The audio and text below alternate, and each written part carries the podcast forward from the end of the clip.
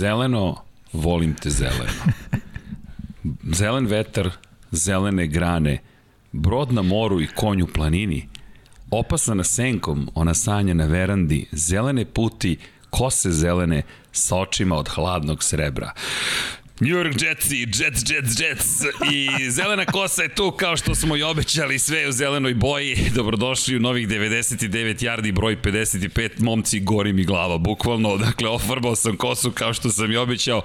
Gde je Dejan Potkonjak i njegovi Cincinnati Bengalsi i kako ste mogli ovo da dozvolite, ali Jetsi su zabeležili veličanstvenu pobedu. Vidim da je bilo dosta pitanja hoće li biti zelena kosa. Hoće, samim tim Mi naše obećanje ispunjavamo. Tako je, Jimmy, tako je, coach i naravno ekipa je standardna tu, gospodin Jimmy, gospodin Miksa, Ivan Deljković, Mihajlo Stefanović, Vanja je Milićević negde u etru, ima slobodnu nedelju. Wow. I to je shvatio doslovno, tako da je nestao iz studija na kraju univerzuma, a kao što sam obećao uz reči Federica Garcia Lorke, započeli smo ovu emisiju posvećenu zelenom. Očigledno da su New York Jetsi stigli u džunglu o kojoj smo pričali, čovek je u šumi, to jest u džungli, u šumi je bio u Bambiju, ovde je bitka u NFL-u, novi poredak u NFC-u i nemogući AFC. Ne, ne znam šta bih rekao za AFC, ali čisto da objasnimo thumbnail koji je tako lep, kao i uvek za one koji su na audio platformama,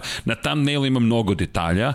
Momci, e, šta smo mi to sve dobili na thumbnail? Polako, polako, Dom Pavlo, polako, polako. Ima, ima par stvari koje moramo da uradimo. Prvo, nadam se da ste dobro da se mazite i pazite, mazite se i pazite se, mi mazimo i pazimo i volimo ovo gospodina ovde koji se oporavio, čekaj. Jedan Kako bromance. bi rekle sestra Kovač, vratile smo se. u velikom stilu u majci 99 yardi. Pa, kako drugačije. Ka nikako drugačije, to su te prepoznatljive boje. I naravno boje, najave, evo viš, čak sam ti u, u, u, ubacio ove Kakovo si mi kadar. Ne, brat, mnogo si zao za, mnogo si Mnogo za sam se zelenio. proširio, reci. Zelena majica, zelena kosa, kačket, Pennington tamo pozadi, iza. Tamo, ali neko mi je ove kauboje poubacio pozadi. Dom Pablo je ovde insertovao zapravo uljeza. Pronađite uljeza, ali s ove strane su ljudi. Dakle, mlaznjaci su tu, kauboji su tu, a ostale žipitome ili divlje životinje beže iz džungle. Međutim, thumbnail, možemo da bacimo pogled ili ne? Tu su i Raiders, hoće Pablo da ti kaže. Sad će re... Raidersi, da, to, to je, su ovo Baxi ili Raidersi? Crna je, opa, hvala.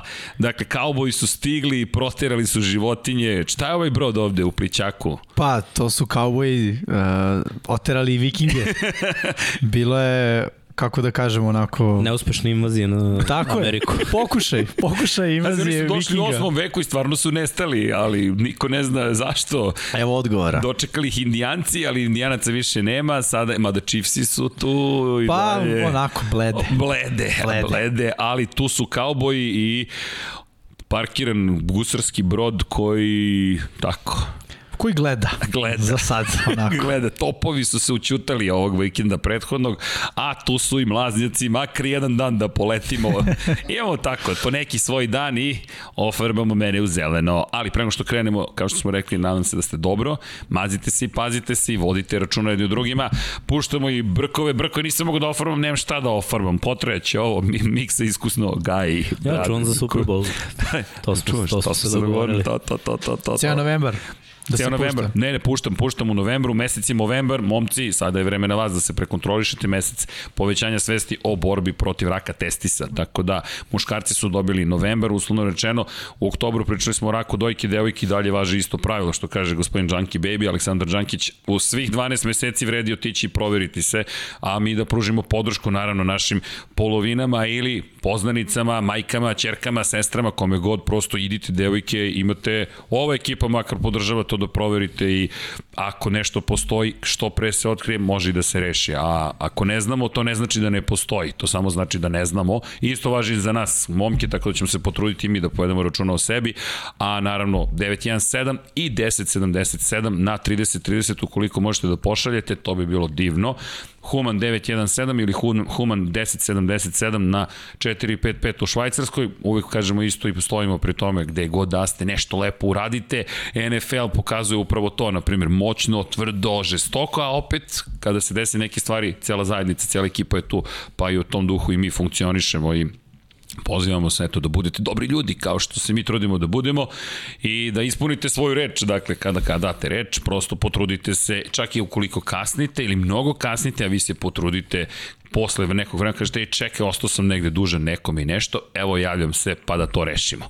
U svakom slučaju, nikome nismo ostali kao džetci dužni, ne znam šta je Cincinnati zamislio, da će tek tako se prošta kroz AFC ljudi, ja mislim da to jedna od glavnih tema, potpuno nepredvidivost ove lige, Jest. pogotovo američke futbolske konferencije. Da vam pomisliš, eto, Bengalsi uvode red, bom, Jets. Jeste, ja sam baš sa, sa bratom pričao dok smo pratili taj meč i obojica smo se složili da je neko mišljenje da su Bengalsi ušli u taj meč kao, e, ok, sad imamo jednu laganu nedelju Jets i ono, nije bye week, ali kao da je bye week, kad ono, bye bye Bengals. bye bye week. da, bye bye week, upravo tako. Ma da, i ono što je čini mi se neko pravilo da ne smeš stvarno nikoga da poceniš ove godine. Ove godine u NFL-u se bukvalno dešava da svako svakog može da, da pobedi i ti isti Jets, mislim, od svih timova protiv kojih su igrali dve pobede protiv Tennessee, Tennessee prvi u AFC-u i protiv Bengalsa koji su ono u tom trenutku bili prvi u svojoj diviziji, severnoj diviziji AFC-a, tako da ono, skinuti skalp, ova, tako ozbiljnim ekipama, mora kažem ozbiljnim ekipama zbog skora koji imaju, to neki respekt.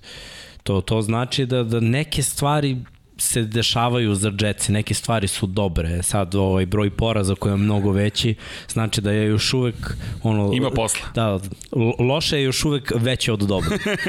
Znači e, mora borba. Nešto se dešava, pazi, Jest. ovo je ipak pozitivno. I nismo otišli na tankovanje, nismo otišli nemamo da uzmemo još neki pik, nego nešto se zaista trudimo da postignemo.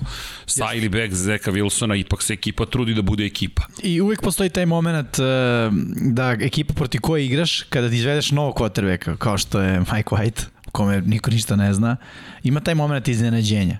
Uh, u smislu da može da se desi ovo što se desilo, da, što se desilo Jetsima, mislim da pobede na tu neku kartu, da izađe neko ko u utakmici kad je ušao kao zamena, realno nije delovao ništa spektakularno, nije delovao dobro uopšte i onda dođe i bam, smesiti 405 yardi ovaj, kroz vazduh i odnese pobedu. I onda, znaš, taj moment e, zapravo efekat iznenađenja ume da napravi Ove, kao ono kada pričamo kada ekipa ostane bez trenera. To, to. To je ono, naš, ne znaš šta će da se desi. Čeka. Nemaš pojma. Mogu da, da dođu da ih pregaziš, mogu da dođu da te pregaze. Ali meni se mnogo sviđa White. To moram da kažem. Mislim, mislim se e, da. povedio da. posle drugog drajva. U prvom drajvu nisu postigli poen, ali, ali su išli napred. U drugom drajvu je bio touchdown, 7 od 11, 100 yardi. Uh, I dok je on bio u igri, nekako je subjektivni osjećaj bio ok, ovo je egal utakmica.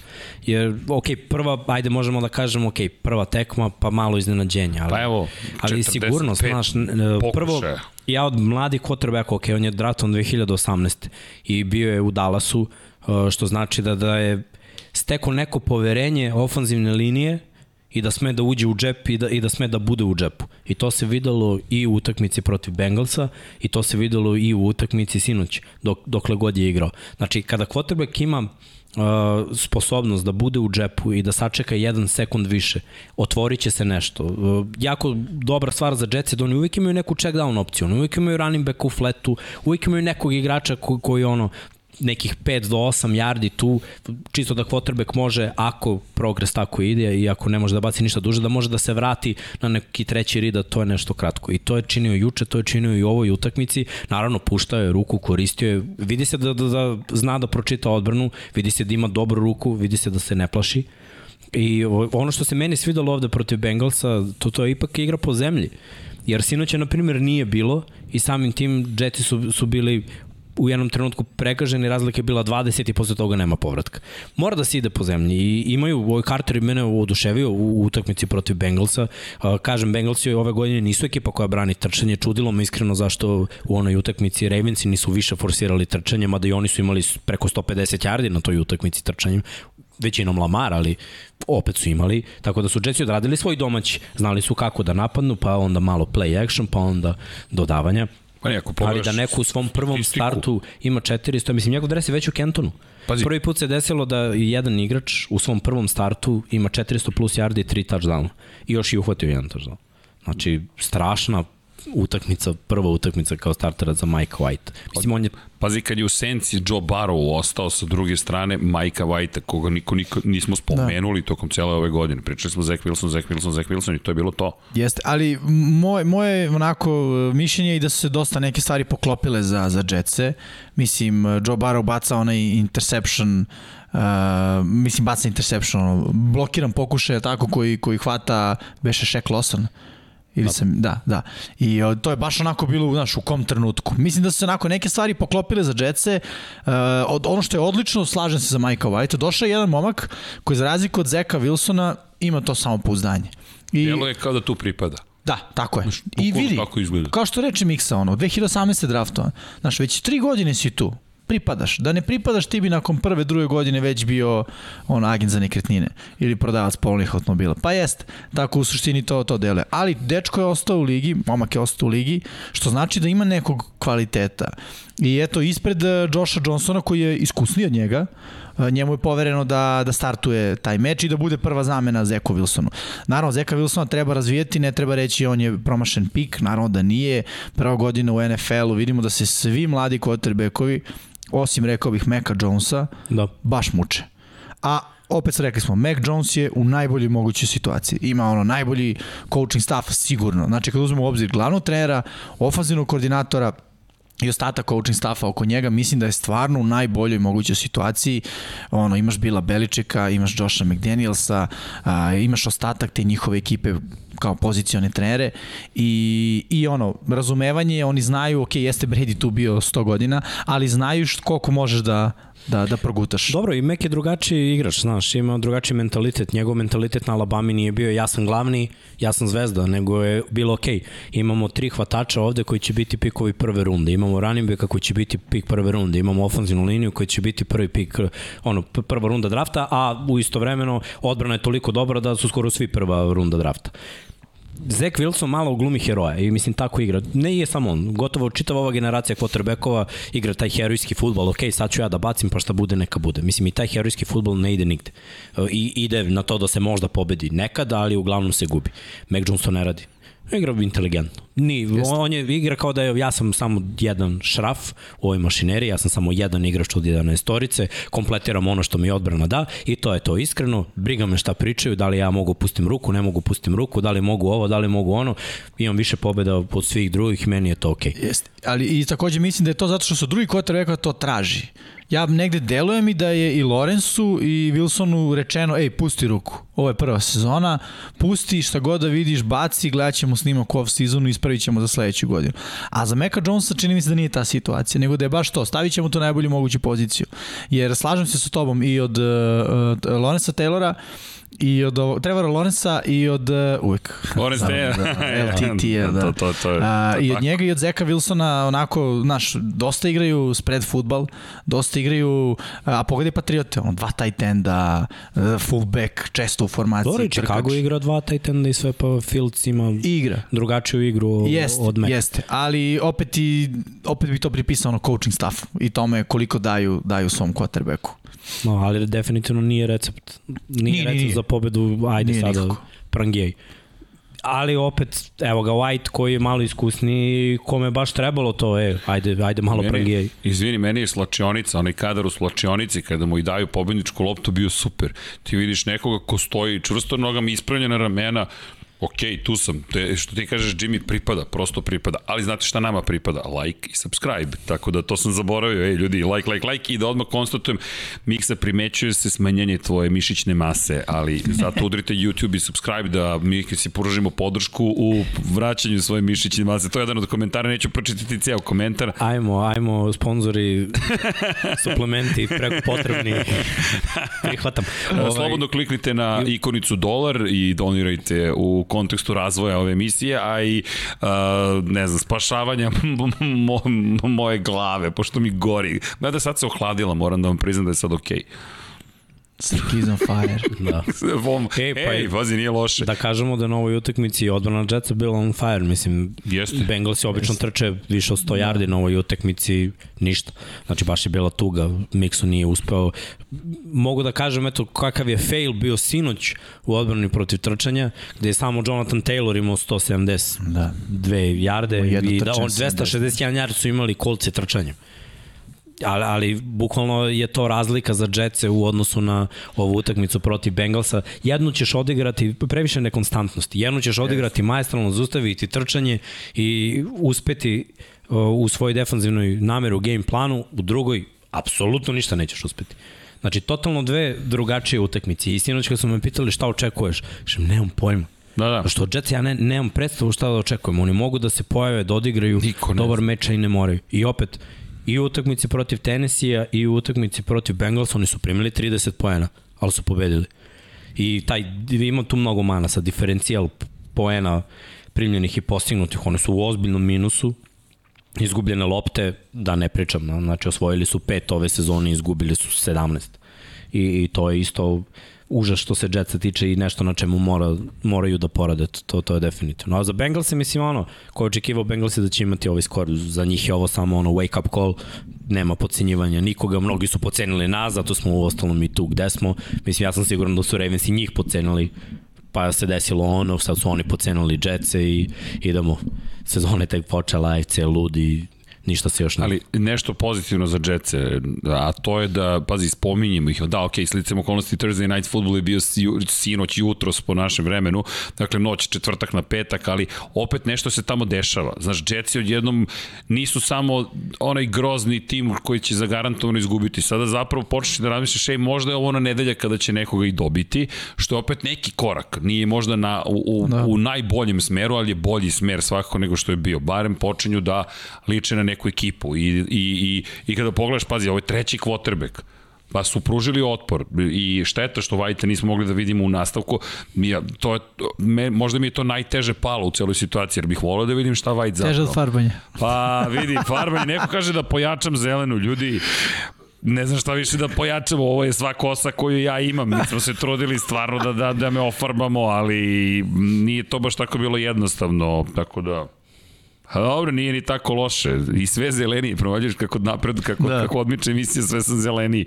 Okej. Okay.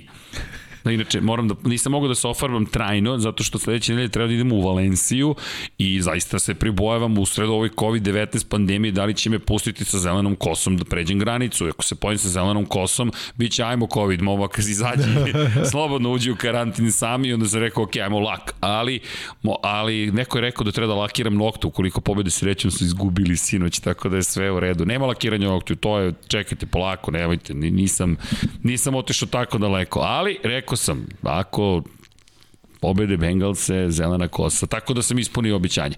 A idemo mi dalje. Jets, eto, dobiše, dobismo mi da budemo glavna tema, makar na trenutak, ali osmo kolo, ovo je čak već bilo deveto kolo, osmo kolo, mnogo stvari se izdešavalo u osmom kolu i, i treba da obavimo pregled. Prosto šta, šta smo sve to videli Pogotovo kada reč o NFC-u, ima tu interesantnih momenta, kao oboje nismo slučajno bacili. Ali, idemo utakmicu po utakmicu, ekipa, tu imate pozdrav od Vanja, inače tako da znate, tu je makar duhom, ako je u četu, Vanja. javi se, javi se Vanja, ne kažem da jeste u četu, samo to. I da, da znate zašto smo malo pomerili, zato što ja moram posle na sport klub, tako da će u jednom momentu otići, momci, izvinite što vas ostavljamo solo, napričamo dvoplan, pazi, da ulepšamo kadar, može? Ja ću. Ja ću to da sredim, nema ništa da brinete Dom Pablo, to dok vi budete na jednom ja ću da izmiksam ovo ostalo, ništa nemojte da brinete.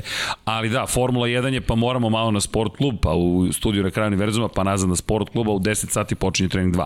I da ne bismo dalje gubili vreme, ajmo na pregled osmo kola. Ajmo. Šta nam je Dom Pablo pripremio? Dom, Dom Pablo koji nas je, je nas opet ošišao? Ne, Miksa i Dom Pablo. Miksa i Dom Pablo, da. Miksa i Dom Pablo u prethodnom kolu. Dom Pablo, pravo, nije od koga. Pazi, pravo da ti kažem, Miksa i Dom Pablo drže prvu poziciju, ali pričat ćemo o tome. Mi se ne šalimo. Ova ekipa se ozbiljno ne šali. Da ste vi birali ovde Brownse, Ne svi, ne svi. Dobro. Ne svi, čekaj, moram da se pridružim vašem bandwagoningu, ali tipovo sam na Steelers-e i iako moj tip zašto će do pobjede je bio potpuno neprecizan, pa me Jimmy lepo ispravio. Kaže, nije to do Rotlisbergera, to je do ostatka ekipe, ali 15-10 ljudi, ozbiljna utakmica, važna utakmica u kontekstu severne divizije. Ćemo skorigami. Skorigami.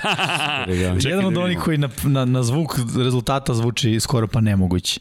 Uh, ali nije bilo toliko loše koliko je 15-10 rezultat bio za gledanje. Ne, ne, ne. Mislim, divizioni duel, jest, jest. Bio je dobar futbal, uh, ono, old school futbal u smislu Brownsi koji naravno trče, a, ali Steelersi, vidimo, ne, ne Jay Harris je imao skoro 100 yardi, 91, imao 26 nošenja, to me baš pozitivno uh, iznenadilo, jer ono Steelersi prošle godine su sada karikiram, ali u proseku imali šest nošenja po utakmici. Uh, draftovali ovog momka i ovaj momak im vraća svake nedelje. Mislim da Steelersi treba da se uh, fokusiraju na, na, na igru po zemlji i da je to ono što može da im donese, donese neku promenu i, i kretanje u, u, u nekom boljem smeru. Da kažemo samo da je Najee Harris ruki meseca oktobra i da je imao uh, preko 400 yardi trčanjem i još ja mislim 200 nešto yardi hvatanjem, znači brutalna sezona, ali ofanzivna linija su igrava za Steelers, se treba vremena, znači prvi mesec katastrofa, drugi mesec, eh, onako, ali evo ga niz od tri pobede. Nisu to pobede kao wow, Steelersi su ozbiljan tim, pobedili su nekoga, pobeda je pobeda. Slažim Idemo se. polako, znači igravamo se malo po malo, to ne izgleda savršeno, ali mislim ti Steelersi su po mišljenjima mnogi bili treći tim u, u Severnoj diviziji AFC-a pre početka A regularnog to nije dela. bolje kad pobeđuju na loš način, ali dalje pobeđuju, pa kada eventualno uđu u formu, šta će to da kažu? da bude? Pobeda je pobeda u smislu, ako te to odvede u play-off i u play-offu napraviš nešto, nikada se neće osvrnuti na 15-10 rezultat. Nikada. Nikada neće reći, ja, sećate se u nedelji broj 8, ne. pobedili smo 15-10 ružno. Ne. ne. Ušli smo recimo u playoff, došli do finala konferencije i još jedno finale konferencije za nas. Ili otišli smo u Super Bowl, osvojili šta god. Tako, te stvari se pamte. Tako da sa tog aspekta se slažem što, što kaže Miksa i ti Srki, ono, pobeda je pobeda, mislim, nema šta. Pogotovo, daš, ako ti niko ne daje šansu, ti odeš i pobediš, pa ti si otišao u Cleveland, pobedio jedna od ekipa koja bi trebalo da bude glavno komandovića, jedna od glavno komandovića u AFC-u. I gledaj, bila je napeta utakmica, bilo je mnogo poteza koji su mogli da odnesu prevogu na ovu ili na onu stranu. Uh, naprimer, ja kažem, Jarvis Landry je meni najbolji hvatač Clevelanda, a Jarvis Landry je bio povređen nekoliko utakmica i onda se vratio i imao je dva onako ključna hvatanja na ovoj utakmici koje nije uspeo da ostvari i to je sve bilo za novi prvi down. Odell Beckham je na postu uh, takođe ono, išao jednom rukom, ok, video je safety-a, bila je frkica verovatno, ali ono, mislim, za te pare koje zarađuje za 14 milki godišnje, dve ruke, brate. Zarađivao, ne, ne, ne, ne, to za... kažem, u tom trenutku, ne, e, u tom trenutku. Mislim, uzeo on dovoljno para, mislim. ne, ne, okej, okay, okej, okay, samo konstatujemo da više nije tamo. Nije tamo, ali ima zagarantovanu sumu za ovu sezonu. Ne, ne brinem se ja za njega. Znaš, Više se brineš za Brownse. Više se brinem za Brownse. Zašto? Zato što je već, krenule su te bolesti, to ono što ja pričam, to su timovi koji su navikli da budu loši decenijama i onda imaju jednu dobru sezonu i sad svi poveruju, ok, to je sada prekretnica, novo, a nije. Stare navike se ne zaboravljaju, Vuk menja dlaku, ali čud ne menja. Nikad. I vidi se tačno da, da, da, da nešto... za sledeću epizodu, da, pazi. Vidi se, vidi se tačno da imaju uh, kompleksi da ne znaju da dobiju ove ekipe unutar divizije koje su godinama bile bolje od njih. I ovo je bio meč da je bilo pet šansi da se reše Steelers. Imali su pet šansi da reše Chargers. Imali su mnogo šansi da reše mnoge ekipa, oni nisu uspeli u tome. I sada se onako postavlja ozbiljno pitanje. Ok, Odell Beckham, njegov otac je napravio glupost, to se ne radi, kači uh, klipove i kritikuje lice franšize mislim, kvotrbeka, zato što ga ovaj nije pogodio. Ne možeš to da radiš, jer naravno menadžment će odmah da stane na stranu nekoga ko je tu lice franšize i nekoga ko je produktivni, jer od dela od kad je došao u Brownse, on nije produktivan, to je činjenica. On da. imao jednu sezonu od 1000 yardi, povređen je posljednjih pet sezona, ja mislim od 2000 uh, 15. godine, on svake godine ima neku povredu. Znači prvo su bile, prvo je bio da. Cook, pa, pa je bio skočni zglob, pa nakon toga uh, je bio trbuš, trbušnjaci, pa nakon toga uh, sa prednji ukršteni ligamenti, ove godine takođe onako rovit To je, to je već ozbiljan problem i to je momak koji zarađuje velike novce da bi bio tu da ne radi ništa. O, što se mene tiče, ovaj, ovi drugi hvatači kao što su Higgins, na primjer, mogu da popune tu ulogu. Prethodne godine oni su radili to, da. ako se ne varam. Yes. Bili su mnogo produktivni kada Odell Beckham nije bio tu. Ej, otišli su u playoff posle toliko godina. Tako I pobedili Steelers Tako je. U, u Pittsburghu. Tako je, tako je, tako, ali generalno slažem se u potpunosti miksa za taj kompleks. Očigledno je da ga Browns imaju. Dok god ne budu u svojoj diviziji pobedili Steelers-e i Ravens-e, uh, ono, moraju, pokazuju zapravo tu vrstu slabosti, znaš, da postoji nešto što im ne da jednostavno.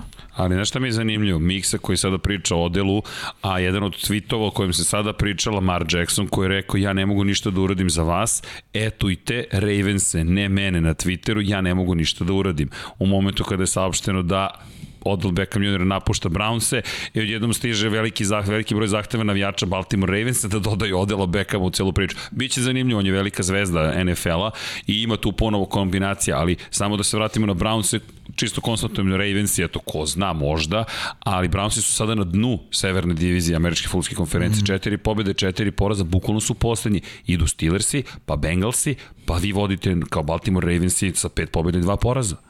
Da, ali gledaj, ono što je najveći problem za Brownse uh, jeste što sad oni moraju da opet sve menjuju i opet, ja kažem, Stefanski i ima ovu situaciju sa Stefanom Diggsom u Minnesota i Diggs je tražio na početku sezone trade. Odell Beckham je tražio na početku ove sezone trade. To još nije ni počela sezona, on je bio u procesu rehabilitacije kad je tražio trade što znači da mu se ne sviđa njegova uloga u napadu, što znači da Stefanski ima problema za takve hvatače koji traže mnogo lopte da napravi sistem, jer njegov sistem je heavy run. Da u njegovom to... sistemu Dalvin Cook ima mnogo yardi, sad Chubb i Hunt da. imaju dosta yardi i hvatači onako ima jedan koji je ono u crvenoj zoni, ali nema tu prostora za, za ono 3000 yardi da. za hvatača. Ali da li je to naš problem u sistemu? To je sistem koji je prošle godine Brownsima napravio, mogu reći, istorijski rezultat. Ja ne kažem da je to problem u sistemu, nego da je problem za ovakve hvatače u tom sistemu, jer ovo su diva hvatači, Stefan Diggs i, da. i Odell Beckham, to su diva hvatači, to su hvatači u centru, koji žele da budu u centru pažnje.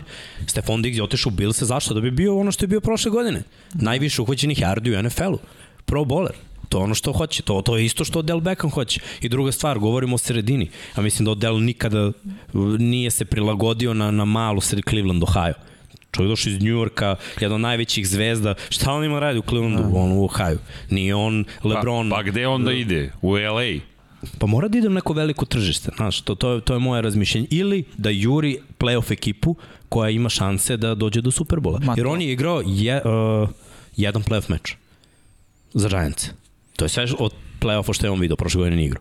Znači, jedan play-off meč, jedan poraz. Ispustio touchdown u, en, onu, u, u toj utakmici. Koja je možda bio prekretnica neka. Tako da ono, mnogo priče, ok karijera, ali sve je nekako stalo. I zašto je ovo dobro za, za njega? Zato što je katovan, tako da on je veteran već, svako može da ga potpiše za novce za koje se dogovori. Probali su da ga traduju, niko nije teo da ga tra, da traduje za njega. Znači... Dobro, zašto su namerisali da će biti bolja opcija. Pa tako je, da možeš jeftinije da ga dobiješ. Pa, pa, I već pa radi Browns na restrukturiranju ugovora kako bi mogli da ga se oslobode zapravo. Tako da je ta priča tek počela sa Odelom Beckhamom, ali ok, zanimljivo je vidjeti kako može uopšte da ga uklopi u ekipu i da ga iskoristi na pravi način. Mislim, ja, samo da kažem ovo vezano za Stefanskog i za sistem, što si ti Miksa spomenuo. Mislim da, znaš, taj sistem ipak daje rezultati, to je sistem uh, baci pas otvorenom čoveku, ali prethodno ćemo da uspostavimo igru po zemlji. Po meni to ok sistem, nekako sve ekipe koje imaju tu filozofiju uglavnom odu daleko. Redko koje, obično ove ekipe koje su imaju mali broj pobjeda su ekipe koje ne igraju na trčanje. Jeste, ja kažem, meni se sviđa taj sistem, samo za taj sistem moraš da imaš radnika hvatača. Apsolutno, a ne, a ne, a ne zvezdu, Slažem ne divu. Slažem. Mora da bude neko ko će da se podredi malo ekipi, a Absolutno. ne neko ko je ono, ej, Ja Izvini, snimite me. Ko se podredio ekipi i tekako? Chris Boswell čoveka su... E, meni je... Ono je, ja sam... Meni je ono glupa odluka. Ono je glupa odluka, Tomlina. slažem se. Ne, samo za one koji eventualno nisu gledali utakmicu, četvrti je pokušaj, ide se šut za tri poena sa relativno kratke razdaljine. Boswell zapravo je trik akcija, Chris Boswell koji je šuter i da objasnim momci, molim vas da objasnite razliku između šutera i pantera. Šta smo mi imali na, na toj utakmici, odjednom se dešava da taj četvrti pokušaj prerasta u to da on trči na desnu stranu kao quarterback, stiže ga odbrana Steelersa, Izbacuje ga u out, lansirali su ga, Samo da kao kažemo, SpaceX da je bio u pitanju. Boswell ima 185 funti a čovjek koji ga udario ima 305. Vidi. Skoro je duplo teži vidi, njega. Vidi. Samo sam to htio podvučiti. I neko je tweetovao od naših kolega u Americi, sledeći put kad sa svog kauča kažete šta bih ja uradio na terenu NFL-a, da znate zašto kada neko kaže ne želim da me udari linijaš, zašto se savio i, i rekao ne hvala. Zašto jednom rukom Odell Beckham Jr. hvata loptu kad ga stiže safety. Zato što je to kao da vas je udario manje automobil. Bug, zato što boli i tekako. Čovjek je lansiran iz studija bi izleteo odavde, mislim da bi ga Srki Jeste. tamo hvatao i ne samo to, povređen u četvrt, juče je trenirao, ali dalje ni sigurno da će nastupiti i odjednom ostaje bez šutera, Da. I šta rade? Celu utakmicu moraju da jure touchdown i pretvaranje za dva poena. Samo molim vas, kao i treneri i igrači bivši, kao ljudi koji su u ovom sportu dosta dugo i aktivno na svaki mogući način, Panter, kiker, zašto čoveku nisu dali da šutira za tri poena?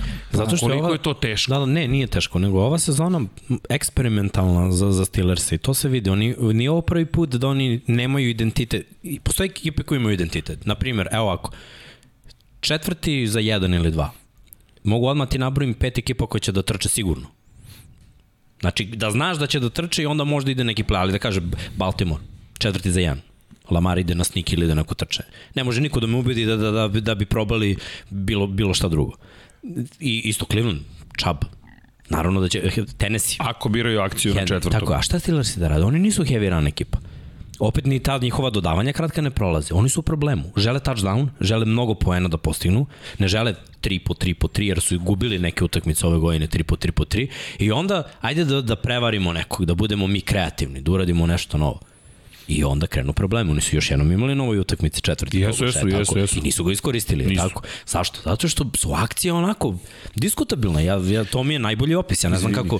Oni traže nešto, traže neki identitet, traže primarnog playmakera. Još uvek ga nema. Ja mislim da je primarni playmaker Nigel Harris iskreno, jer on momak Najviše ima, ima, ima i hvatanja i, i, i trčanja. On znači, je bio, izvini, u jednom trenutku jedina opcija za Rotlisbergera. Ti gledaš bukvalno, evo ti lopta, ako nisi uzao loptu, ili tamo desno na check down i ja tebi ali bacam to je okej, okay, produktivan. Ne, ne, okej okay je, samo konstatujem da on bio jedini. Da. A, ali izvini, Aj. Uh, Monday Night Football mi je bio zanimljiv. Opet su braća Manning, Ila i, i, i Peyton bili glavne zvezde, zvali, zovu Toma Brady-a i pitaju Brady-a za njegove snikove, šta on radi. Kaže, ej vidi, ja uvek imam dve opcije u toj situaciji. Ja sam taj koji gleda da li postoji negde rupa koja bi mogla da se iskoristi, ako ne, predajem loptu na trčanje i to je to.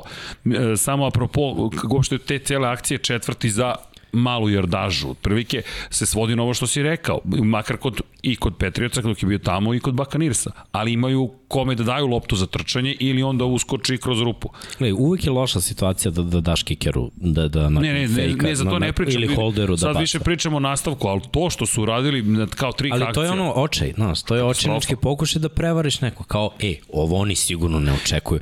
U NFL-u kako, znaš, kako progres ide, ja mislim u posljednjih nekoliko godina, svi sve očekuju. Znači, ja, yes. znaš, ja mislim da jedina akcija koja je prevarila sve u posljednje dve, tri godine kada Derry Henry sa ono full protekcijom se zaleti i baci loptu. Ono. Tako je. Zato što ono, a znaš zašto je to malo iznenađujuće? Zato što Henry nakon 8 kola imao skoro 1000 yardi, 940. Henry I zato što li gazi inače. i zato što očekuješ trči. A, ali izvini, molim te, ipak vo, voleo bih zaista da kiker kasnije u nastavku utakmice, zašto nijednom nije šutno za tri Panter, pojena? misliš? Da, Panter, zašto nije šutno? Da, ja, ja bih podvukao da je ono, u, u američkom futbolu, to je sport ono, specifičan u smislu, je, vrlo se iznača sa američkom kulturom a to je specijalizacija, uska specijalizacija. Panter može da šutne, ali ja mislim da bi to izgledalo gore nego oni njihovi pokušaji okay. na četvrtom na četvrtom. Ne, zato znaš koliko je to da, teška da. situacija za njega. On dečko Pazi, nije u, metoda na koleđžu nije šutno za druga, pojena. drugačija metoda, potpuno drugačija. Znači ovde šutiraš loptu ono u vis iz ruke, ovde ti neko drži na zemlji, šutiraš sa zemlje, gde je takođe ono bitan taj prvi ugao kako će lopta da ide. U smislu ti možeš sam da šutneš kad nema odbrane. I ta lopta ako startuje nisko pa krene da dobija na, na, na visini, to to može da ima smisla kada nemaš nikoga preko puta sebe, ali kad imaš odbranu koja napada i skače i diže ruke, ti trebaš u prvih razdelje između snepera i holdera 7 yardi u da. proseku. Da. Znači ti već 7, 7 yardi, yardi od da šuta moraš da digneš na preko 3 metra. Tako je. Što može da deluje lako, ali nije lako. Zahteva vežbu. Pa. A e, Panter da to radi, ima Pantera koji su recimo bili na koleđu i kikeri, na koleđu manje zapravo, u srednjoj školi možda. Pa onda bi možda tako nešto i probali. Ja kako sam razumio ovaj momak, apsolutno, specializacija. Kao što je od kikera ne možeš da očekuješ da ima odličan pant. Izvini, a apropo pantovanja, kako šutiraš uopšte? Jer to, to nekom je objasnio da se šutira zapravo... Sa stra... Ima nekoliko, ali ima nekoliko tehnika. Ima da. tehnika kako ćeš da spinuš loptu i kako, koliko da. ima hang time i kako odlazi i gde to, to Oni najbolji da... panteri, da kažem, razvijaju svoje, svoje uh, tehnike kojima će kada lopta udari da skrene se vraća nazad.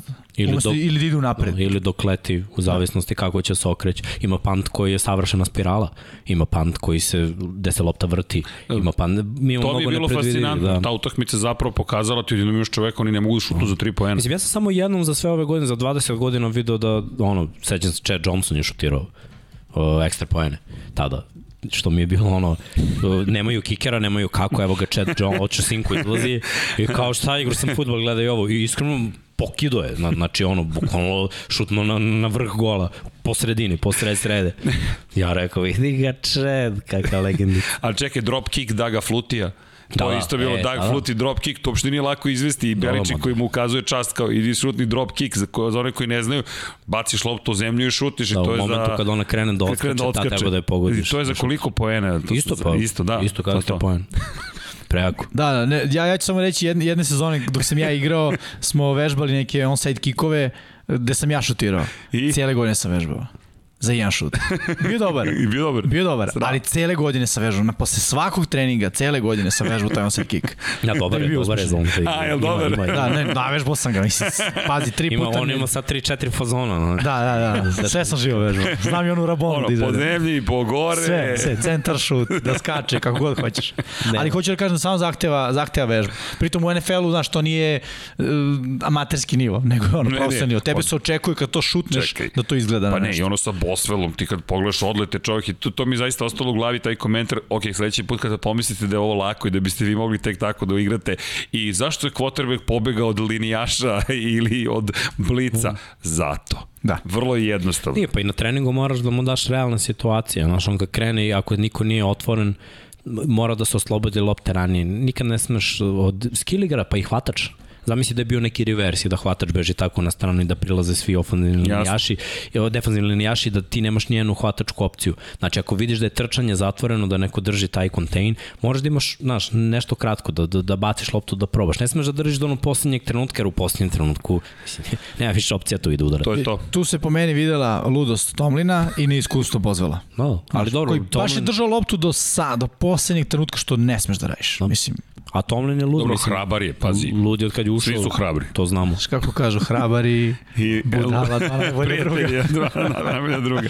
Dobro, ali ajmo okay, dalje. Ajmo dalje. Ajmo, ajmo. Ali okej, okay, u stvari, utakmice... možemo još da kažemo ono, za, za Steelers da, da su sada u priči za, Važno za play-off. Ovo je Ovo velika utakmica važno, bila, da. baš je bila velika, ti ideš u Cleveland i ti se malo svetiš za ono što se desilo, u diviziji malo izjednača, izjednačavaš stvari, dobiješ prvu pobedu u diviziji, to će na kraju možda i da, pre, da odluči o tome ko će biti yes. na kojoj poziciji u diviziji. Mislim, ovo je najbolja divizija u NFL-u trenutno, s obzirom da, da svi timovi su 50% i, i jače.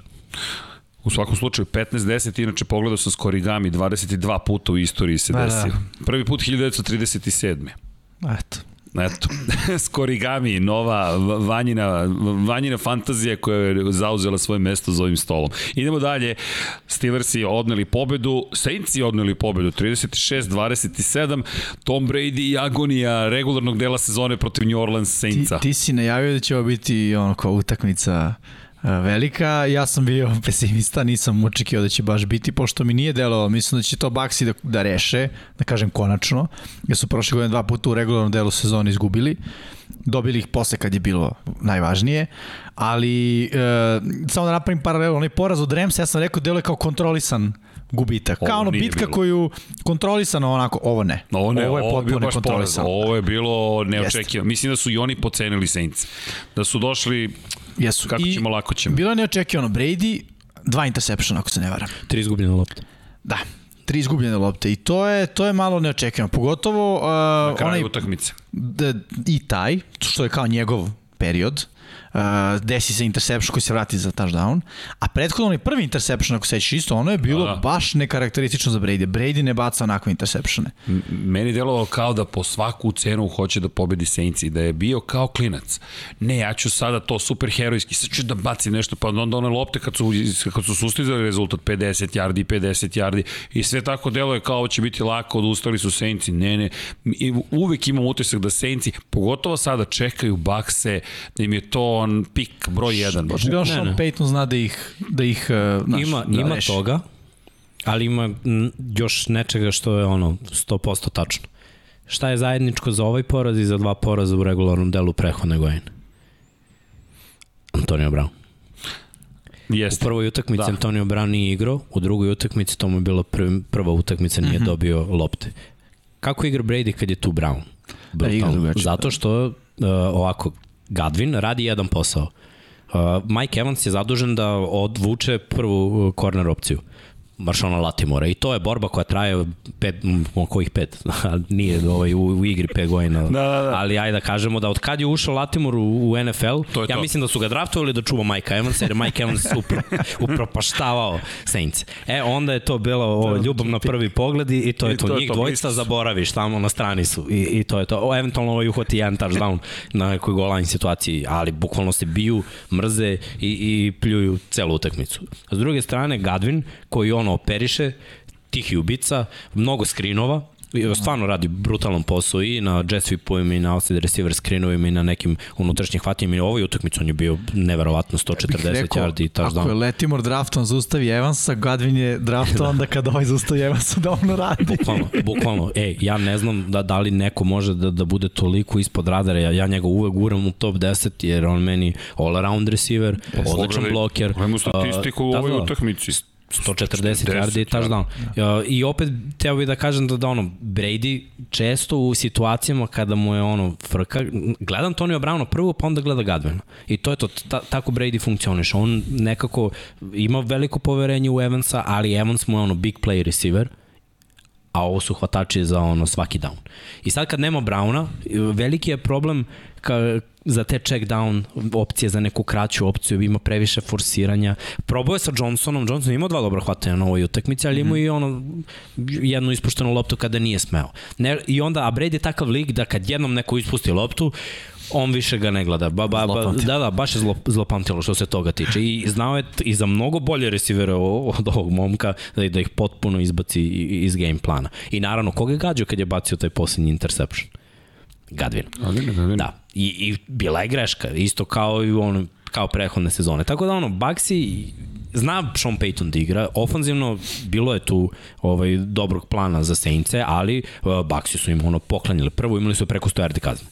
To je ozbiljna nedisciplina. Yes, u yes. dva navrata kad su davali touchdown, u dva navrata su imali ono, uza, u nizu yes, 15 yes. yardi nesporskih ponašanja. I ono, evo vam dođite na 5 yardi i, i šta sad? Mislim, ne možeš tako da igraš. Naročito ne protiv divizijskog rivala koji ima problem ali ako im daš malo vetra u leđa, pa Just. nisu ni oni, mislim, ovo je profesionalizam, ljudi dobiju milione za ovo.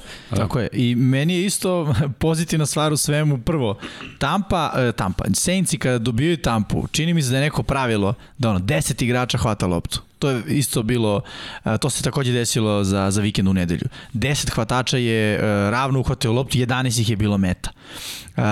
Trevor Simijan, Iznenađenje, moram priznati. Mislim, on je delovao u Broncosima, brojke ne pokazuju puno, ali momak je ušao, kada, u drugom polovremenu, tako? Pa, kad se povredio... Na kraju prvog polovremena, na kraju prvog polovremena. se povredio James Winston. Da, da. I mislim, Simeon nije ništa radio preterano, ali je nije. iskoristio te poklone i povezuje. Tako je. I šta je isto uh, bila stvar? Ulazi Simijan koji nema svoju omiljenu metu i gađa neke ljude koji su ono kao pripučuješ za njih. Kao onaj momak što je imao, kako se beše, Griffith, ja mislim da je u pitanju fullback tight end. 45 broj.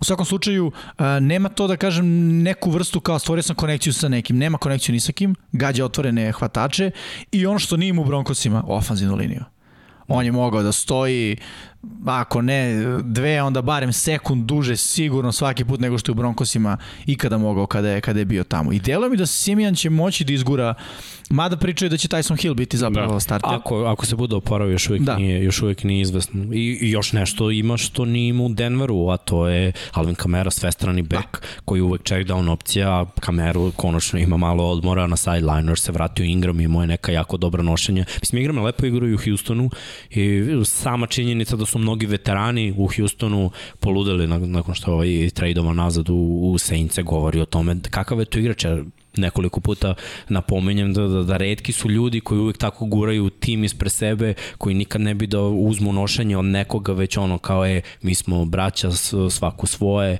onako ba, ba, baš jedan timski igrač i falio je Saintsima, drugo je sad vođe u slačionici, on kamera, opet taj brutalan duo, tako da Saintsi dalje imaju nade. Sad izgubili su Winstona, Winston je taj potencijal, ove godine igra jako sigurno i, i baš je potencijal za, da, da u okviri čitavu sliku. Simijan nije. Ni Hill Istina, nije. ali meni nije delovo ni Winston, moram ti priznati. Nije, ali oni bi, gledaj, Saintsi bi imali bolji skor sa Winstonom do kraja sezone nego što će imati Verovat, sa Simijanom. Verovat. Jer uh, ako uzmemo u obzir ko je plafon Winstona i ko je plafon Simijana, Winston da, ima vi, vi, više plafon. Mislim, i zaista meni je delo prvi mak da se malo isfolirao ono kako ga je povukao za dres, jer nije bio klasičan uh, horse collar tackle, već je bilo onako za dres pa unazad, da onda posebno usporeno snimku kad sam vidio kako mu je prošetalo koleno. Grozno. Tako da je to sprednji ukršteni da. ligament i od toga nema sezona, ništa. Da, da, sezona. To je sezona. Godine. A mi kad smo pričali prošle nedelje o toj utakmici, negde smo se složili svi da je kao ključ za Sence pusti Winstona da igra. I delovo je da su ga malo pustili. Da pustili, e, da. Tako, da je krenuo, krenuo i da trči, krenuo je da donosi sam neke odluke, nije više delo kao da Peyton kao da drži da kontroler pustio. u ruci to, to, to, i da on njega pomera, nego baš je bilo onako, opustio se, pustio ga i došla je ta povreda. I jeste velika šteta, stvarno, jer mi se čini da bi Saintsi i lakše pobedili Bakse, jer ono što si rekao, one kazne koje su Baxi pravili, interceptioni koje Brady a, na kraju napravio su stvarno onako, kada pogledaš, dovele do toga, jer Baxi su bili u, u trenutku da pobede, u, to je su u poziciju da pobede. su napad za pobedu. Tako je. Ne samo to, i u četvrtoj četvrtini prema što su primili poslednji touchdown, oni su imali prednost. Vodili. I dobar momentum, oni dugačak pas, hvatanje, touchdown, dolazi u prednost. Strani. Da. Ali izvini, ja mislim da, da nisam siguran da li bi se tako završilo zašto. Mislim da bi bili ozbiljniji da je ostao Winston. Ja mislim da su oni ozbiljno pocenili ekipu Saints. Ne kažem Pazi, to je samo moje razmišljanje. Mislim da je njihov najveći problem bio što su pocenili, što su došli da pobede, kao lagano, ovo ćemo da pobedimo. Ali pazi, jedine poraze koje su pretrpeli takođe pretrpeli su na gostovanjima. Kod kuće su 4-0, 2-2 su kada nisu u Tampi. Znaš, Tampa postaje polako njihov, njihova tvrđava. Pa dobro, postaje, ali opet su nedisciplinovani jako, u skoro svakoj utakmici ove sezone. I to je nešto što trener mora da ispravi. Ja mislim da, da treneri moraju uvek da, da budu ona, glas razuma za ekipe. Znaš, ne možeš to 100 jardija pokloniš, 100 yardi je mnogo. Jeste. I 100 yardi ako grešim, sve, sve odbrana. Sve odbrana, got, znaš, da, napad ne pravi znaš, gluposti, i, i, odbrana znam, ono kao, e, Ne znam da li ste Izvoli. primetili White, koji je više puta Ingrama, kada ga obori, ili u autu, ono, vidi se da je, da je ovaj trash talk. Jeste. Non stop. I dobio je 15 yardi. I dobio je 15 yardi jednom, tako je. Ali hoću da kažem, odjednom ta odbrana Baksa postaje, ono, pirat. Problem. Postoji pirati, znaš, postoji banda, postoje jedan nedisciplinovan deo ekipe koji, ko što kaže Miksa, u onom drive-u Saintsa, vraćaju ih u igru dva puta sa 15 yardi kazne. Potpuno besmisleno. Bio, bio interception. Da, zoni. bio interception u end zoni Winfielda. Umesto interception u end zoni, bam, evo on touchdown. Evo ti ga touchdown, tako je. to je velika razlika. E, to može biti problem. Znaš, Koje vođete Pa, Todd Bowles. Bande. Ko je vođe bande? Banda nema vođu. A to je to. Znaš, a ko je vođa od napada? Pa znamo svi ko je. Znaš, i sad, a to, ti je, to je ozbiljna razlika i neko mora tamo da bude vođa. Na terenu, ne samo to od bol sa strane, nego neko Jest. mora da kaže čekaj. Da, imaju oni dosta se... vođa, ali ne, nekako, znaš, samo uvereni su, jako su samo uvereni. I, I uvukla se nervoza u odbranu Tampe od samog starta. Znaš, Cornerbackovi da, povređeni. Da, to sam htio da kažem. Da li je to uh, vezano za te povrede koje imaju u odbrani? Jer uh, ono, onaj deo ekipe koji bi trebao bude konstantan i stabilan, defanzivna linija linebacker, je tako? tako su je. počeli prvi da nervoze. Da li zbog toga što u sekundariju nedostaju uh, ti neki igrači, da li zbog tog rivalstva zato što su Saintsi preko puta, ja ne znam, ali ono što znam je da to nije formula da se, evo, pobedi Saintsi. Iskreno mislim da on njima poklon. Zato što mislim da bi Tampa sigurno izgubila u play-offu da je nastavila ovako Prpošno. Idemo mi, ovo je naš Super Bowl, već ej, Ali imaju oni težak, težak raspored. Ne, imaju težak raspored, ali mislim, mislim da... nije to toliko težak raspored, ali ima tu još... Ali stav. Da, znaš, mogu da se Meni je ovo pitanje stava. Ti sad ulaziš u novembar, sad si ušao u novembar, Ali Srki, Znaš, nije još vreme za paniku. Ima, ne, nije vreme za paniku, samo mislim baš zato da im ovo odgovara zapravo, može da im odgovara, da, da su dovoljno sposobna ekipa da kažu čekaj malo, sad smo dobili ponovo po nosu od divizionog rivala. Da. Opet ista priča kao prošle godine, dok ćemo da gubimo ove utakmice. Ali gledaj, moramo isto da kažemo da, da su redke utakmice da će Brady imati tri izgubljene lopte. To je istina. Četiri touchdowna i tri izgubljene lopte, znaš, baš, baš to nisu utak, njegove utakmice. Nisu, nisu. A s druge strane, isto redko kad ćemo imati meč da Saintsi daju preko 30 poena. Ma, Oni ove godine daju 20. Dve ekipe. Zato sam ja i razmišljao o tom. Isto kao sa Steelersima i Brownsima, to si ti rekao. Steelersi su šampionski tim. U ovoj situaciji imaš dva tima koji su se sve više ne podnose. Da. Pazi, ovo sad sve da, veće dobro, ovo, ovo vlada već godine. Da, da, ali sad je još više. Znaš, ti, ti si prošle godine izgubio od te tampe koju si dobio dva puta. Opet je neko stao na put do, da ideš do Superbola ili do finala konferencije i onda Drew Brees se penzionisao bez toga. To se da. pamti. Pazi, to se penzionisao se... posle meča sa tampom. Posle meča sa tampom. Znaš, oni su ti ga poslali u penziju. Bukvalno. Sad, sad su Saints baš u problemu. Iako imaju dobar skor. Jako imaju dobar da. skor. Ovo, ovo, ovo je oni sad postaju 50-50 da. Ekipa. Jeste. Da. I, jer, jer nema ko da, da povede. Tako je. I mada sa povratkom Ingrama i na krilima odbrane, e sad to je malo problem kad te odbrana nosi, što odbrana može da da se ono da pukne i da se prelomi čak i na nekih 20 primjenih poena. Ako iz nedelju u nedelju primaš 20, a daješ 15, 14, 17, znaš, odbrana će da izgubi moral i jako realno u NFL-u primiti ono ispod 3 touchdowna je dobra odbrana. Mislim, realno. Odlične su one da. koje primaju 14 ili manje. U svakom slučaju dobra utakmica ljudi je ovo da, bila jeste, i, da. i radujemo se remeču, radujemo se sledećoj epizodi. Da li idemo dalje? Dom Pablo, šta vi kažete, gde, gde smo dalje? Šta, kada reče o osmoj, osmom kolu, Patriote protiv Chargersa, Mac Jones protiv Justina Herberta, 27-24 za Patriote u Los Angelesu. Je, sad pre nego što je počela utakmica, meni ovako, ovako delovalo u, u NFL-u da, da, da slike ide. Ima, postoje timovi koji krenu jako i postoji tim, postoje timovi ko, koji onako bojažljivo malo po malo implementiraju i, i nekako postaju kompaktni kako sezona odmiče.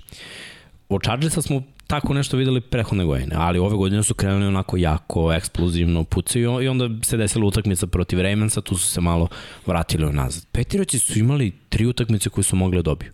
Mogli su da dobiju Dallas, izgubili su u produžetku na, na jedan poen. Mogli su da dobiju Tampu, izgubili su na, mislim, ono, jedan posled razlike. Bilo je mečeva gde, gde su ti isti petiroci koji niti igraju atraktivno, ofanzivno, niti imaju neki brutalan ofanzivni ritam, da, da kažeš, ok, i niti imaju identitet da kao, e, oni mnogo trče, oni mnogo dodiju. Ima tu, ga, tu ima svega. Bukvalno ima svega. I ono što sigurno mogu da kažem je da uvek po jednoj utakmici ima neki trick play, da će neko baciti loptu, da li running back, da li hvatač, da, da, da li ono, flip flicker, nešto da se kupi vreme, da, da se dodatna protekcija napravi da bude separacija na, na drugom nivou da se uhvati nešto.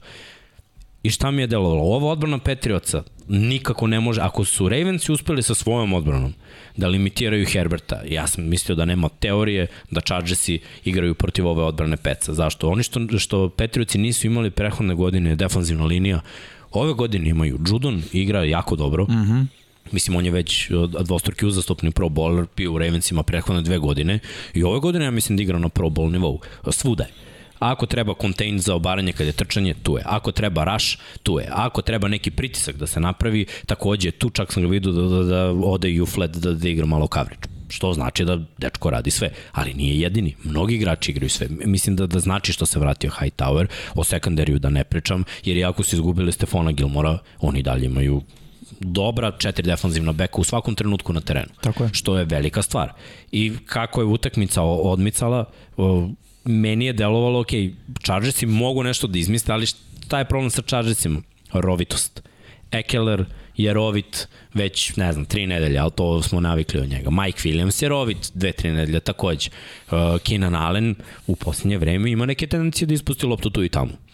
Uh, I onda odbrana Chargersa popusti u nekim trenucima, desi se neka povreda kao što se Sante Samuel mlađi povredio i otvori se prilike. Uh, u prvo utakmica je bila meni možda i najbolja ove nedelje. Znači ovo je bio meč gde dok samo kraja mogli su pobedi jedni i drugi. Uh, bilo je grešaka na obe strane, videlo se da je stalo jednima i drugima, ali mislim da je Petirocima onako trebalo više. U njihovoj diviziji i ako pogledamo čitav AFC kakav je trenutno, Chargersi su mogli sebi i da dopuste ovaj poraz da nauče nešto iz ovog poraza, ali Petrovići da su izgubili, oni ne bi bili 50-50, oni su sada 4-4 ekipa. Ekipa koja je u ozbiljnom zaletu, ekipa koja čini mi se onako malo po malo sve se više oslanja na neke playmakere. I ti si rekao u, u posljednjih par podcasta, Jimmy, da, da si očekivao više od momaka koji su došli i potpisali ugovore ove sezone. I ja sam iskreno isto očekivao uh, da, da će biti Bojonu Smith produktivni. Nije se desilo. Zašto? Nekoga mi delio da je bilo ono loading 20%, pa 30%, pa, pa su sad, a ja mislim da su sad na 50%. Što se tiče tight endova, evo Henry opet hvata, hvata za touchdown, Agolor ima neke svoje akcije, Born ima neke svoje akcije, sve to malo po malo. Kao da se ono otvaraju stranice kao u igrici. Znaš, nije, nije loadovan ofenzivni da. playbook još uvek, tek smo na osmom kolu. Da sle, ako pobedite ovo, e, sledeće nedelje imamo još nekih 10 novih akcija. I, i, I to je nešto što mi se u stvari i sviđa kod Patriots. Tako I, i, I ja mislim da je to njihova najveća snaga u, u duelima protiv ozbiljnih kontendera. Ja dva čekam utakmicu protiv Billsa da igraju Patriots. Jer ja nisam siguran da će Billsi tako lako da, da, da se prošetaju. Slažem se i potpunosti ima smisla to što kažeš loadovanje playbooka jer koliko je samo novih imena u tom napadu. Nov quarterback, John Smith, Hunter Henry, to su već uh, tri nova imena, oh. tako? A, pa i Born i Agolor. Born, Agolor, to je pet novih imena. Hajde da pogledamo trkača, ok, Damian Harris jeste tu, ali je nominalno Sonny Michel bio starter prošle Tako sezone, sad je neko drugi starter, ajde da, ono, kažem, spomenemo i to. I logično je da kad imaš, ajde i bez Harrisa, koji je de facto tu od prošle godine, ali bez te promene njega kao startera, nabrali smo pet igrača u naporu, to je mnogo, to je pola. To je pola cele jedne jedinice koja se zove napad. I kada imaš takvu situaciju, da, potpuno je logično da ideš polako na kašičicu jedno po jedno. I drugo, oni Johnu Smitha koji je odličan bloker koriste u, u, u tom segmentu igre. Kada no. trče, odlično pomaže za, za blokiranje, slično i, i Hunter Henry. Uh, I kada treba za, za neka dodavanja, ono, funkcioniše to sve ok. Ne mogu da kažem, ovo nema velike brojke, ali čini mi se da rade, da radi dobar posao za, za svoju ekipu. E sad, to je opet ono što su pričali uh, Mac Jones. Mac Jones iz nedelju u nedelju sve produktivniji i produktivniji, sve bolji i bolji. Iako brojke ovde nisu sjajne, on je bio, čini mi se, 50%. Ali ne, mora, ne moraju da budu dobri. Ne moraju, ne mora, tako je, ne moraju da budu odlični. ekipi pobedu, ali pogleda ovo izbalansiranost u kontekstu osvajanja yardi i ono što, što opet pričamo, napad trčanjem, dobra odbrana, ti ne praviš previše grešaka, ok, ništa to nije briljantno, 217 yardi, ali ok, ti si završio svoj deo posla. Ono što je bilo dobro, super je počeo utakmicu. Meni, mene, mene malo zabrinuo taj pad. Odjednom je počeo da promašuje i dosta je loš bio jednom periodu, onda se malo vratio pred kraj utakmice, ali Novajlija je, meni je to, ono što ste pričali, u dobrom je, dobrom je tim. Ma, dosta komentara sistem, sistem, sistem. Ne znam šta je tu loše. Ti si došao kao klinac u sistem i sistem te uči dok ti ne dobiješ mogućnost da si toliko sposoban i zreo da ti možeš da upravljaš i modifikuješ dodatno sistem, da ga evoluiraš dalje. Tako da, meni ovo u skladu sa svim onim što ste rekli u kontekstu razvoja ekipe. Ali znaš kako, ljudi isto znaju da pogreše, da misle da bi svako u tom sistemu bio uspešan. Nije tako. Tako je. Jer dobri treneri, iako imaju neki svoj sistem, znaju da podrede svoj sistem igračkim Absolut. kvalitetima igrača koje oni imaju. Priča, tako je. Znači, da, to je velika stvar. Znači, trener ne sme da bude ono egocentrik. On mora da zna, ok, imam ovog momka i, i sad ću da iskoristim njega na ovaj ili onaj način. Ne može svaki quarterback, naročito quarterback, da se prilagodi kao što je Mac Jones. Ja kažem, on, on nije zvezda. On nikad nije bio zvezda. On na koleđu nije bio zvezda iako je osvojio na kraju šampionat. Jer je oko njega bilo priča o svima osim o njemu. Da. Ja mislim da je on bio onako poslednja, drafta, poslednja rupa na svirali. I, e, ali tako nešto i u Patriotsima. Znači, bukvalno o njemu se priča samo zato što, što ono kao, e, pa vidi, iznenadio nas je Mac Jones. Mm. To su priče o njemu, nije kao je očekivali smo Mac Jones da bude ofanzivni ruki godine, to apsolutno niko nije očekivao. Ne može niko da me ubedi da, da je ono, i nakon prvog kola rekao je Mac Jones. Ali vidi tekmu proti Tampe, vidi ovu tekmu, vidi tekmu proti Dallas, to sve bile dobre njegove utakmice. Yes. A to su sve ekipe koje su kontenderi to su ekipe koje su ono kandidati da budu prvi u svojoj diviziji. A Tako. Tampa bukvalno jeste prvo u svojoj diviziji, Dallas jeste u svojoj. Tako da Patriotsi rade svoj posao i za sada su tu u hantu za, za, za playoff, može da se desi, mislim, ja iskreno mislim da u njihovoj diviziji moraju da, da Jetsa su rešili, ja sam to i očekivao da reše, Aj, isto Miami. mislim da, da moraju da reši Miami i ako se to desi da, da ono, bukvalno Billsi budu problem, to će im značiti u odnosu na ove druge divizije u AFC-u gde će se na zapadu i severu ekipe međusobno poklati. Tako da je to prilika za, za playoff. A o Chargersima, eto da, da, da kažemo i to, ovo su one njihove karakteristične utakmice gde mogu da pobede, a ne pobede. I, i ima tih utakmica svake godine, bili su najbolji u ligi, mislim, ili najgori, zavis kako se uzme, u porazima kada je na jedan posed. Uh, prošle godine, zato nisu ni ušli u playoff. Ove godine su rešavali, na primjer protiv uh, Brownsa su rešili u svoju korist, protiv Dallasa, oni su pobedili jedini Dallas, oni su rešili to u svoju korist, isto je bilo na jedan posed. Čekaj, pričaš za Chargers-e? Da, da. Ove sezone? Ove sezone, ili su oni izgubili? Nisu Dallas, ne, da, da, Dallas ih je dobio. Dallas samo izgubio Tampe. Znači, Chargersi su izgubili od Ravensa, izgubili da. su, ali to je bio blowout, izgubili su od, uh, ne dobili su u stvari i Brownse.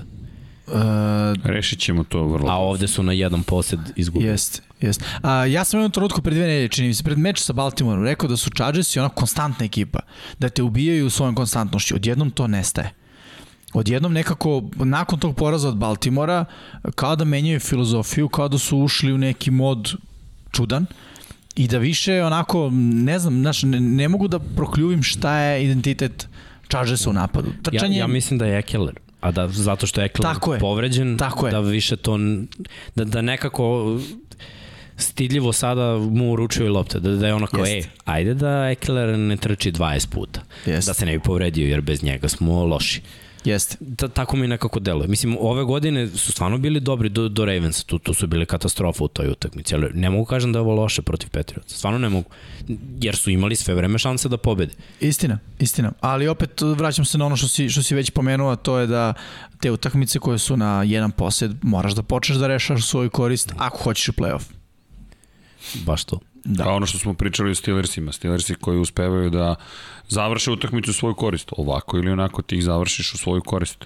Lepe ili ne. Chargers su u svakom slučaju pretrpeli poraz New Englandu, novi život za New England i onda opet se vraćamo na priču o stanju u AFC-u i vraćamo Mislim, ovo je potencijalni priču... tiebreaker. Pa, Zamislimo pa, isto da. skor na kraju. Da. Zato ti kažem, AFC i, i ko, ko ide u playoff?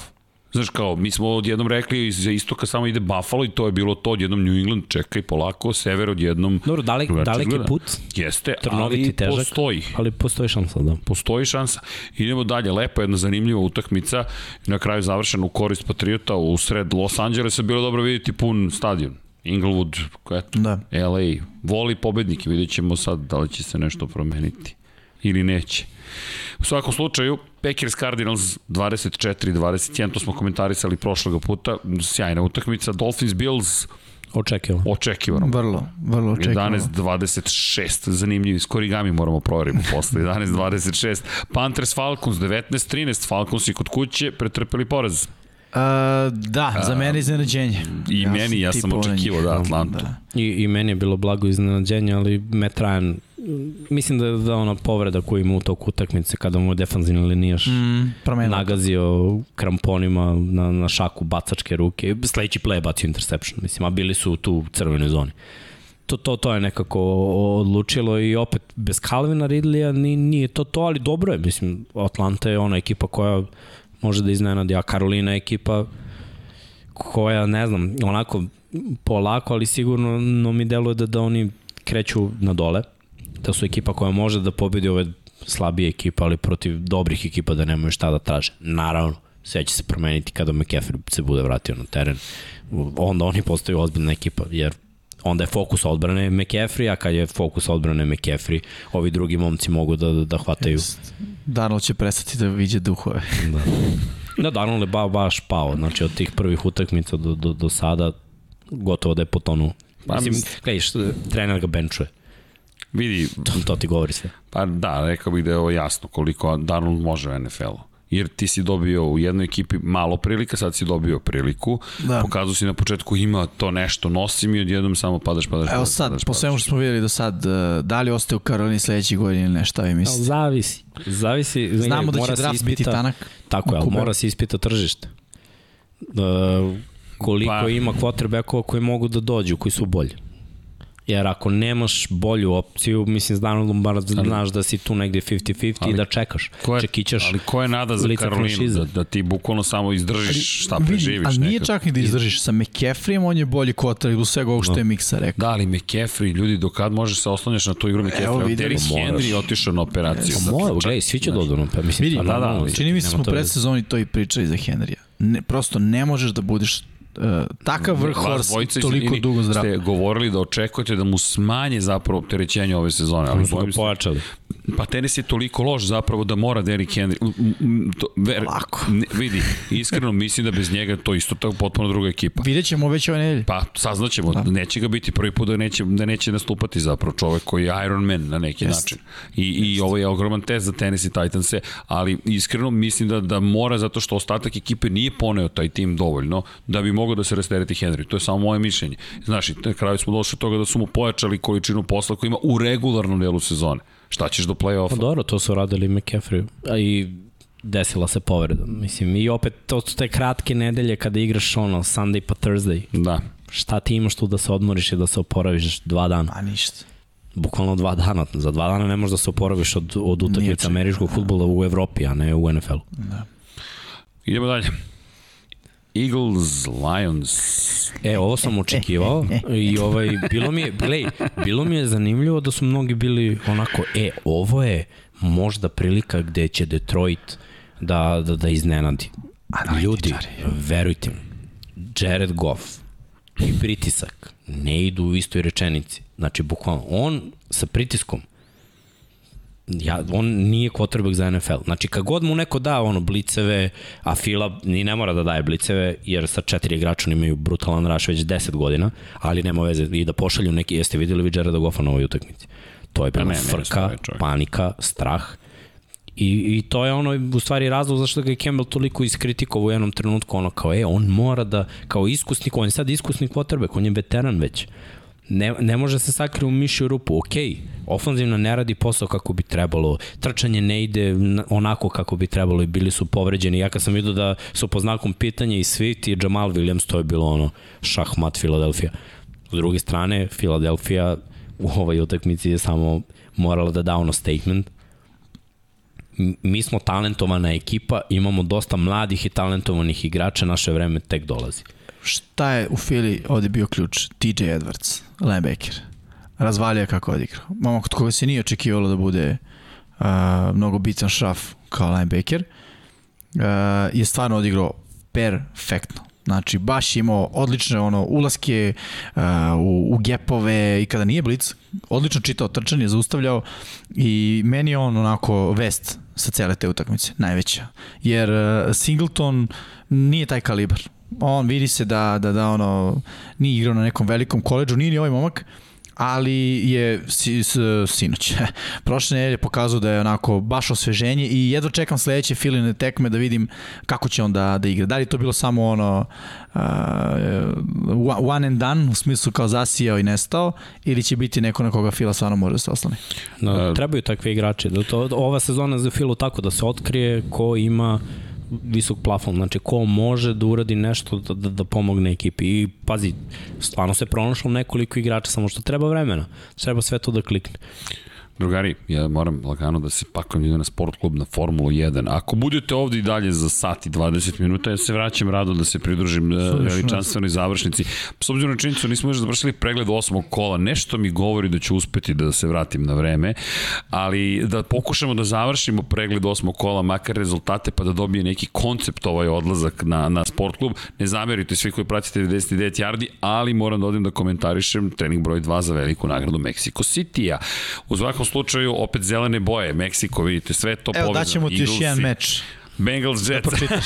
Samo da pročitaš 31, 34. Pričaj smeće njemu. Uh, I zahvaljujući tome, ej, ljudi, sad znam zašto Supermanu se kosa ne viori kad leti, farba se u crno garantujem, znači ovo se skorilo, bukvalno, ali ok, sve zelenije i zelenije, polako postajem radioaktivan, ali to je u redu. Ej, neko mi je rekao, hvala za komentar, prvo moraš da se blajhaš, pa tek onda farbaš u zeleno. Ok, sledeći put naučit će, sledeći put on Pavlo kaže, vidi, dečko, od tog filma nema ništa, ali polako, polako, to tek je počela zaba, sad sam otkrio ove lakove za farbanje kose, tako da Jimmy, ne znam što si nećemo. Od tebe je sve krenulo za, zapravo. Za, Nije to ta nijansa zelene. Nije ta.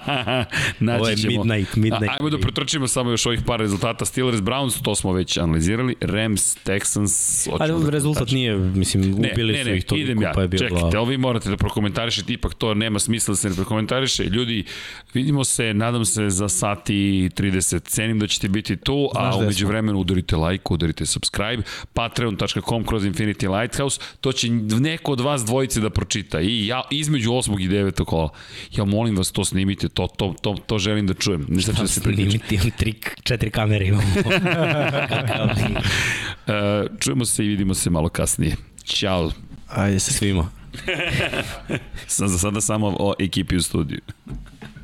Da, dok smo stigli miksa. Rams, Steelers i Texans. Browns i 5 na 10, pa da, Ramsi, Ramsi i Texans. Mislim, Ramsi su ih oduvali u prvom polovremenu i onda je već bilo vreme za, za rezerviste.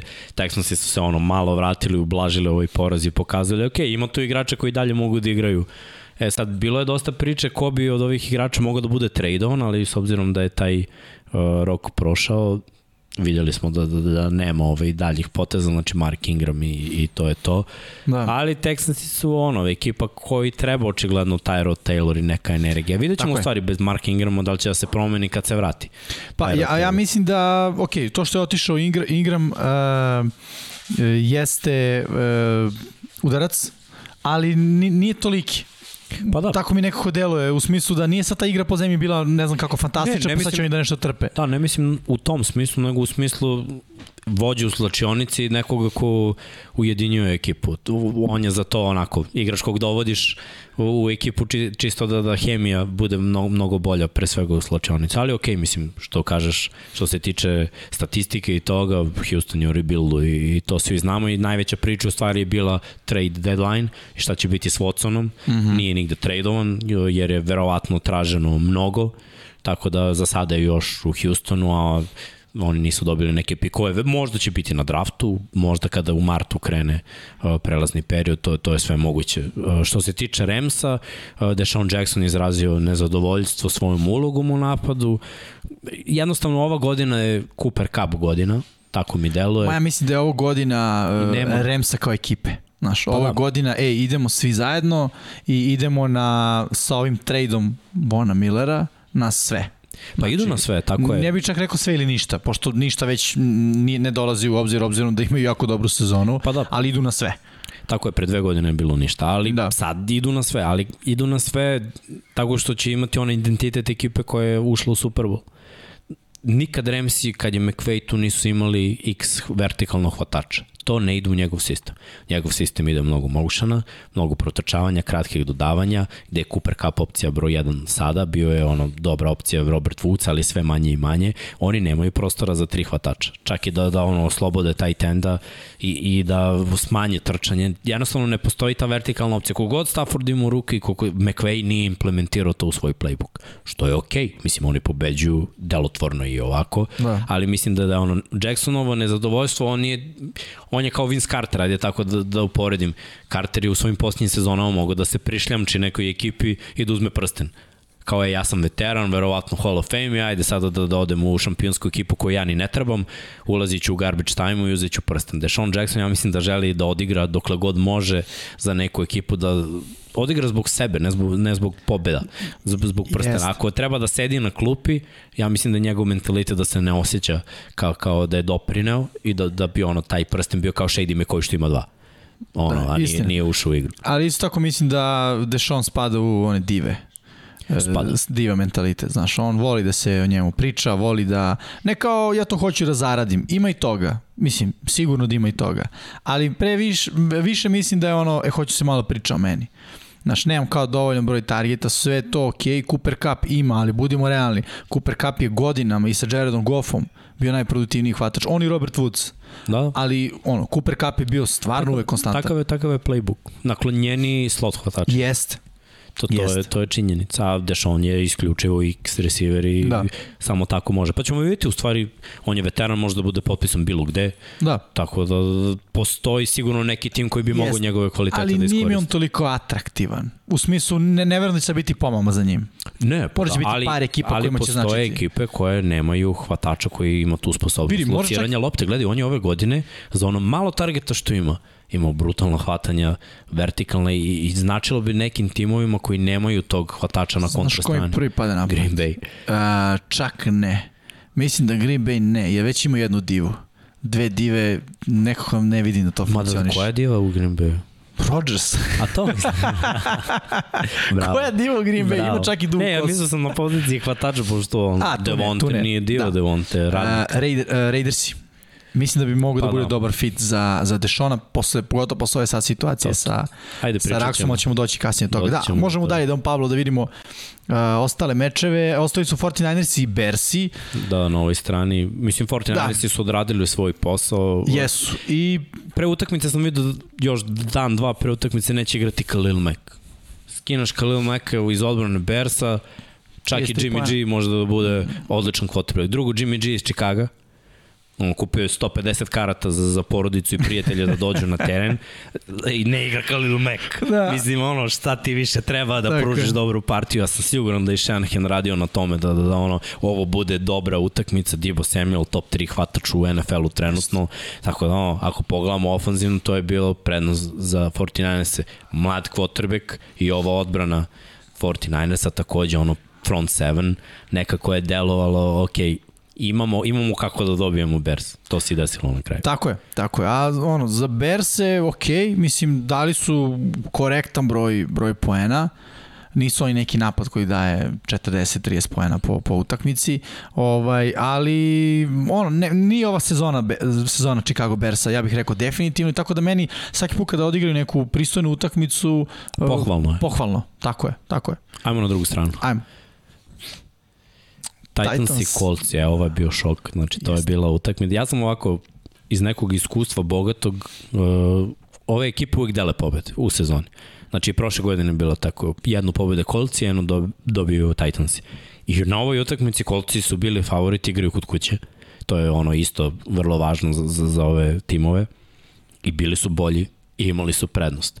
I onda je Carson Wentz osetio potrebu da bude heroj nikad nije dobro kada quarterback, znači ja ne znam koliko quarterbackova ima, znači to je ovaj Mahomes sad malo po, da mogu da kažem slobodno poremetio, da u levu ruku prebacuješ loptu i da pokušavaš levom mm. rukom da baciš nešto. To znači, evo na našem nivou, šta bi rekao quarterbacku da proba to? Što? Što? Znači uvijek postoji bolja izađi. opcija. Znači prvo, Vance bi trebao da zna da je Nahim Hines bio u dodatnoj protekciji, radio cut block s leve strane. Ja sam se uvijek divio Ilaju Manningu i, nje, i Peytonu Manningu, jako su ono nepokretni quarterbackovi, koji su uvijek imali dovoljno uh, kefala da u toj situaciji vidiš pritisak, tvoj running back ima dodatnu protekciju, bacimo loptu noge. Odmah tu, pam, kraj akcije. Naročito ako iza tebe ono 30 cm end zona. Mm. Druga bolja opcija, safety. Pa tek treća opcija, prebacit ću loptu u levu ruku i bacit ću ono tamo ka nekome. Mislim, on, ljudi su plaćeni milione da gledaju i da hvataju te lopte. Znači, taj touchdown je doveo do produžetka. I taj touchdown je u stvari zakopao kolce. Carson Wentz je zakopao kolce na ovoj utakmici. Uh, kolci ove godine imaju ozbiljan problem defanzivno oni kada pobeđuju i kada gube, jako oni su na polovini lige rangirani po broju dozvoljenih yardi trčanjem i pasom. Ravensi su im dali preko 30. Oni uglavnom su tu negde, ono, mogu da daju 30, ali mogu i da prime 30. I na ovoj utakmici se to desilo. Tennessee nije ekipa koja, da kažemo, ono, Tennessee daje 30 pojena na svakoj utakmici. Da, nije, to nije. nije. I ne bi trebalo da bude protiv odbrane kolca. Ta odbrana je prošle godine bila top 10 i stalno pričamo kako rade dobar posao.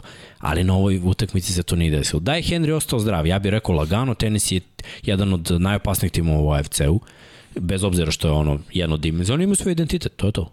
Jeste. Ali kolci su ekipa koja ove godine mnogo puta, od Remsa su izgubili na jedan posjed kod kuće. Vence je bacio onaj shovel pass za interception. Mm. Uh, takođe prvi meč, ako se ne varam, su isto izgubili, oni su krenuli sezonu sa 0-3. Jedan posjed. Od Ravensa izgubili na jedan posjed. I onda je došla ova utakmica. Znači, četiri ut- utakmice izgubi, postoji u Chargersi polako, ali sigurno. Jeste, ali znaš šta, to, definitivno je to Vance efekat. I, i Eaglesi su sa Vanceom imali tu tendenciju u njegovim, u njegovoj poslednjoj sezoni da gube, da igraju tesno, tesno, tesno i izgube na kraju. I to Eaglesi koji su prošle godine bili ono u odbrani baš haos. Ovaj, e, tako da, to je malo Vance efekat, slažem se s tobom u smislu potreba da se bude, su, ne heroj, super heroj, ja bih rekao, e, ali e, ide to i sa tim šta mu se sve desilo. Znaš, osjećam veliki pritisak i još sada kao došli u kolce, koja je napravljena paralelu sa prošlom godinom, u ovom trenutku su bili mnogo bolji, već si nekako mirisao playoff, no. video si da se ide u tom smeru.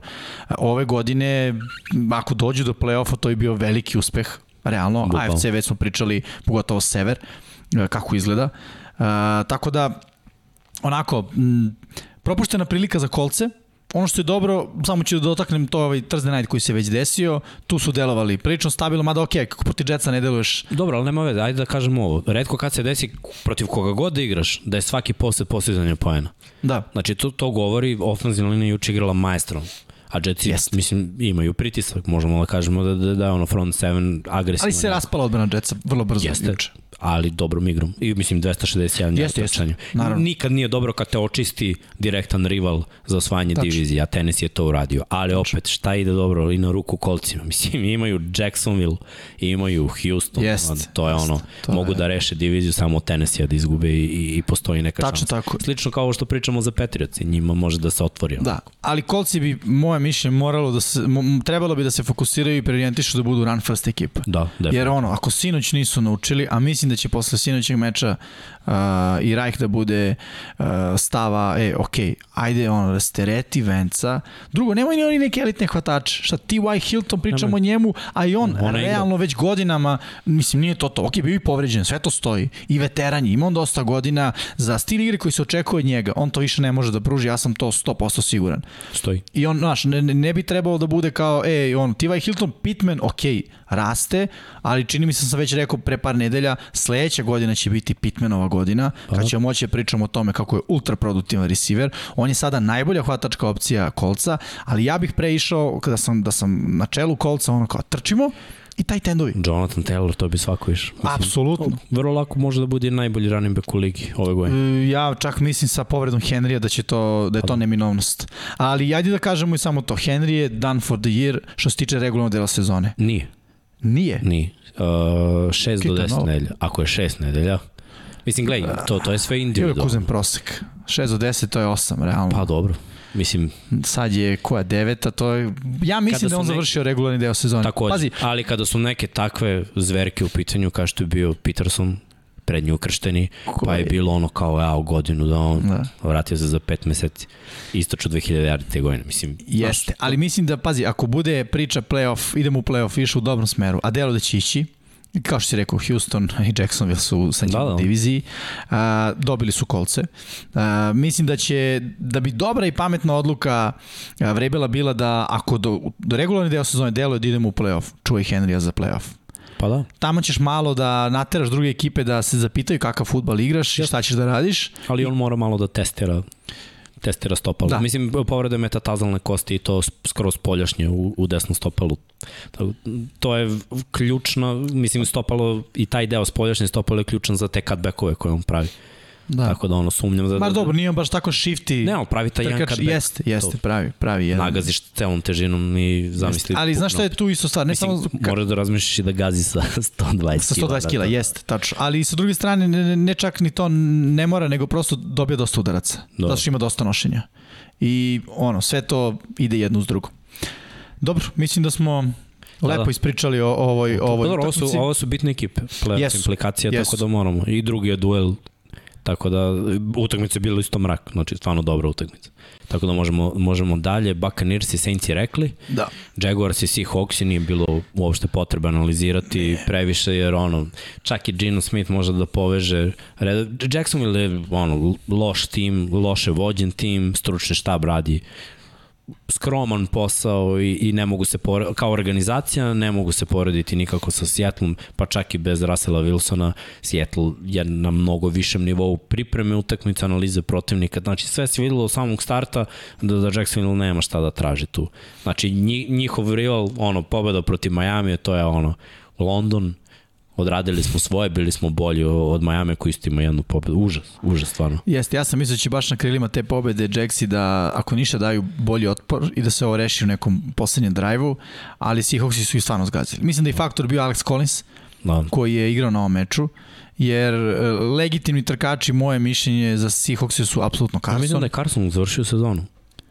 Što je ono, još jedna. E, pa za to recimo ja nisam 100% siguran. Nešto sam čitao, da, da ne mora da bude, ali da.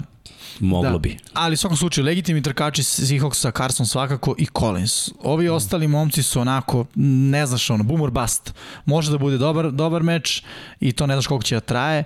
Uh, Travis Homer, DJ Dallas, Da. Nije to taj kalibar uh, trkača broj 1 u NFL-u, nikako rekao bih. A Alex Collins može to da im, da im pruži. E sad, Gino Smith, oni treba da izguri još, čini mi se, dve nedelje. Minimum. Prema što se vrati Russell Wilson. To je minimum. Da. To, to nikad ne znaš. Da, a čak mislim da će imati baj sledeće nedelje. Da igraju ove nedelje su sledeće nedelje na baju. E, pa Čini mi se, možeš da, da, da proveriš tamo Naravno. dokle... Dokle, ali e, Gino Smith mi je onako pokazao da može da reši ovakvu utakmice. E sad, Ako je Seattle playoff ekipa, a gledajući istorijski jesu playoff ekipa i kada pogledaš kakvo oružje ima, znaš, pogledaj učinak... Sad su na baju. Sad su na baju, e da, ok, da, sad su na baju, da, sledeće nedelje se vraćaju. Uh, Tyler Lockett se lagano eliminiše iz priče, jer... Uh, Dobro, ima je dobro hvatanje. Ima, ima je novo meč, ali ovo su Jaxi. Ovo moram da uzmano da su Jaxi, gde je bio prošle nedelje. isto, znaš. Hm? I oni ga štede, i on je rovit. Ne, ne, jeste, jeste, ali hoću da kažem da njegov sad stil igre se nikako ne uklapa sa Gino Smithom ona dugačka odavanja, da, to pa može Russell Wilson da nađe. Stoji. Nike Metcalf s druge strane je druga stvar. Njemu možda baciš čak ne ni 50-50. Ono, 40-60 loptu, on će da bude u igri. Zato što je monstrum, kako izgleda kako izgleda, kako igra i kako je prosto dominanta, kako se bori za prostor. Loket ne. Loket je više onaj trkač, e, trkač, e, hvatač je treba da baciš malo dužu loptu, da mu daš prostora, da on ono, bude u situaciji 1 na 1 sa defensivnim bekom, ali ne situacija da skače po loptu sa njim, nego da bude ono, da, da naleti samo Prima sreće, jer ono, Russell se vraća i, Tako i Seahawksi su napravljeni da njih dvojica budu u paketu. Tako je, ali kada nema Russella Wilsona, Lockett nije produktivan, kad Lockett nije produktivan odbranama je lakše se fokusiraju na Metcalfa, Carson da. nije tu, ok, Collins može tu da pro... Mislim, jako, jako teža, teška priča Sjetla do kraja sezone. Ono. Stoji. Ali opet, ove nedelje ono što mi svilo nisu, ja sam rekao, možda ne, kad smo mi pričali, čini mi se da nisam to rekao u podcastu, ali počinju da budu negledljiva ekipa. Prošle nedelje to... su meni takvi godinama. Da, ali bar ima neka, znaš, neka vrsta uzbuđenja na kraju. Ovo je sad bilo ono, ništa ne vidiš. Ali prošle nedelje je bilo okej. Okay. Vidjet ćemo, to s ove nedelje nećemo, ali sledeće, e, kako će to da, da izgleda. Možda mogu da nadovežu na ovu pobedu. Ako treba im nešto, znaš, da, da ekipa kaže, ej, okej, može ovaj Gino da igra. Pa da. Pa dobro, korektan je, ne mogu, ne mogu da kažem, korektan je, u prethodnoj utakmici bio korektan. Uh, šta imamo dalje? Možemo da dobijemo Cowboys i Vikings, ja, ja bi o ovome pričao, da, da. ja sam radio ovaj meč uh, i čekalo se do poslednjeg trenutka Dak igra ili Dak ne igra i, i bilo je ono, izašao je, odradio je zagrevanje, delovo je dobro, ali njihova kalkulacija bila mi možemo možda dobijemo ovu utakmicu i bez Daka, E, ja čak bi... mislim da je kalkulacija bila mi možemo i da izgubimo ovu utakmicu, nije strašno. Da, ali ako i da, samo ne, samo jedno, stvar, da, samo jedno stvar ne smemo sebi da priuštimo. A to je da se Dak povredi i, i, i da ga izgubimo na više. Naravno, moramo uzmemo u obzir baj nedelju, gde da je on već uh, mogao da odmori. I dolazi momak koji meni iznenadio pre, ja mislim, tri godine u predsezoni, Kuperaš, koji je tada u predsezoni ono prangijao kao lud, bukvalno pravi kauboj, sa dva revolvera, bacao po 3-4 touchdowna. I bilo mi je čudno, prošle godine on nije bio na rosteru, on je bio u Giantsima. Baš sam se pitao, čekaj bre, kako su oni pustili ovog momka, ok, nekoga je video verovatno i kad je na practice squadu, može da ga potpiše ako nije backup, bilo ko, i, i dali su mu Giantsi ugovor, ove godine ga je Jerry vratio, I zanimalo me da vidim ta odbrana Minnesota koliko oni mogu da, da, da zadrže prvo trčanje, a nakon toga neki play action i ova dodavanja. Znamo kakav Dallas ima skill što se tiče hvatačkih opcija, to se na kraju ispostavilo i fatalnim za njih. Mm. S druge strane, Minnesota je sve vreme imala prvo, bolju startnu poziciju za svaki napad. Stvarno su imali bolju poziciju. Nisu uspeli ofanzivno da implementiraju trčanje i nisu uspeli nikako da, da budu bolji ofanzivni skill team od Cowboysa. I to je nekako dovelo do ove neefikasnosti na kraju 16 poena. Znači, to je bilo ono, imamo šansu, imamo šansu, ništa, ajde, bit će sledeći napad. Imamo, bit će sledeći napad. I na kraju više nije bilo sledećih napada. S druge strane, Dallas je odradio koliko je tačno, koliko je trebalo u ovom meču. Uh, ja moram pohvalim Parsonsa, meni je Parsons da, ono da. defensivne ruke godin. Sigurno. Za sada mi delo da je tako, uh, stvarno ga menjaju na četiri pozicije igra, dobro. Nije ono kao da kažeš, ej, igra četiri pozicije ko Simons prošle godine, pa ono pogubljen na tri, a na jednoj možda odradi dobro svaku treću utakmicu. Sude je. On igra na četiri pozicije dobro svaku utakmicu, shiftuju ga, menjaju i, i tačno se ispostavilo ono, Jalen Smith je trebao da ode, da ovaj dobije ono, malo jači playing time, da, da može više da bude u igri pun pogodak. Čak i Van Der Esch deluje bolje pored, pored Parsonsa. I, i opet secondary, defanzivna linija koja ni na ovoj utakmici nije bilo to majestralno. Kada kaže jao pritisak sad, bilo je u par navrata. Ništa posebno. Isto i na drugoj strani. To su dve ekipe koje najveći problem imaju sa Rašom u defanzivnoj liniji. I tačno se ispostavilo ono, nijanse odlučuju. Znači za nijansu je Kazins bio neodlučan, ofanzivna linija Dallas je bila bolja i to za ono 3-4 nijanse, zato je Dallas pobedio. Da, ali što se mene tiče, uh, vesti kada pričamo o Dallasu, ove sezone su, znali smo da kad nema Daka da su oni haos, ali Pollard, kao ranime broj 2, kao taj drugi punch, drugi udarac koji zadaju po, i, i, u igri po zemlji i odbrana. Realno, odbrana Dallasa se konsolidovala i deluje kao jako dobra jedinica. Mislim, moramo da znamo ono s druge strane, to je da pomenemo, Davin Cook, jedan najboljih trkača u ligi, uh, Justin Jefferson, prošlogodišnji ruki, uh, na, ofanzivni ruki godine, Adam Tillen, preozbiljan hvatač. I ok, Kirk Cousins sa svim svojim manama i vrlinama, ali Kirk Cousins je kvotar koji može da te, da te povredi uh, na više načina. Uh, I njih kontejnuješ sve zajedno na 16 pojena to je meni onako baš, baš dokaz da je odbrana Dalasa, Dalas je ekipa ove godine, stvarno jeste. Ja ih nisam baš tako video pred, pred početak, jer prosto nisam znao kako će to da deluje, mislio sam da će biti previše forsiranja na, na, na Daka i da Dak to neće moći da izgura, će biti, da će osjećati pritisak koji recimo vidimo da Vance osjeća, ali ne, Dak je stvarno ono, elitan kvotarek, mogu da Jeste, kažem sada, trenutno treba mu, I treba mu naravno da, da ima play action igru trčanja. To je ono što, što ima u ruki sezone kad je bio i najuspešniji. Mislim, ne statistički, nego, nego zbog broja pobeda i učešća u play-off. To je bila sezona, da kažeš ono, wow, Aruki. E sad ima sva ta iskustva, ima sezonu kad je prangio 50 puta po utakmici. Yes. Sve to ima iza sebe, sve skupljeno i konačno ofanzivnu liniju koja je zdrava. Tako je. Plus dva trkača koji igraju na brutalnom nivou. To je 5 yardi po nošenju jedan Tako. i drugi. I pazi još ovu stvar, nemaju nijednog rukija kao ofanzivno oružje u napadu, tako? Amari Cooper, veteran, CD Lamb, već druga, druga sezona. Godina, da. Schultz mi je veliki udeo u igri. Jeste, evo sad i Cedric Wilson, koji je ono ok. Da. Svi znamo uh, za ovoga uh, hvata što je povređen njihov, koji treba da se vrati. Stao mi je mozak. Prošle godine je bio isto dobar. Uh, Galup. Galup, bravo, Galup. Galup uh, takođe, momo koji je duže u ligi, Zeke Elliot, već veteran, Dak Prescott takođe, ono, nekoliko sezona, ili Tony Paul, znači ne, nema Novajlije. Prošle godine je bio CD Lamp. Pa je ono, e, par godina pre toga bilo uh, Zik, Dak, kao mlad, ok, par godina, ima nekoliko sezona. Ali, znaš, uvijek je bilo neko ko je nov u celoj toj priči kako će se snaći. Sada više toga nema, stvarno deluju kao mašinerija u napadu, a odbrana stvarno igra ono sa mm. Trevon Diggs uh, u, u sekundariju, pre svih i Parsons u, na linebackerskoj poziciji. Ok, ta defanzivna linija, slažem se, nije sad neka elitna, ali ovaj znaju da, da, da naprave problem ofanzivnoj liniji i da ono izvrše pritisak na, na quarterbacka. I još imaju sreće, mislim, u njihovoj diviziji to jest. piši, piši pobede samo. Jest, jest. Da vidimo šta imamo dalje. Šta je dalje? Petrovic i Chargers je rekli, Washington i, i Denver, je, sad ovo je bila utakmica ko, koja je ono, što kažeš, negledljiva. Da.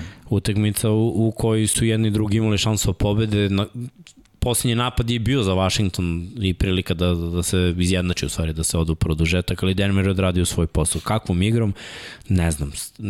Taj Denver mi je isto ono, od kakvog starta, kad su ih Ravensi demolirali, o, o, tada su krenuli ono, nizbro. Ovo im je prva pobeda, znači prekrenuli, ja mislim da su krenuli 3-0, pa 3-4 i onda sada uspeli da, da pobede za, za novu pobedu. Ako se ne varam, tako ide njihov put.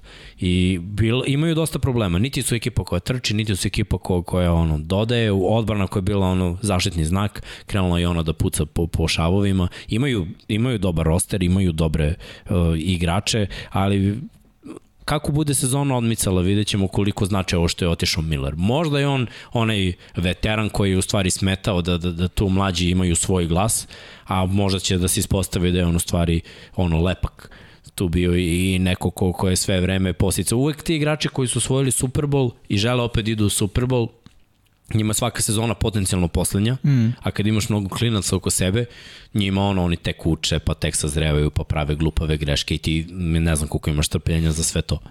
Ta, tako da ono, može da se desi da, da su to neke stvari koje su smetale, ja mislim da je on u stvari poslednji igrač koji je ostao iz te šampionske generacije. I ja bih Jer su da se rešili svih defanzivnih bekova, pa su se rešili Wolfa u defanzivnoj liniji i da, da ono, Von Miller je ostao kao, kao posljednji. U što se napada tiče tu odavno, nema igrača koji su igrali.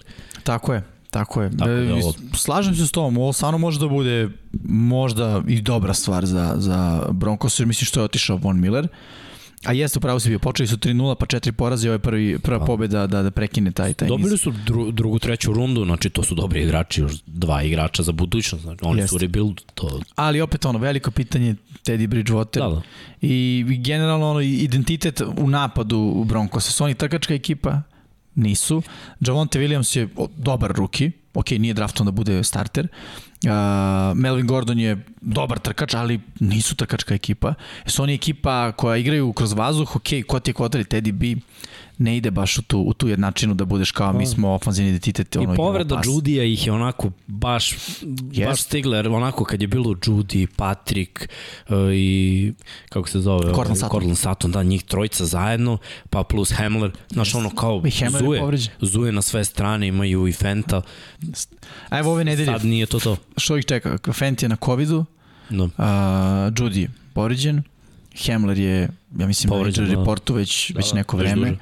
Tako da ono, ne, ne znam, mislim, Utanjilo ali... Se. Da, meč, ovo je bio meč između ove dve ekipe koje ono, ko pobedi poboljšava svoju situaciju u diviziji, ali rekao bih ono, u, ukupno gledano ništa se ne menja. Pa, znaš, da. Samo kao ono, jedan korak napred da bi narednih par nedelja imao ona svoja standardna dva koraka nazad. Da, baš to. Mislim da smo pokrili sve što da, se da. tiče uh, osme nedelje. Uh, Don Pablo, Došli smo dotle, jel? Ok, može. Ajmo. Džokeri nedelje. Vanjini i Srđanove ćemo samo da pročitamo. Može. Možemo malo da bacimo neki komentar. Vanja izabrao Gino Smitha. Uh, ok, mislim, Dobar, jeste solidno, bio Joker. Solidno partija, odradio je posao, doneo pobedu. To je, to je najbitnije. Da. Da je doneo pobedu. Seattle je preko potrebno da Gino Smith što više pobeda im donese. Jeste. I nekako, uh, da budem iskren, nakon ovih par utakmica koliko je odigrao, mislim da će proti Jaguarsa da nastave se muči, ali nije. Mislim, on iskoračuje, poveo svoju ekipu i ja mislim da je ono, dobar pik za, za Jokera. Da, sigurno. Uh, Srđan je izabrao Rasula Daglasa, mislim da je Srki bio kupljen onim da, interceptionom. Da, bukvalno. U poslednjoj... To je to. Jedna stvar je bila dovoljna da ovaj bude Joker. Tako je, tako je. Srđane, javi se. ok, Miksa, tvoj, Neji Harris. E, prvo, stvarno brutalne partije. Što se tiče linije skrimidža i yardi skrimidža, on ima 90 plus yardi u svakoj utakmici u mesecu oktobru. 500 yardi trčanjem, preko 200 yardi hvatanjem ruki meseca oktobra i da nije njega, definitivno ne, prvo onaj touchdown. Odakle on skočio da postigne touchdown? To je onaj X faktor. Znači, mogo je da se zakucaju igrača na 2-3 yarde i pitanje da li bi Steelersi dali onda touchdown jer smo ih videli mnogo puta u tim situacijama da čovkuju protiv dobrih odbrana. Ali on je odlučio da se lansira. Imao je još dva, tri puta od te letove, stiff armove, neke poteze koje pravi igrač koji je ono, pik prve runde, zvezda. U izradi to je Najee Harris. I nešto što je Pittsburghu i tekako trebalo i, i mogu da kažem da u ovoj diviziji su možda najbrutalniji startni running backovi ako govorimo o svakoj ekipi. I naravno uzmemo u obzir da Ravens imaju dvojicu koja ne igraju, a koje su potencijal. Znači i Mixon i ovamo uh, i Hunt i ovde Najee Harris, znači za godinu dana ovo može da bude toliko brutalna divizija. Stvarno je dečko zaslužio tri pobede u nizu za Steelers-e, i to treba reći, to je za njih i tekako važno na njihovom putu da se nađe u play-offu i, i vidim da može samo da bude bolji. Trebalo je ono vremena, ali ono što smo pričali na draftu da im je trebao online, a ne running back. Ok, online će i da zaigra na nekom nivou sledeće godine mogu da pojačaju online, ali ukrsti Najee Harrisa, to je bilo važno za, za njih. Konačno imaju running backa koji je ono tu. Da. I samo ću da kažem da ono, iz nedelje u nedelju Najee Harris nam je na ovoj listi. Nikad nije tragičar, ili je heroj, ili je Joker, tako da um, definitivno odlična sezona za sad, za njega. I ok, moj Joker je Chris Godwin. A, zašto je meni Joker? Zašto nekako sam znao ono što sam već pomenuo, da će Evans biti zaključan i Antonio Brown ne igra i trebalo je da ono, Godwin iskorači i da on bude taj lik. I to je uradio ali bilo mi je u glavi da li će biti, ne zašto on to ne može, nego zato što prosto imaju previše oružja u napadu i ono, gde, gde će biti, znaš, da li će biti aj forsiramo Evansa, jer ovo je utakmica kad će onda izdominira Latimora, nije bilo, da li će biti idemo na trčanje, jer uh, ono kao imamo Forneta, imamo Jonesa koji su odlični igrači. Da li će biti Gronk koji se vratio pa se povredio, ali to nismo spomenuli kad smo da. uh, ovaj, pričali o toj utakmici. Ili će biti bilo ko drugi u tom, u tom arsenalu koji imaju u napadu uh, Baxi. Na kraju je bio Godwin. I ono, očekivali, bilo je visoko očekivanje da će on imati dobar meč, imao je brutalan meč, 140 yardi, touchdown i za mene onako baš Joker, jer je moglo i da ne bude ništa što se toga tiče. No. Pa dobro, malo su svi uzeli ono humble pie, jedno parčence prehodne sezone i istrpeli što se individualne statistike tiče, da imaju slabiju sezonu i Evans u osnovu njima 1000 yardi, ali da. Evans je potencijal za ono 1800 yardi. Isto i Gadvin godinu dana ranije. Ali prethodne godine cilj bio Super Bowl, ove godine druga priča. Tako da, ali opet momak igra stvarno na visokom nivou. To, to, to treba reći. I ako si mislio da, da će biti ono glavni faktor na utakmici protiv Saintsa, bio si u pravu stvarno je bio najzapaženiji. Da. Ajmo na šta idu, tragičar? Sad su, ja mislim, uh, tragičari. Da, van izabro Herbert, dobro, ovo je onako lično. dobro, to je još jedna utakmica koju Herbert morao da pobedi, a nije. Yes. To, to, ako želiš da budeš, znači prošle godine si bio ruki, pa okej, okay, kažeš ruki, pa ba, ove godine već nisi ruki, ove godine već ovak utakmice moraš da dobijaš. Yes. I, I na kraju će sve da se svede na to ako pogledamo ukupni skor. Ti, može neko da bude talentovani, da izgleda lepše, ali na kraju se broje pobjede i porazi. I, i uvek će quarterback koji je mlad quarterback, kako ćeš da ocenjuješ njegov uspeh kroz dve, tri sezone? Koliko puta je bio u playoffu, nebitno da li je pobedio ili izgubio i koliko ima pobed, odnos pobeda i poraza.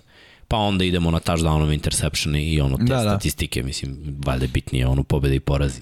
Jest. Timski sport, ni, ni individualni. Slažem se. I mislim da za ovu godinu je, mislim, mi nekako smo prošle godine rekli, e, Herbert je zreo i u našim glavama kao da igra tri godine.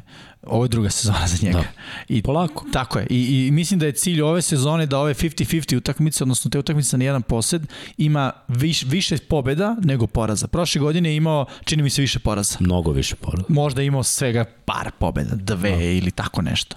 Ove godine već ta brojka kad se uporedi, ako su, na primjer, do kraja sezone, ako budu imali osam takvih utakmica, ja očekujem da ima barem pet pobeda. Da. Jer to bi bio korak odnosno na prošlu sezonu. Ukoliko bi čak bio na 50%, mislim da bi to bio korak napred, ali ne onaj kakav se očekivao. Tako da i dalje očekujemo njega da izgubi, kao što je sad ovo izgubio protiv, protiv New Englanda, mislim ne on sam, ali kao lider svog napada, ali mora da bude bolje nego prošle godine. I da. već rekao bi da jeste bolje. Pa da. ali, Ove uh, godine su ta dva poraza, New England i Dallas. Da. To su dva poraza da. na jedan posjet. Da. Uh, Srkijev tragičar je AJ Green. On je Rasula stavio za Jokera, a AJ Greena za tragičara. Dobro, im, ima smisla. Mislim, AJ Green je doveden da, da bude veteransko prisustvo i neko ko bi u ovim situacijama mm. skinuo pritisak sa, sa Deandra Hopkinsa koji se povredio na, na utakmici i ono nije igrao samo, igrao mislim dao je touchdown jedan i on je bio poništen zbog ofanzivnog face maske i nakon toga ga nije bilo, niste go za nju ložu i to je to. Ulazio je malo, ali ulazio je čisto, ja mislim kao distraction, čisto da, da bude ono kao ja da gledamo ovamo, možda će on nešto da uhvati. Poslednji play, uh, da čak da je odreagovao na loptu field goal za produžetak. Znači, on blokira u akciji gde ide ono back shoulder fade to su stvari koje se ne dešavaju veteranima. I zato treba budeš tragičan, mislim čoveče, lopta je prošla, bila bačena tebi, ti nisi uhvatio i čovek uhvatio loptu za interception i za pobedu. Ćao, zdravo. Tragičar si i to je to. Tako je. To je tragičan miksa. Da, ja sam teo da napišu tuga, tuga Tagovailoa, jer meni je tuga o, ovo što, što on igrao. I prošle godine i ove. Ajde, prošle godine kao ruki, pa ovo i ono, ali ove godine tuga, užas, horor. Ne, znači, gledati njega je toliko mučno. Te lopte koje on baci, čak i kompletirano dodavanje i precizno dodavanje, meni ne izgleda lepo. Ajde da krenemo od toga. Znači, stalno se priča, ovaj quarterback nije ono klasičan bacač, gunslinger, ovo, ono šta je ovo, ovo zatezanje levom rukom, užas, stvarno užas. I nije ni efikasno. Na sve to nemaju identitet nikakav, niti i taj, eto, Vadl koji je došao, ispušta lopte i odigra jednu dobru utakmicu, pa je jedno, ne toliko neke imena i, i Parker, gde je Parker, William Preston Williams, gde je Preston Williams, Gesicki, ajde, okej, okay, on, je, on je tu neka kao konstanta trčanje online. Odbrana, gde je odbrana Miami? Mm. Mislim, imaju jednu pobedu u prvom kolu i 7 poraza u nizu. Mislim, ono, ja kažem, ofanzivno su neefikasni, mogli su pobede neke ekipe od toga. Ko je krivac za ofanzivni fail?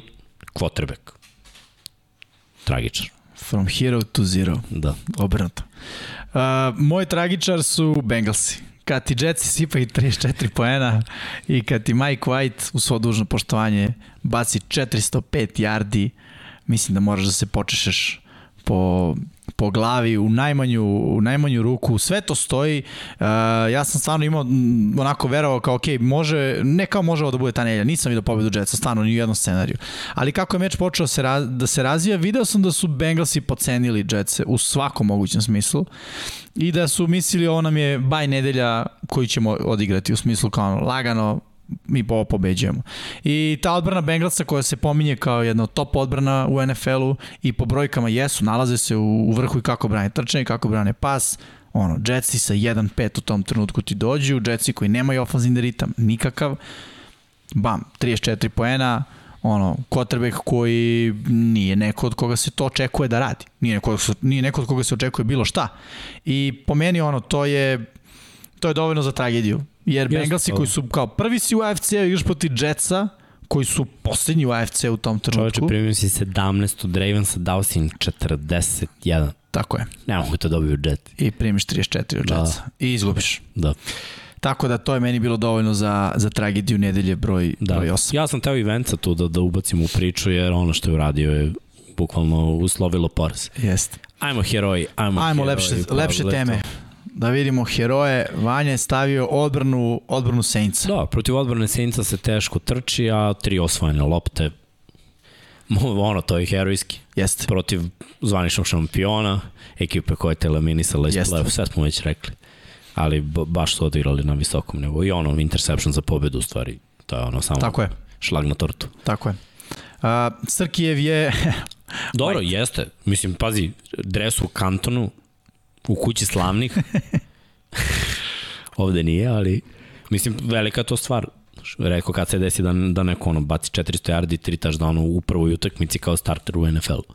Ne znam da li si pogledao izjavu kad je Mike White uh, posle utakmice rekao da nikad u životu nije čuo da publika uzvikuje njegovo ime. Da. Nikada. U srednjoj školi, pa da. koleđu, nikada. I kaže kada je izašao na teren, jednom trenutku u četvrtoj četvrtini čuje da publika govori Mike White, Mike White i koja rekao sam sebi, ne, ne, ovo ti se čini kao, nemoj da slušaš jer omećete, on omećete prosto, znaš, nikad nisi to čuo u životu i to mi je bilo onako baš e, interesantno kad je to, to izjavi i velika šteta što se povredio. Jest, sinoć. i sinoć igrao na visokom da. nivou. Mislim da bi mogli da vidimo malo Mike White, Mag da, White Magic. Iskreno bolje mi delo od Wilsonu, to, to je činjenje. Da. Mislim, ako uzmem ono mali Jest. uzorak, treba mi veći uzorak, ali ovo malo što je mnogo hrabrije, bolje i preciznije. Jeste. Šta Tvoj Miksa heroj? Da, moj kuperaš. Kuperaš, ovaj, sasvim solidno, dobro, isto je povezivao kad je bilo potrebno. Šta je bio njegov zadatak za ovu nedelju? Znači, znali su tačno i on je znao ovo je nedelja zbog koje smo te doveli, ako se nešto desi daku, da moramo da budemo ekipa koja dalje može da se osloni na tebe. Šta imaš? Brutalnu ofanzivnu liniju, brutalna dva beka, jaku odbranu, dobre hvatače. Poveži, ne greši, ne prodaj loptu I to je sve što tražimo od tebe. I sve je to uradio. Herojski uh, Dallas je ono jedan od najboljih timova u NFL-u trenutno. Imaju jedan poraz, poraz od zvaničnog šampiona i to je bilo na jedan posjet. Da. A, moj heroj je Sean Payton, uh, glavni trener New Orleans Saintsa. Svako ko dobije tampu, po meni, mora da bude da, priča. Heroj, ja? Da, mora da bude priča. On je pobedio uh, Tampu i to uh, pričao sam o onom, onom porazu Tampe protiv Remsa, to delo mi da je bio kalkulisan poraz. Takođe. Ovo mi nije delovalo kao kalkulisan poraz, ovo mi je delovalo kao šta se upravo desilo poraz sa, sa aspekta Tampe, a šta im se desilo? Desilo im se da je Sean Payton pripremio, Sean Payton ove godine nema fantastičnu situaciju u napadu. Uh, Michael Thomas je završio sezonu. Povređen je, bit će, znači ono, sa uh, uh, PUP liste, što je ono ne. physically unable to perform liste, je otišao na out for season. To je to. Znači, nemaš svog najboljeg hvatača i nisi ga imao ni do sada. Imaš kameru, koja je najveća zvezda, uradiš odličan potez, vratiš Ingrama, realno, Jamisa pustiš ove nedelje, povredi se i kažeš šteta i svi očekuju kao ok, krenulo je dobro, ali to je to. Uđe Simijan, staviš ga u najbolju moguću poziciju, tvoja odbrana bude jako spremna. Jeste tu naravno i defazivni koordinator, ali ono, sve stvarno pohvale za Shona Paytona i uh, realno kada pogledaš uh, jedan od najvećih sigurno trenera, ima ih dosta, Just, ima da. kandidata, ali, znaš, kad pogledaš sve šta je taj čovjek uradio, uh, koja su imena uh, bilo u njegovoj ekipi, koja su i sada neka, neka od imena, i ono, ove sezone je identitet Saintsa definitivno odbrana, igraju, mogu reći, uvek na visokom nivou, ali Sean Payton, on izlači neke igrače za koje, ono, naš, Trevor Simijan, realno da mi neko na početku sezone rekao, ej, Simijan, ja bih rekao, dobro, okej, okay, ono, kao treći quarterback koji ne dolazi na trening, ako svi zahvate COVID, je on onaj koji nije bio u slačionici, to je super story sa njima. Taj momak, ono, odigra pristojno, dovoljno da se pobedi. Game plan odličan, ono, spot on, vratiš Ingrama, još jedan odličan potez, ovaj, ko što sam rekao, i ono, neke hvatačke opcije, njih 10 uhvati loptu, kad njih 11, Smith. da, da. Realno, Callaway. Harris i Smith, pogledaj, već mi sada deluju kao momci koji bi mogli da budu Ob, ono, lagano opcije brojani da. Kalavi mi je i dalje ne, neispitana teritorija. Ali, ono, kada podvučem crtu, sve što spaja sve to u Saintsima, to je Sean Payton. Pa da, zato sam i rekao pre početka sezone odbrana, dobar trener, i, i generalno dobro vođenje ekipe već 10 godina, ne mogu da ih otpiš. Ne mogu da stavim Karolinu ispred njih, mislim, ili Atlantu. Ne mogu da stavim Senice van play-offa, mislim, oni su mm. s dobrim skorom trenutno. Mislim, imaju 5-2, ako se ne varam. Uh, mislim da si, da si u pravu. Ali... Sad ćemo da, da, da možemo proverimo. da proverimo da... A, da, 5-2 imaju. Da. Igraju protiv Atlante ove nedelje, znači da. prilika za, za 6-2, pa čak i sa Simija. Da. Jeste, jeste. Dobro, to ok, to, to, to, to su to. nam bili uh, džokeri, tragičari, heroji. E, pa priča nedelje, ajde ovako da kažemo, trade trade deadline, znači šta se sve desilo. Transakcije sve, da, da kažem. Tako je. Uh, nije bilo previše neke priče, nekih ono ludačkih poteza da ono 10 igrača ode. Očekivali smo tu bombu Dešona Vocena, mislim da je to bila onako najveća priča. Uh, pričalo se od nekim veteranima iz drugih timova, timova koji su u rebuildu, na primer Fletcher, Ko Fletcher Cox iz File, mm. da to se nije desilo. Ali Von, Von Miller jeste otešao u Remsi i to je u stvari najveća priča ove nedelje, jer uh, trenutno sada igrači sa najviše više sekova u ligi, pritisaka u ligi, igraju u istom timu. Von Miller i Aaron Donald. Uh, igrači koji su ono često u double timu igraju u istoj ekipi, a ono double tim na dva igrača, teška priča da ćemo da vidimo. Mm. Znači, ako je Donald u double timu, Von Miller ima priliku. Von Miller, iako ima neku povredu skočnog zgloba, ja, to je neispitana teritorija, ja sam siguran da Remsi ne bi pojurili da daju drugu i treću rundu, da je to neka ozbiljnija povreda. Mislim da su NFL-u i suviše kalkuliše kad su te stvari u pitanju. Von Miller ima 4,5 seka, ima nekoliko obaranja za gubitak yardi, nekoliko udaraca quarterbackova, 4,5 seka, nije igrao dve utakmice. Igrao je pet. Pet utakmice za 4,5 seka, sek po utakmici. To uopšte nije loše. Da. Znači, sada će posao možda da mu bude još lakše i ima priliku da ono, dođe do nekih 10 sekova, na primjer, do kraja sezone. To je skroz okej. Okay. Svoje prilike će imati svakako. Ali za Remse je ovo, ko što si ti rekao, all in, sve ili ništa plaćenička ekipa, pikove nemaju, oni sledeće godine nemaju prvu, drugu, treću rundu, one tamo nemaju, bukvalno ja ne znam šta će oni birati, oni mogu da biraju petu i šestu rundu, ali su fokusirani da, da osvoje sve sada i odmah, doveli su Jelena Remzija, Matthewa Stafforda, doveli su sada i Ivona Millera, to su sve igrači koji su ono pro bowl kalibar i sve to treba da se uklopi u njihovu ekipu. Druga priča može nam bude Beckham, pričali smo o tome. Da, po sve transakcije ćemo da pa dotaknemo sad koje su desile. Već ve smo pričali, mislim, 10 minuta o delu da. Beckhamu i toj priči. Čeka se, niko još uvijek ima tu ponovno, znači, kao neke priče, šuškanja su... 5-6 ekipa je, je u kojima se šuška najviše. Tako je. Packersi su jedna od ekipa. Jedna od da. ekipa, neko pomenuo Ravensi da mogu Jest. da budu jedna od Čini ekipa. Čini mi se Raidersi. Da Raidersi, takođe, tako da. je. E sad kad smo kod Raidersa možemo da pričamo da je Henry Ruggs vozio pod uticajem. Tako je, to isto ves. Mislim, transakcija je katovan. Tako je, pa mora da bude katovan jer, mislim, to je sad veliki problem u, u njegovoj karijeri, u njegovom životu, jer... U životu. Tako je, doveo je do, do ono, desila se nesreća i imamo ono jedan smrtni slučaj, da. tako da će on sigurno biti po sudovima i... Ja sam nešto čitao, nekoliko optužba ga čeka. Tako je, ali ovo se već desilo jednom u NFL-u, ne mogu se setiti mimi igrača, on se vratio da igra posle nekih, ne znam, da li je bilo 8-10 godina, da, da, ali mislim to je to, jedan ono, jedna karijera na startu, njegova druga igračka sezona, jedna loša odluka i ono sve je palo u vodu. I sada Raidersi imaju slobodno mesto, upražnjeno mesto i moglo bi da se desi. Ali znaš ono šta da... se sve desilo Raidersima ove sezone? Ono, koliko je to, da kažem, emotivnih udaraca? Jest. John Gruden, Josh Jacobs, nemoj to da zaboravim. Da. Isto, Jacobs imao jednu situaciju van terena koja je ono potpuno bizarna. Sad Henry Ruggs. I to, znaš, ajde pogledaj sa aspekta franšize To je pik prve runde pre dve godine, koji je trajao sezonu i po. Tako je. Ali Mislim, to, to iza tog su... momka koja je to katastrofa u životu. On ima 22 3 godine, da. možda ima 4 u, u, u najboljem slučaju. Mislim, ono, velika, velika glupost i tragedija i ne znam, onako, sa, sa aspekta ljudskosti je ono, baš tužna priča. Pa, tragična priča. I opet, znaš, ne može, mislim, možeš da kritikuješ, što ono, naravno, svi imamo pravo da kritikujemo, ali moraš da se staviš i, i, i u njegovu kožu i pre svega ja uvek govorim o snazi i ozbiljnosti franšize kada ovakve stvari se dešavaju. Nekim franšizama se ovakve stvari jednostavno ne dešavaju. Zato što imaš uh, ne, neki ono znak da neke stvari ne smeš da radiš i, i neki osjećaj, neki pritisak, ok, ovo možda nije u redu.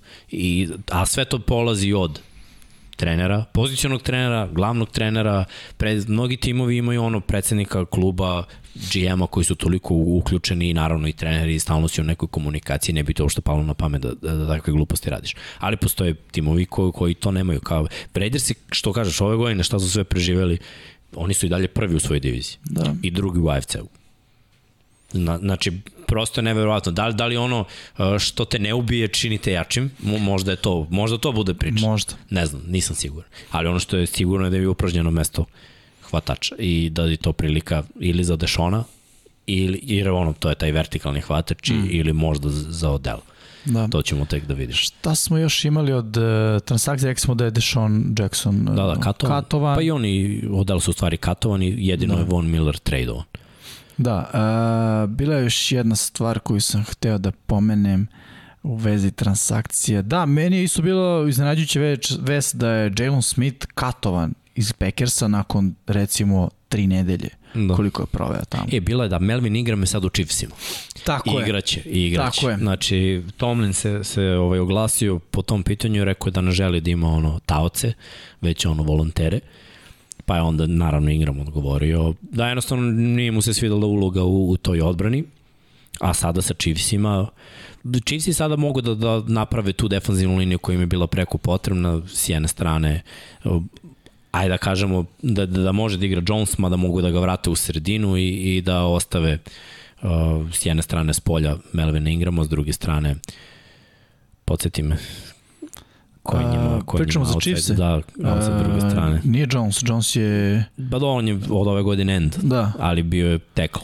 Da li je D. Ford, kojim je drugi outside. Da, so, samo sad imaju tri igrača, da. ono, respektabilnu defensivnu liniju, to nešto što nisu imali, što im je bilo preko potpuno. Ono, naš, kada škripi, kad je sekundari šupalj, aj pojačamo malo pritisak. Jest. Tako da je za njih bio dobar trade. Ajmo ovu transakciju. Adrian Peterson u Tennessee Dobro, Titansima. Da, da, to je ovaj... Ili jedva čekaš? Ja jedva, jedva čekam, čekam da ga vidim. Jedva čekam. Jedva, jedva čekam. čekam. Broj 8 je uzeo.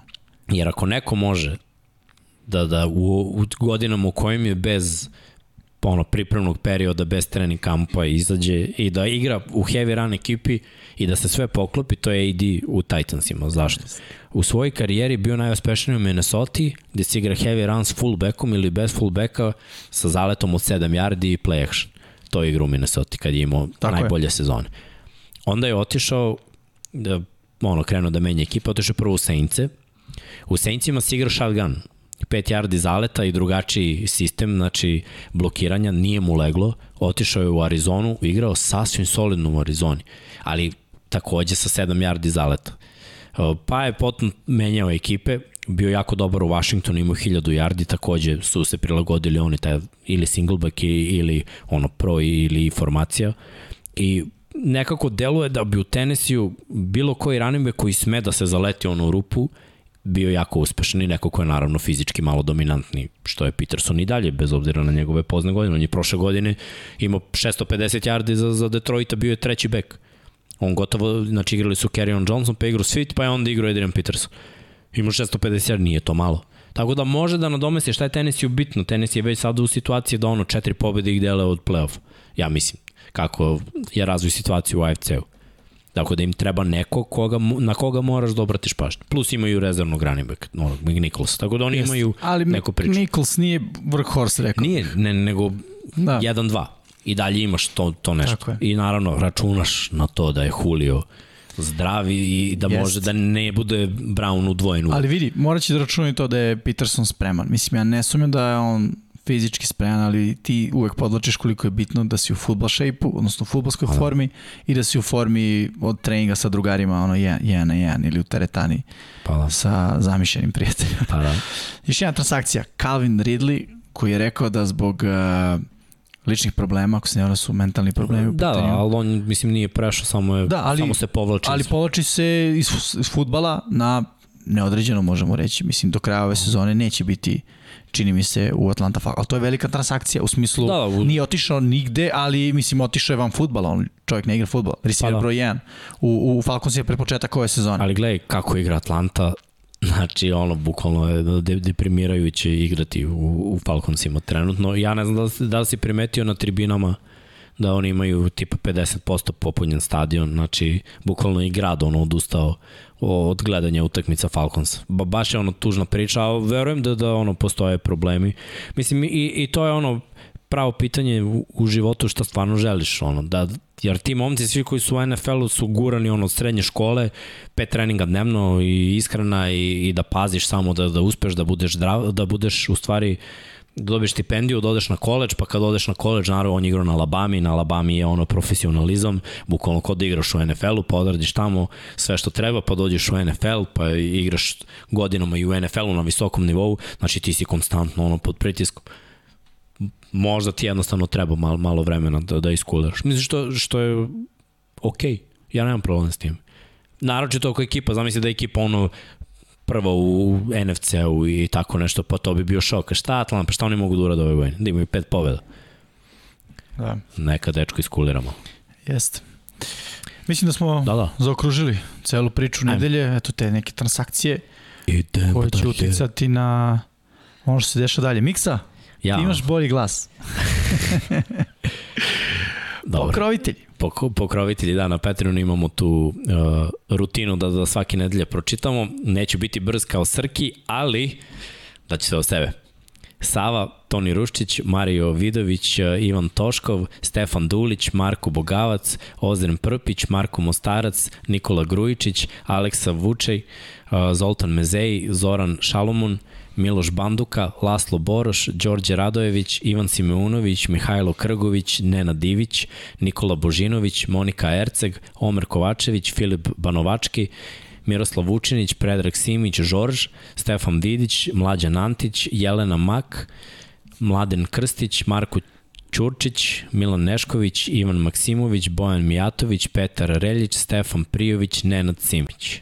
Evo ja ću drugu stranu, čisto da te malo odmenim. Uh, Luka Saović, Andrej Božo, Boris Gvozden, Boris Golubar, Zorana Vidić, Luka Manitašević, Ljubo Đurović, Borko Božunović, Đorđe Andrić, Aleksandar Gošić, Mirjana Živković, Nemanja Miloradović, Miloš Vuletić, Daniel Kolobarić, Vukašin Vučenović, Ogin Marinković, Miroslav Cvetić, Marina Mihajlović, Jelena Jeremić, Antonio Novak, Stefan Milošević, Nikola Stojanović, Jasenko Samadžić, Mihovil Stam, Stamičar, Stefan Nedeljković, Zoran Majdov, Josip Kovačić, Lazar Pejavić, Benjamin A, Nemanja Jeremić, da žena ne sazna, najčenik ikada, Boris Kujundžić, Tijena Vidanović, Stefan Ličina, Aleksandar Antonović, Dejan Vujović, Nemanja Zagorac, Đole Bronkos, Aleksa Jelić, Aca Vezla uh, i Vuk Korać, odnosno i plus 19 uh, tajnih pokrovitelja. Stvarno veliko hvala ljudi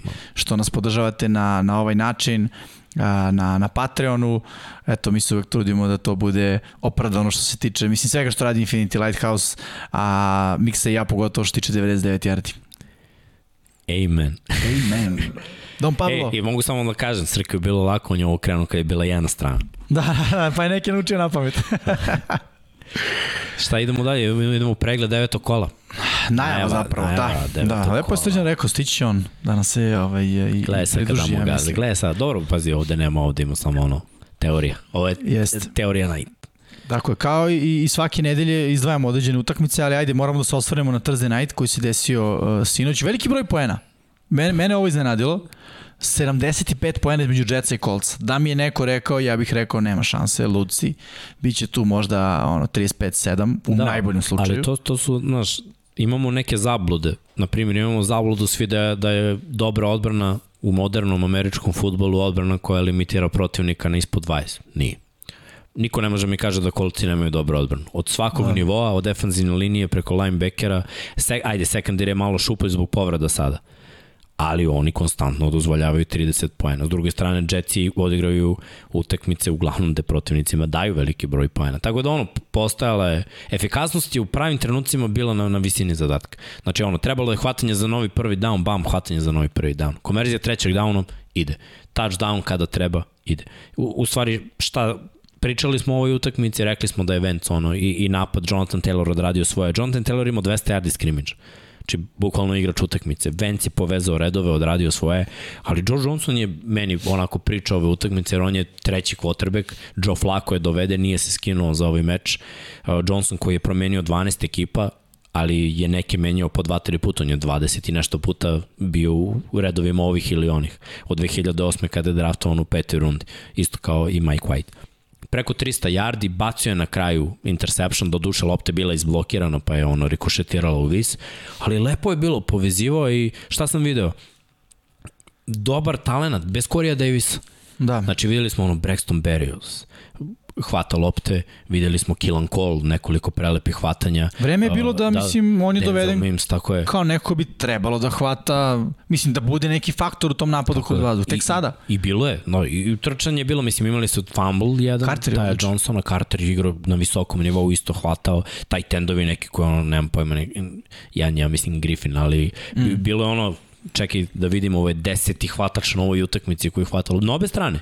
I jedni i drugi su, su igrali onako timski, bila je utakmica zanimljiva, nije bilo da kažeš neizvesnosti, jer je u jednom trenutku bilo tri posljeda razlike za kolce, ali ok, da je bio White u igri, jer ono 7-7 prva četvrtina, touchdown i jedni i drugi. Ja bih rekao da kolci od ono Peytona Manninga nisu imali utakmicu da je ono prva četiri napada daju četiri touchdowna. Istina. To je ono Mada u eri Peytona Manninga to bi bilo sve kroz vazduh, a ovde je bilo malo drugačije. Da, da, ali mislim bilo je od 2007. se to nije desno, što je da. 15 godina skoro.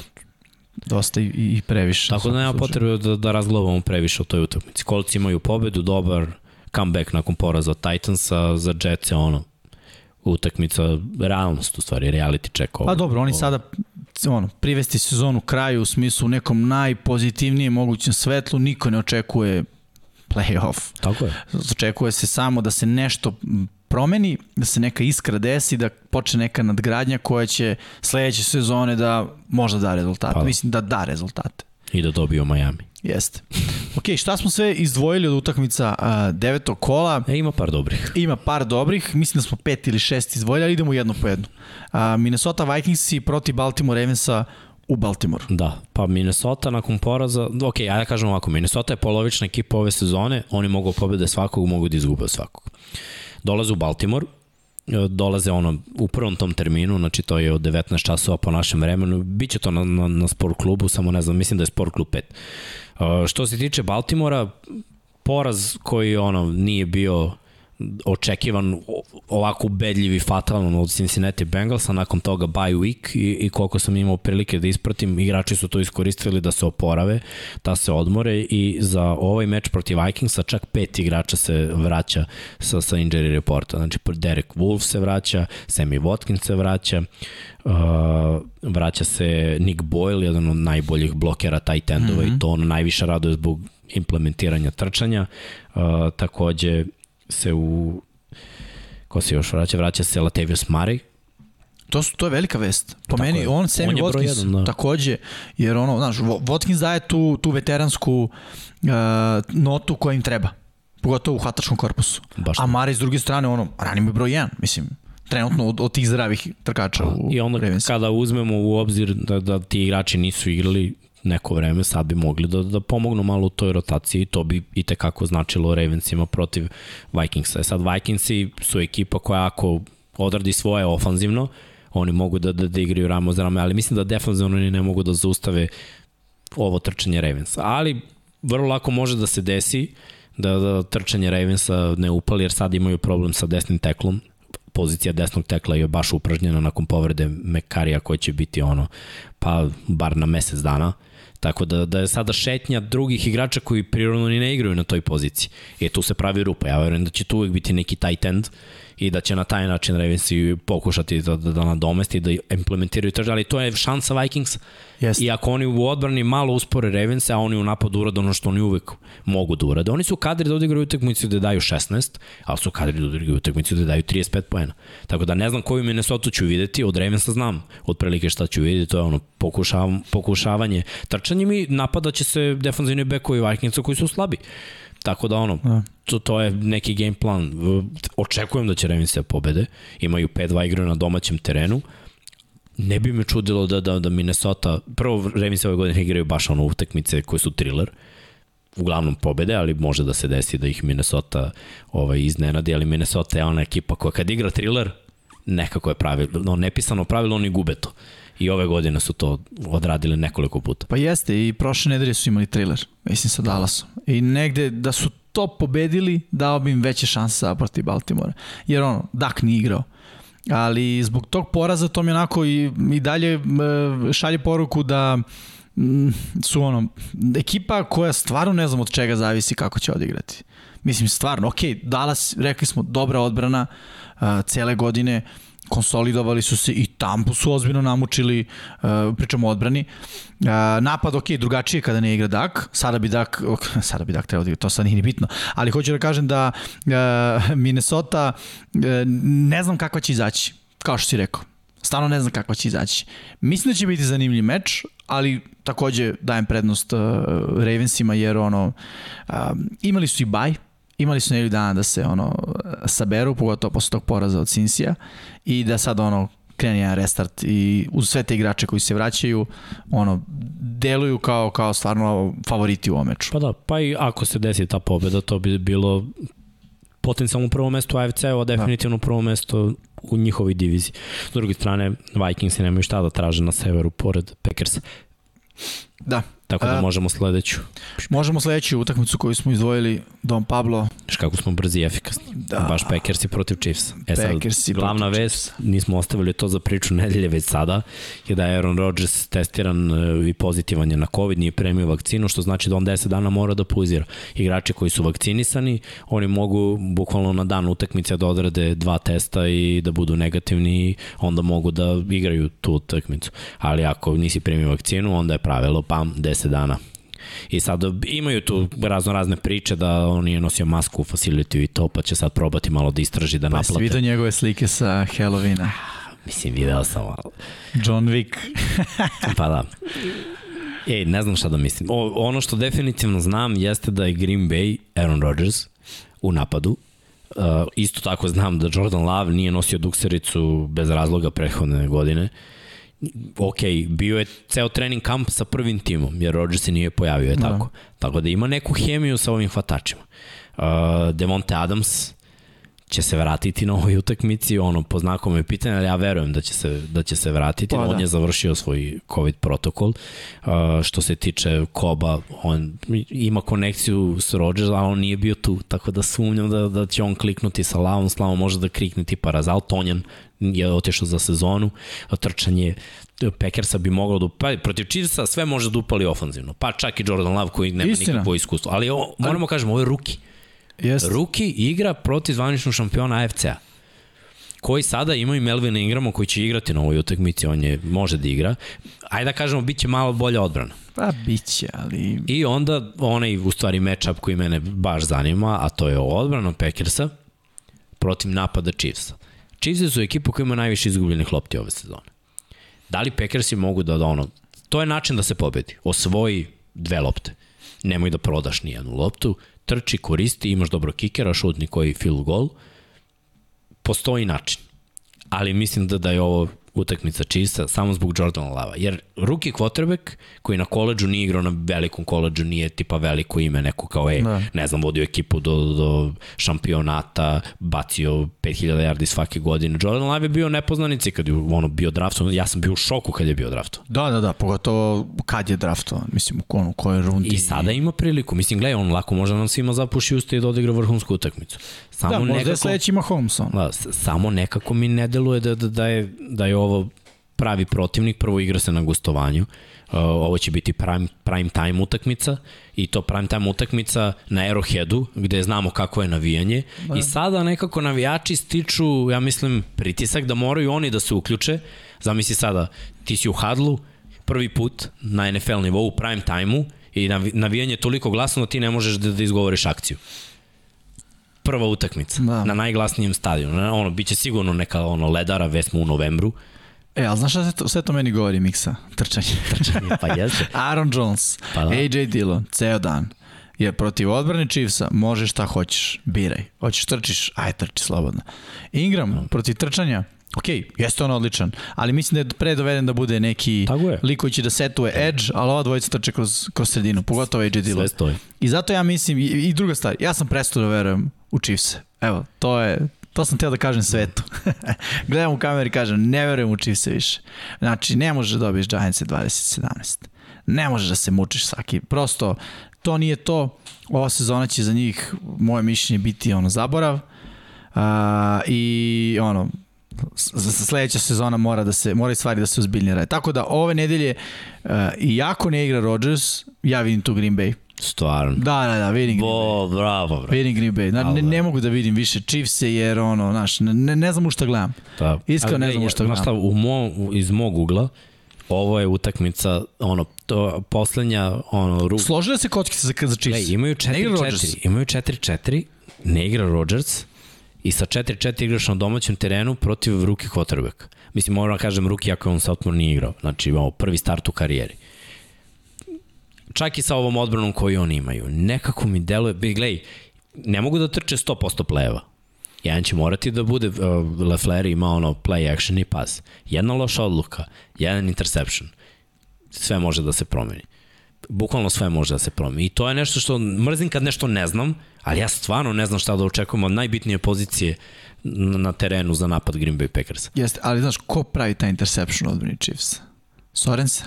Sorensen sigurno neće napraviti. Jer gledaj, Sorensen sigurno Matthew je van pozicije. Ali pod nekim, pod nekim pritiskom, koji će sad biti malo bolji, jel te? Prvo, e, njihov, e, njihov linebacker, Bolton, je ofanzivni ruki, e, je defanzivni ruki meseca.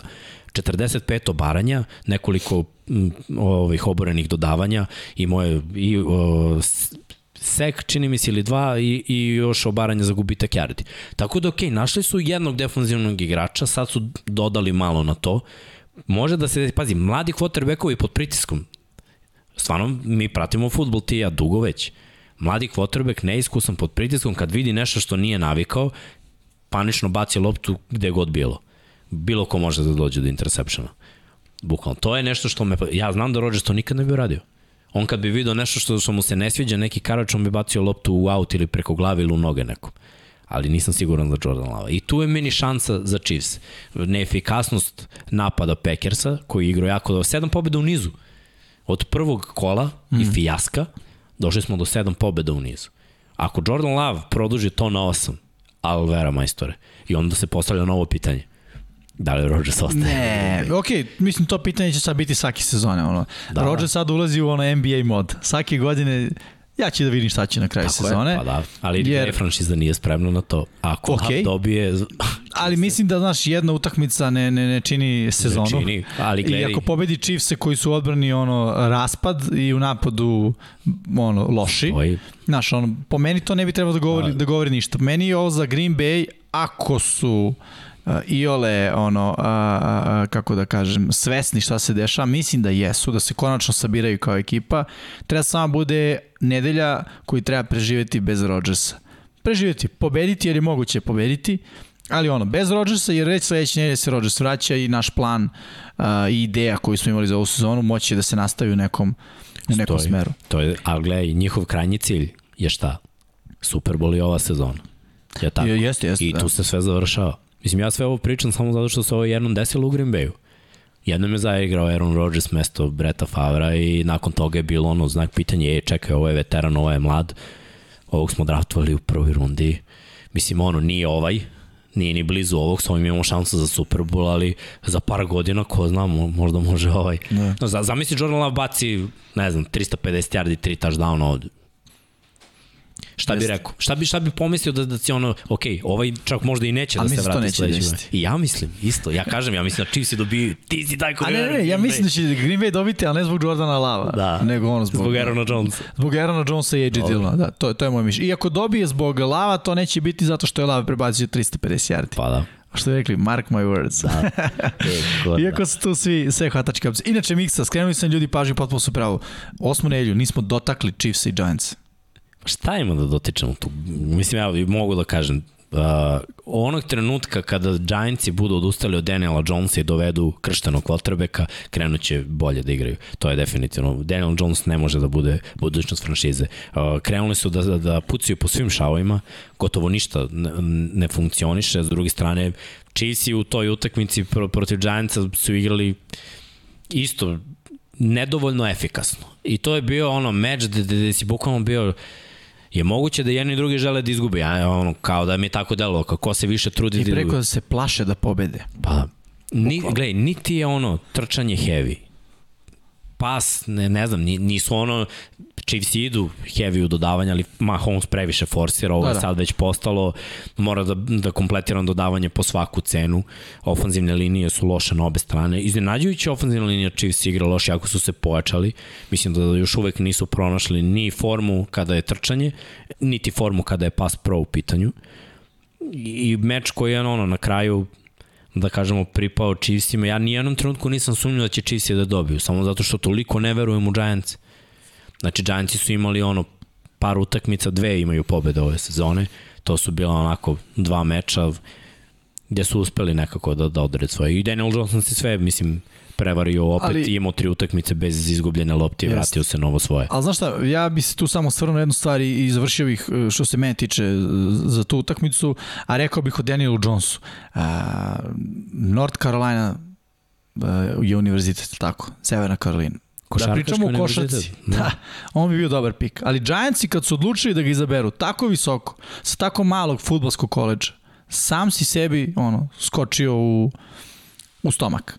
I, znaš, nema šta. I ovo je sad ono, all in na njega, jer smo ga draftovali, jer smo probali, pogrešili smo i sad idemo do kraja sa svom greškom. I tu negde respektujem njih kao organizaciju u smislu, znaš, nije bilo posle prve godine, e, diži Sidro, nije to taj. Znaš, nije ni bile, posle druge. Nije ni posle druge. Nego bilo je, ej, idemo do kraja s ovim momkom, do kraja. Mislim, ne do kraja dok se nuga se kao franšiza, pošto mislim da bi Jones možda i mogao da ih odvere dotle. Ali ovo, idemo do kraja u smislu do te, koja je njegova, četvrta sezona ili treća? Ne, ovo je treća, da. Treće, do te ja. njegove treće godine, kada ono, već vidiš šta imaš, znaš šta imaš, nema više, e, još samo jedna, još samo par, još mi ovaj fali, pogotovo sad sa svim ovim imenima koja, ok, ajde, nisu se baš nešto skockala, ali postoje u ekipi. Imena. Ali gledaj, znaš šta je najbitnije? Ja uvek kažem, najbitnije je pobede i porazi. Znači, sad smo na polovini treće godine. Za tri godine 10 pobeda. Ozbiljni timovi imaju više od toga za godinu dana. Či ako se ne varam, oni su birali u top 5 prethodne dve godine. Mislim da su imali ono četiri pobede i prethodne i one tamo, ako se ne varam. Možda grešim. Ali ove godine imaju dve. Da, samo jedna ispraka sa Duke univerziteta. Znam da je košarkaški univerzitet, nije North Carolina. Duke, ali u svakom slučaju ni Duke nije, tek nije no. futbalski uh, koleđ. Tako da ono, nije dobro, nije dobro imati tako mali broj pobjeda za tri godine. Da. I, I stvarno nekonstantnosti na... Ok, ja uvek govorim, ajde da krenemo od ono, trenera, ofanzivnog koordinatora i svega, sve se to menja svake godine i, i to isto nije dobro. New York je veliko tržište kritike, sve to ono, veliki haos i, i treba stvarno izabrati nekoga ko može. Da, da, da, da istrpi sve to i da pruži neke partije, ali da gubiš loptu po utakmici, to nije dobro, a on ima u svojoj karijeri više od jedne izgubljene lopte po meču. Ja mislim da, da, da je to skoro dva, ne mogu da kažem sa sigurnoću, prošle godine sam mogao, ove godine sam malo doveo u red, nije gubio na nekim utakmicama, ali ja mislim na jedno imao četiri izgubljene lopte, pa je sad i ovde na ovoj utakmici imao takođe. Tako da s takvom igrom ne može da se pobedi, to, to je definitivno. A Chiefs se muče, muče, muče, ali glej, krenuli su da, da, da dobijaju nešto i sad su na 50-50. I ovo je baš meč protiv Green Bay-a, gde Rodgers ne igra, nije, nije moglo bolje da bude, jer sa Rodgersom ne bi povedali Green Bay nikad. Da. A, mislim da možemo da idemo dalje, Don Pablo sad devetom nedeljom, ovo je samo bila kratak, a, kratak osvrt na osmu nedelju, to je da pokrijemo ono što smo, što smo nekako mhm. preskočili. Titans at Rams. Da igra Henry, ovo bi bio da, najbolji, meč kosmosa. Najbolji iz AFC-a protiv jednog od najboljih iz NFC-a. I šta je meni nekako u glavi? Ramsi su top 5 odbrana protiv trčanja. I da Henry igra, Rams imaju tu dubinu da, da, da zatvore sredinu, oni imaju dva brutalna tekla. Jedan od njih je ono potencijalno najbolji defanzivni tekl koji se pojavio u posljednjih 20 godina. Imaju način da zaustave i Henrya. A ako imaju način da zaustave Henrya, koliko tek onda imaju načina da zaustave najboljeg running backa pre dve decenije, ono, Adriana Peterson. Mislim, od 2000, šta znam, 14. Peterson je igrao na nekom visokom nivou, a od tad je prošlo 7 godina, znači ono, Peterson je stvarno igrao vrhunski ali to vreme je prošlo. Jeste, ali znaš šta, kada pričamo o Petersonu i poslednjih dve, tri sezone za njega, ljudi ne veruju, odnosno uzimaju Oni... ga samo kao ono drugo, eventualno treća opcija. Znaš, u, on u Washingtonu je bio najproduktivniji trkač, a nominalno je bio tipa drugi ili treći trkač na, na depth chartu. Pa da, ali Znaš, se izborio za mesto broj 1. Jeste, jeste, ali forsirao se Gajs jedno vreme. Pa da, pa onda, koji se povredio, pa je Peterson preuzeo i jest, jest. I, i, Da, to ti kažem, znaš, tako da ja mislim ali da... Ali ova, gledaj, ovo je prva utakmica. Da, naravno, okej. Okay. Gledaj, on jeste veteran, koliko akcija možda naučiš za, za par dana to je par dana, on je potpisan danas, stavljen na roster, bio je na pretje shodu malo, ali da, da, da, da. znaš, koliko možeš sad ti. I drugo, koliko ofanzivna linija Titansa može protiv ove defanzivne Ramsa, moramo da uzmemo ovde šta vole Titansi najviše rade, play action. I play action i gleda se AJ Brown. E pa ako neko može da čuva AJ Browna, može Jalen Ramsey. Mislim, ja verujem da je njihova namera da se Remzi šeta sve vreme i da apsolutno isključuje iz igre Brauna, pa ako Julio bude igrao ovu utakmicu, jer je bio po znakom pitanja, ako bude igrao, ok, nek nas dobije Julio ili uh, Westbrook Akina, mislim da je onaj treći njihov hvatač. Mm -hmm. Pošto ne verujem ni jednu drugu opciju da može. Znači, Remsi su stvarno krcati defanzivno i sad imaju i taj raš koji može da, da poveri. Postoji naravno uvek neka prilika iza Tenehila da on nešto istrči, ali stvarno koliko je bilo utakmica ove sezone, gde su oni pobedili zato što je Henry imao 200 yardi na utakmici. Seti se Seattle, kako su preokrenuli. Terry Henry. Uvek je Henry. Jest. Uvek je Henry. Henry ima 940 yardi, meni je to nerealno. Posle ono 8 kola. Skoro 1000. Zamisli da ima 1000 yardi. Neko, neko igra, znači nekad je bilo prestižno da imaš 1000 yardi za 16 utakmica u sezoni. Da. On je, Borazir mogao to da ima, 60 yardi ga je delilo da ima to posle 8 kola. To je, ba, to, to, to je ono, identitet ekipe. Jeste. To, to je vanzemaljac. Ne, ne, apsolutno, tu, tu nema govora i, i tu, tu mislim ono... A odbrana Tennessee-a, ne da nije elitna odbrana, jer oni te da. utakmice što su pobeđivali, protivnik je davo 30 poena. Kolci su dali 30 poena, Seattle je dao 30 Jest. poena. I pazi, ono... Jetsi su ih dobili, dali su im 30 poena. Da, i ono što takođe odbrani tenisija ne ide na ruku, to je to što Ramsi ne igraju nužno ta duža dodavanja već sam pričao o tome prošle nedelje, postavio je Vrabel tako odbranu da zatvara dugačke opcije, a da ono, bend but don't break, znači da ti napadi traju dugo protiv njih i da onda u crvenoj zoni se izbiju redovi i odigra dobro. I to je upalilo protiv Buffalo, upalilo protiv Chiefsa, ali mm, Ramsey nisu takva ekipa. Dosta play action, dosta kretnje predvođenja snapa. Uh, slot receiveri. Slot receiveri, tako je i onako nekako Ramsey deluju kao favoriti, apsolutni u ovom meču. Ali pazi, ovo je potencijalni Super Bowl. Ma kak je? Pazi, potencijalni Super Bowl. Naš. Da, Henry igra pa i ajde. Ok, ok, ne, ne, ne, igrao Henry, ne igrao, te dve ekipe, to je, da, da, to može se desi. U da. tom smislu može biti velik meč. Drugo, uh, ofenzivni koordinator Titansa je rekao, ej, naš plan se neće menjati, heavy run ekipa. Možda je lagao, znaš, što da ne, šta možda kaže šta hoće da igra realno šta god drugo hoće. Ovaj, ali sa druge strane, nekako logički se nameće da će AJ Brown i po meni Julio Jones i Tannehill, ono, postati ključne karike u tom napadu Tennessee-a. Jer Peterson, mislim da je ono ideja samo da, znaš, odradi posao. Ništa spektakularnije od toga. I da će to biti ono, znaš, kada imaju treći za dva, da se osvoje dva ili tri. E, mislim da McNichols to bi bio preveliki onako rizik da li će na trećem za dva biti novi prvi down ili ne. Peterson bi trebalo to da im, da im donese. E sad, koliko su kadri protiv ove odbrane i ovog sekundarija Remsa, Veliko pitanje, to nije toliko kreativan da. napad. Ova odbrana je pretrpela jedan poraz od Arizone. Da. I to nije bio poraz 30 postignutih poena. Nego je samo bilo previše, previše hvatačkih opcija i previše, preveliki fokus na jednog hvatača koji, koji imaju Ramsey. Znači, ono, da se isključi Deandre Hopkins pa da vidimo dalje. Ali Arizona Cardinals imaju mnogo hvatača koji se nazovu Deandre Hopkins, koji su bili produktivni na toj utakmici, plus imaju quarterbacka, kažem, koji voli da trži. Nisu nužno running backovi bili ono, teško se trče protiv Remsa. Mnogi ekipe odustanu odmah već u prvom polovremenu od trčanja protiv Remsa. Tako da, ja mislim da da je prvo igraju kući, drugo imaju brutalnu odbranu i treća odbrana Titansa nije dobra. Da, da. Znači, Remsi su bolji u matchupu napad Titansa, odbrana Remsa i bolji su napad Remsa u odbrana Titansa. Znači, šta Titansima treba čudo? da se nadaju da Adrian Peterson se pojavi i strči 200 yarde, to im treba. Da. Bukvalno, yes. ako se to desi, oni mogu da pobede. Što bi ja iskreno lično volao. Ja bih ovdje ima barem 150 yardi. Samo zato što obožavam Adriana Petersona. Isto. Isto. Ja ovdje ima bar 150 yardi, ali mislim da, da će ovo tići rubriku, nije da. se desilo. nije se desilo, pa. okay. Ništa, možemo dalje. Dalje, dalje, dalje. Evo, ovo je, ovo je ono, 50 tako. Egal. 4-4, 4-4. Trebali smo ovaj, da napravimo neku ovaj, rubriku.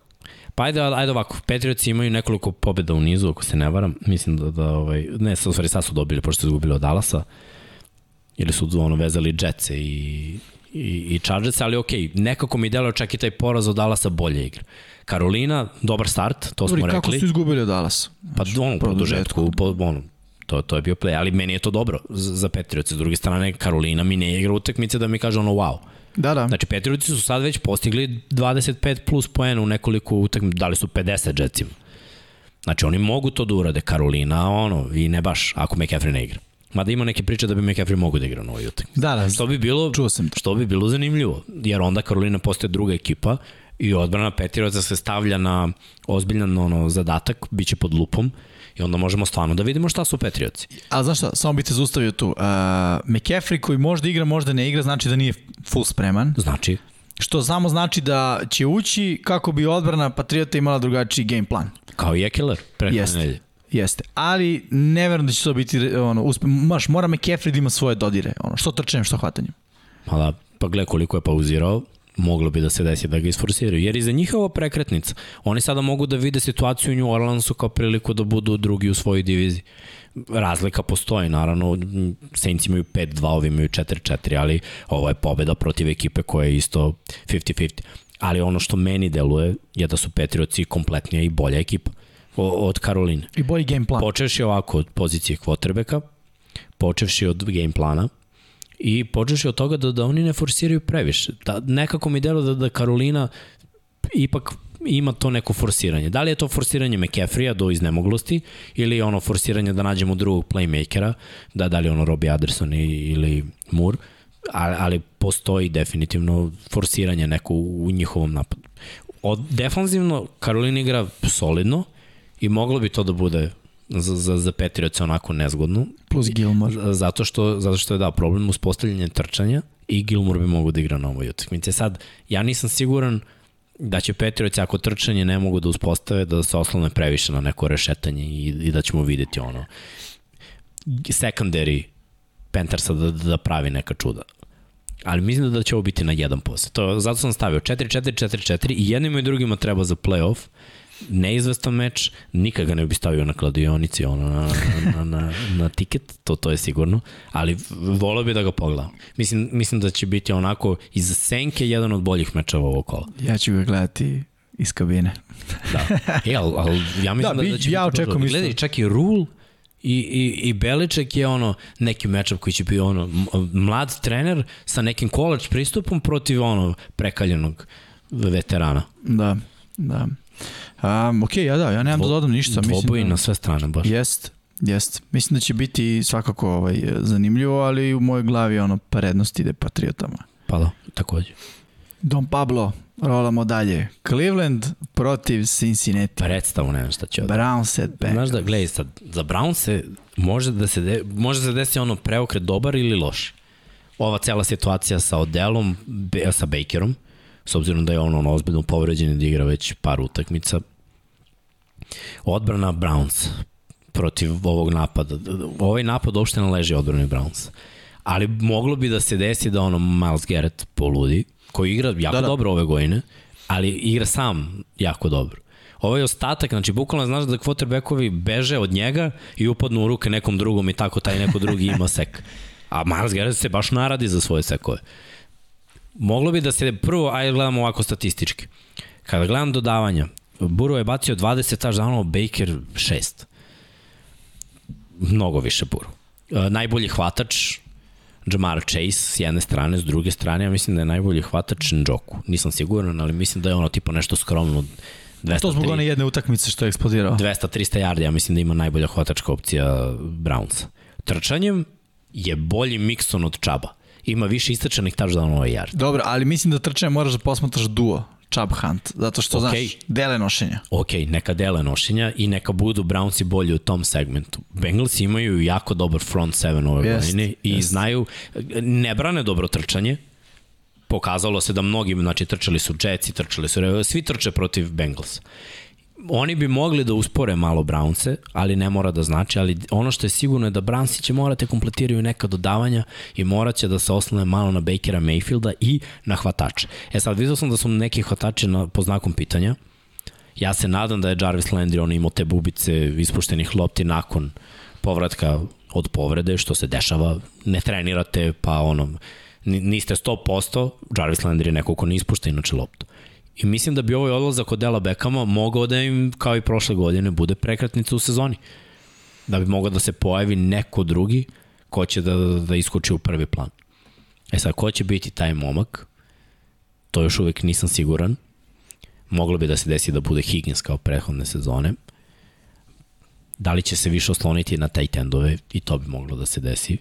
Ili bi moglo da se desi ovaj drugi momak, uvek zaboravim ime, Peoples Jones. Peoples Jones, da Donovan Peoples Jones. On bi isto mogao da bude onako X faktor za, za Bakera Mayfield. Pa to su sve hvatači koji ono nije baci mi loptu, baci mi loptu. Da, da, tu ne, sad sam teo da kažem, scena je očišćena u smislu Beckham više nije tu. Pa da. I, znaš, više čak ni te fame i priče oko toga, Beckhamove mete i to ne postoji.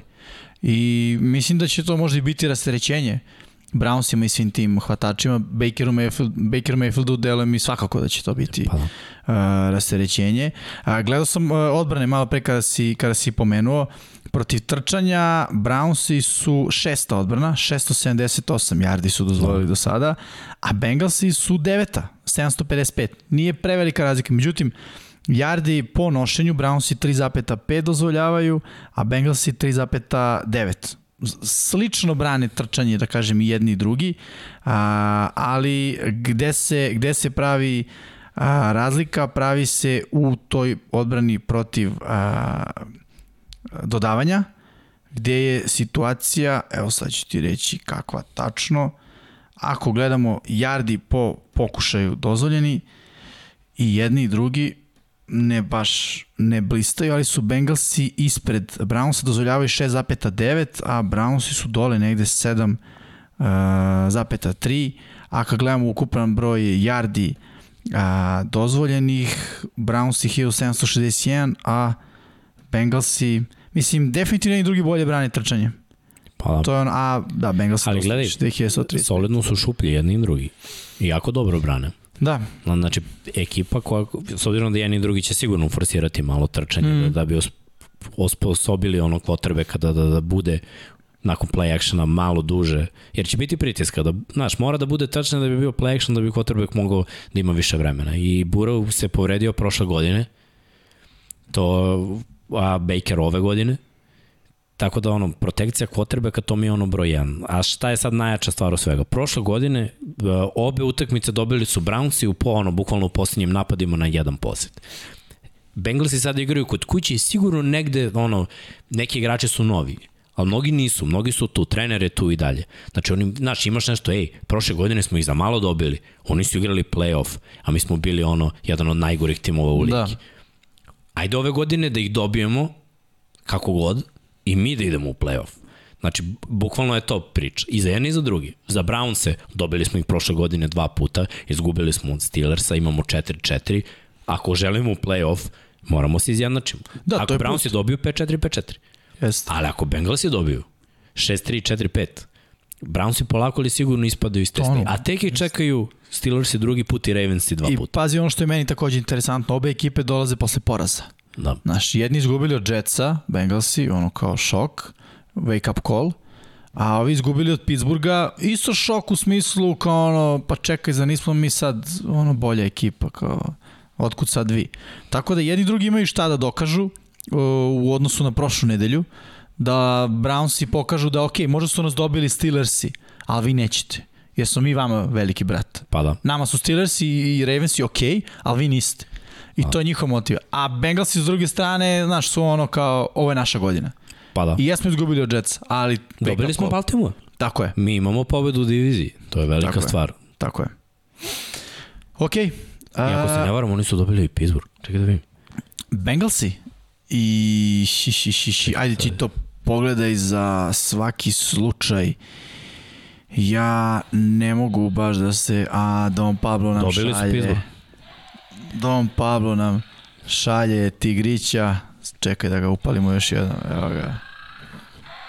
Znači imaju, Bengali. imaju dve pobede u diviziji. Evo prilika, ga I prilika za treću. Samo da mi ne skoči na ovu pticu. Miran. Neće. ok, Don Pablo, dalje. možemo dalje. Izdvojili smo, to je to. Dobro, vesti, mislim sve smo rekli u stvari. Nema novih vesti. Da, nema novih vesti, pokrili smo ove transakcije, zapravo priča nedelje su nam, su nam bile Vesti, a, da. transakcije, da, i manje, manje više vesti. Samo pokušam se setim da nije možda nešto ostalo miksa kao vest, a da pa evo sad baš gledam. nismo pokrili. Pa da, možemo kažem da Marko May pokidao Ahilovu tetiju ovaj, na da. utakmici da. sinoći da neće igrati do, ono, do kraja sezone, da je tu a po znakom pitanja za utakmicu u nedelju I od vesti nema nema više ničega, sve, nema. sve je ono znak pitanja, znak pitanja. Sve što, što pročitam bukvalno do nedelje se ništa ne zna, sve je znak pitanja. Jeste. Da, Tako, to je NFL sad. Mislim, nije NFL, nego prosto ekipe su počele uh, da idu tim putem, da je sve znak pitanja dokle, dokle ne dođe dan utakmice i onda donesu neku uh, Uh, ne neko, nego donesu odluku prosto ko će igrati, ko, ko neće igrati. Dobro, ok, uh, vesti jesmo pokrili, ali ono što još uvek nismo pokrili, a to su, Prognoze. ako se ne varam, rezultati prvo. Prvo rezultati, gde ćeš Miksa, imao si dobru nedelju, pa lako. Pa ajde da, uh, bilo je failova. Bilo je, bilo je failova, ali da krenemo redom. Pa ajde, mogu da krenem ja, evo sad ću ti ovo ajde. kažem. E, sad ću ti kažem. Razmišljam o tiketu za Green Bay i Arizona. Onako sedim kuće, rekao, mislim da sam ga izvalio. Rekao, DeAndre Hopkins mora da touchdown protiv Green Bay-a, jer ne igra Jair Alexander. Gotovo, ono, prvi drive gledam, dečko hvata loptu, daje touchdown. Ja rekao, opa, mamuz iz Londona uhoćeno, kad ono, ofenzivni face mask. I istegne za nju lože, ja rekao, je moguće ovo. A drugi, drugi, druga igra mi je bila Aaron Jones da da touchdown trčanje, što se isto desilo. I da dobije Arizona. Bra. I gledaj, on je posljednji napad. Ja rekao, ono, to je to. Rekao, ajde, gađe Hopkinsa, gađe Hopkinsa. Ide lopta na AJ Greena, Burazir se ne okrene. Inter, mislim, gledaj, Green Bay, Ovo je bio ozbiljan statement. Otići onako bez najbolje hvatača i pobediti ozbiljnu ekipu Arizone koja nema poraz. To je bilo nešto što ja nisam vidio, jasno. Bez Devonte Adams ja sam mislio da je Green Bay ona ekipa koja je osuđena na jednu dimenziju i Arizona imala tri načina da ih pobedi. Mogla je da se desi nisu oni priveli utakmicu kraja. Ali to sam već vidio da Arizona i prošle godine, a boga mi i ove, samo što su imali malo sreće. To Minnesota je mogla da ih pobedi, doveli su sebe u situaciju i onda dečko promaši field goal od 40 yardi. Što je ono, da. za kicker u NFL-u chip shot valjda. Tako je. Uh, u svakom slučaju Green Bay i Arizona odigrali svoj meč, Green Bay odneo pobedu, a Vanja i Srđan bili u pravu, uh, ja, Mix i Don Pablo. E, uh, San Francisco proti Chicago, E, Vanja i Srđan ovoga puta rekli Chicago, sad su oni dobili X, a Jimmy Mixa Pablo izabrali uh, San Francisco i dobili uh, plus 1. Cincinnati proti Jetsa, svi smo kolektivno failovali, ovo niko nije video, ovo čak ni Mike White nije video Bukvalno. dok se nije desilo. Uh, Miami proti Buffalo, svi smo birali Buffalo, svi smo dobro izabrali, Buffalo je to rešio prilično rano. Philadelphia protiv Detroita, uh, Vanja i Pablo verovali u Detroit, pa šta da vam kažem, pogrešno ste životinju izabrali i Orlovi su ovoga puta rano leteli. Karolina protiv Atlante, svi smo failovali, izabrali Atlantu, Karolina nas je iznenadila i to u gostima. Pittsburgh protiv Clevelanda, a, Pittsburgh birali Srđan i Miksa, svaka čast, Cleveland, Vanja, ja i Pablo, ovoga puta nije prošla. Veliki Tennessee, brat. Da, Tako je. Tennessee protiv Indianapolisa, u Indianapolisu Tennessee birali ja i Vanja, pogodili, uh, Srđan, Miksa i Pablo izabrali Indianapolis, ovoga puta nije došlo. Priznaj da si imao neku dojave od Venca da će da uradi ono na kraju. Možda. Uh, Los Angeles Ramsi protiv Houstona, svi smo bili Ramse, prilično lagan pik. Jacksonville protiv Sijetla, ja sam verovao u bajke zajedno sa Vanjom, koje se zovu Jacksonville Jaguars i ipak Seattle pobedio, tako da srđa Miksa Pablo uh, zabeležili ovde uh, uspeh. Uh, New England protiv Chargersa, Miksa i Pablo verovali New Englandu, dobra odluka, mi ostali naseli na vanjine Chargerse i nije se desilo. Tampa Bay protiv New Orleansa, ok, Dom Pablo, Čekaj prorok. sad, imamo ovaj moment zelenila vrata za Pabla, stvarno respekt. Respekt. Znači, videti Saintse protiv ove Tampe, koja je igrala ove godine toliko dobro, Alvera. Stvarno Alvera. Alvera. Na, na papiru nisu bolji. Tačno. Ostala nam je još jedna strana, Dom Pablo, a to je Washington protiv Denvera, svi osim Mikse rekli Denver, Miksa, E, pa zato što je Denver jedan ono, jako teška ekipa za gledanje. Znaš, Washington me prevario u, u, u smislu, nadao sam se da njihova odbrana protiv ovog napada Denvera, u stvari oni nisu u stvari ni loše ništa uradili, oni su limitirali na 17 poena.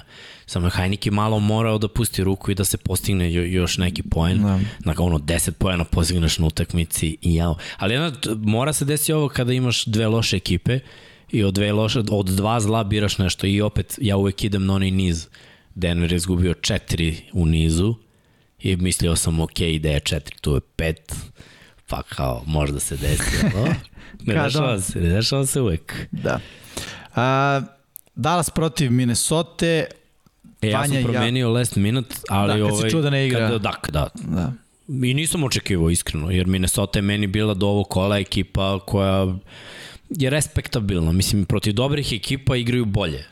I mislio sam Dallas je dobra ekipa i igraće bolje, ali 16 poena.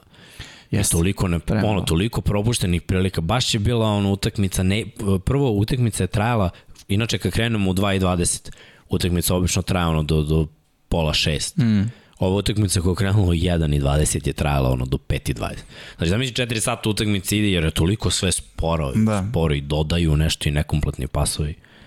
Da, u svakom slučaju ja sam razmišljao o promeni kad sam čuo da Dak ne igra, ali rekao, ajde nema veze, dobar, dobra je Dallas ekipa. Mislim da ono, mogu, mogu ovaj meč da dobiju i bez njega. I poslednji meč uh, Giantsi protiv uh, Kansas City Chiefsa u Kansasu, svi smo birali Kansas, svi smo pogodili Ok, semafor prognoza nakon osme nedelje. Ko je najbolji prognozer, meteorolog, gledač u budućnost, prorok, Don Pablo. I Mix? Da, Deo prvog mesta. I ja i dalje Pa dobro, mi imamo neke ovaj, malo hrabre ovaj, prognoze. Neko prepisuje od nekoga. To. Ne, ali znaš šta najče? Što failujemo na drugo, evo na primjer ja sam različitim mečima. Da, da. Ili pogađamo tog jednog na, na različitim, ali imamo ovaj, to, to neko ludilo da, da, da vidimo šta će da se desi. Dok imamo one neke stvari da nas to ludilo sahrani. Ali očigledno ove godine smo svi tu negde. Ja sam zadovoljan što smo sa nekim procentima ok, mislim, da, da. mi smo na 60 65 kad bi zaokruživali, 64,8, pa, ali to je 65. Da ostatak ekipe iznad 60, mislim vi ste na 63, da. je na ono 60. 62, ako pa baš da. zaokružujemo. Pa to. Tako da ono, to, to, je, to je skroz ok, nije velika razlika, mislim ono može da se desi po dve pobjede. Da. Jedno, jedno ludačko kolo kao na primjer ovo što ide mm. i, i sve. Mada smo da ovde, aj vidjet ćemo posle, ali imamo dosta onako sličnih e, razmišljanja. Znači, Miksa Pablo dele prvo mesto, Vanje i ja delimo treće de facto i Srđan na petom mestu sa 61,5% uspešnosti. Dobro, ko što si rekao, preko 60% mislim da je to ok za Sara. E, Sara, nedelja broj 9 i naši pikovi, ako se ne varam, upravo tako. Srđan, ostaje veran zelenom, ali je dobio crveni X. Zbog toga Jetsi izgubili od kolca. E, sad ima 60%. Ostali, da, mi svi ostali izabrali kolce i bili u pravu. E, Raidersi protiv Giantsa. Vanja biro Giantse, mi svi ostali izabrali Ravense. Vanja nije tu da se objasni. Bilo bih ja da iskreno znam. meni bi bio šok. Jedino Isto. objašnjenje koje on za ovo njegovu ovu prognozu jeste da Ra da, da Raidersi mo, može to da bude ono ozbiljan šamar, ali gledaj, u posljednje tri godine šta se sve njima izdešavalo. A oni dalje postoje. Mislim da oni idu samo, znaš, ono, idemo dalje. I, još jedna prepreka na putu, idemo dalje. I, i meni se tako isto čini. Ok, uh, Atlanta će posetiti New Orleans. Srđan birao Atlantu, mislim da je ovo hteo samo da bi kontrirao. Ja mislim da Srđan ne veruje u, u Simijan. Mislim, da ono, pošto Simijan će verovatno biti starter, osim ako se taj, Tyson Hill koji je dalje po znakom pitanja ne vrati, ali gledaj, ta Atlanta bez uh, Calvina Ridleya sada Drugačije je, je drugi tim. Imaju oni playmakere i Pitts lepo igre, Cordell Patterson igra na onom visokom nivou. Matt Ryan prvo trčanje da ide protiv Saintsa, sumnjam, Teško. a Matt Ryan protiv Saintsa, naš njihov raš je dobar i idu na neke blice da, da pošalju Demarija Davisa ko ono, Matt Ryan ne želi baš da vidi. Tako da ono, meni ne deluje da Atlanta ima re, ove godine recept kako da pobedi i defanzivno nisu toliko dobri, tako da ono, Saintsi mogu se provuku. Mislim da će biti ono low scoring game. E, Kao i ovo što je Atlanta igrala s Karolinom, da, da. da je to neki taj fazan. Tako da će pobednik imati do 20 pojena. Pa. To je neko moje očekivanje. A i dodao bih samo u celu tu pričaš, odbrana Saintsa može da pokrije treba pokriju pizza, realno. Trčanje neće ići, Cordell Patterson će imati te neke svoje akcije, nešto rodavanjem, nešto trčanjem, Uh, ok, neutralisati i njega, ali Karolina je uspela da ga neutrališe, prilično dobro. Pa. Da. Nije imao neke fantastične brojke, bio i dalje, ono, da kažem, faktor u tom napadu Atlante, ali nije, nije bio najbolji pojedinac prošle nedelje. Baš to. Ok, Uh, Buffalo protiv Jacksonvilla, mislim da je ovo easy, no-brainer. Easy man. Svi smo izabrali Šteta Buffalo. Šteta što će ono handicap biti 50 pojena. Verova, vidi ga neće ni biti. Već će biti kao ono, možda igraš no. pojene i to je to. Ajmo dalje, Cleveland protiv Cincy, a svi smo izabrali Cincy. Niko ne veruje da će uh, Brownsi da posle šamara koji su dobili od Pittsburgha se onako probude, već verujemo da će zeleni šamar da probudi Cincinnati Bengals, ali dobro. O, ja kažem, dobili su Pittsburgh, dobili su Baltimore, igraju kod kuće, izgubili su dva puta prošle godine na jedan posjed od Clevelanda, a Cleveland je ono sa Bakerom koji nije baš zdrav, to, to je ono problem. Postoji način, naravno, Mislim da će da, da može bude utakmica na jedan posed, da, ali Bengalsi ove godine jesu bolji. Mislim, ne mogu da gledam utakmicu protiv Jetsa onako i, i da ono kažem, e, to je merodavno. Dobili su ozbiljne ekipe. Ok, samo da počitam, imamo informaciju da je 12,5 hendikep na Buffalo. To je odličan hendikep da se igra na Buffalo. Pa to je sad u petak. Da, Odigraj sad, sad kad nas čuvi podići će. Znaš kako se to menja. Što tiče Clevelanda, slažem se, ako dođe na to da se igra na jedan posled, znamo da Baker ne može u poslednjem drive-u da bude taj koji će da prelomi. Ma da, bio A Barrow može. A, bio prošle godine i kad posle toga.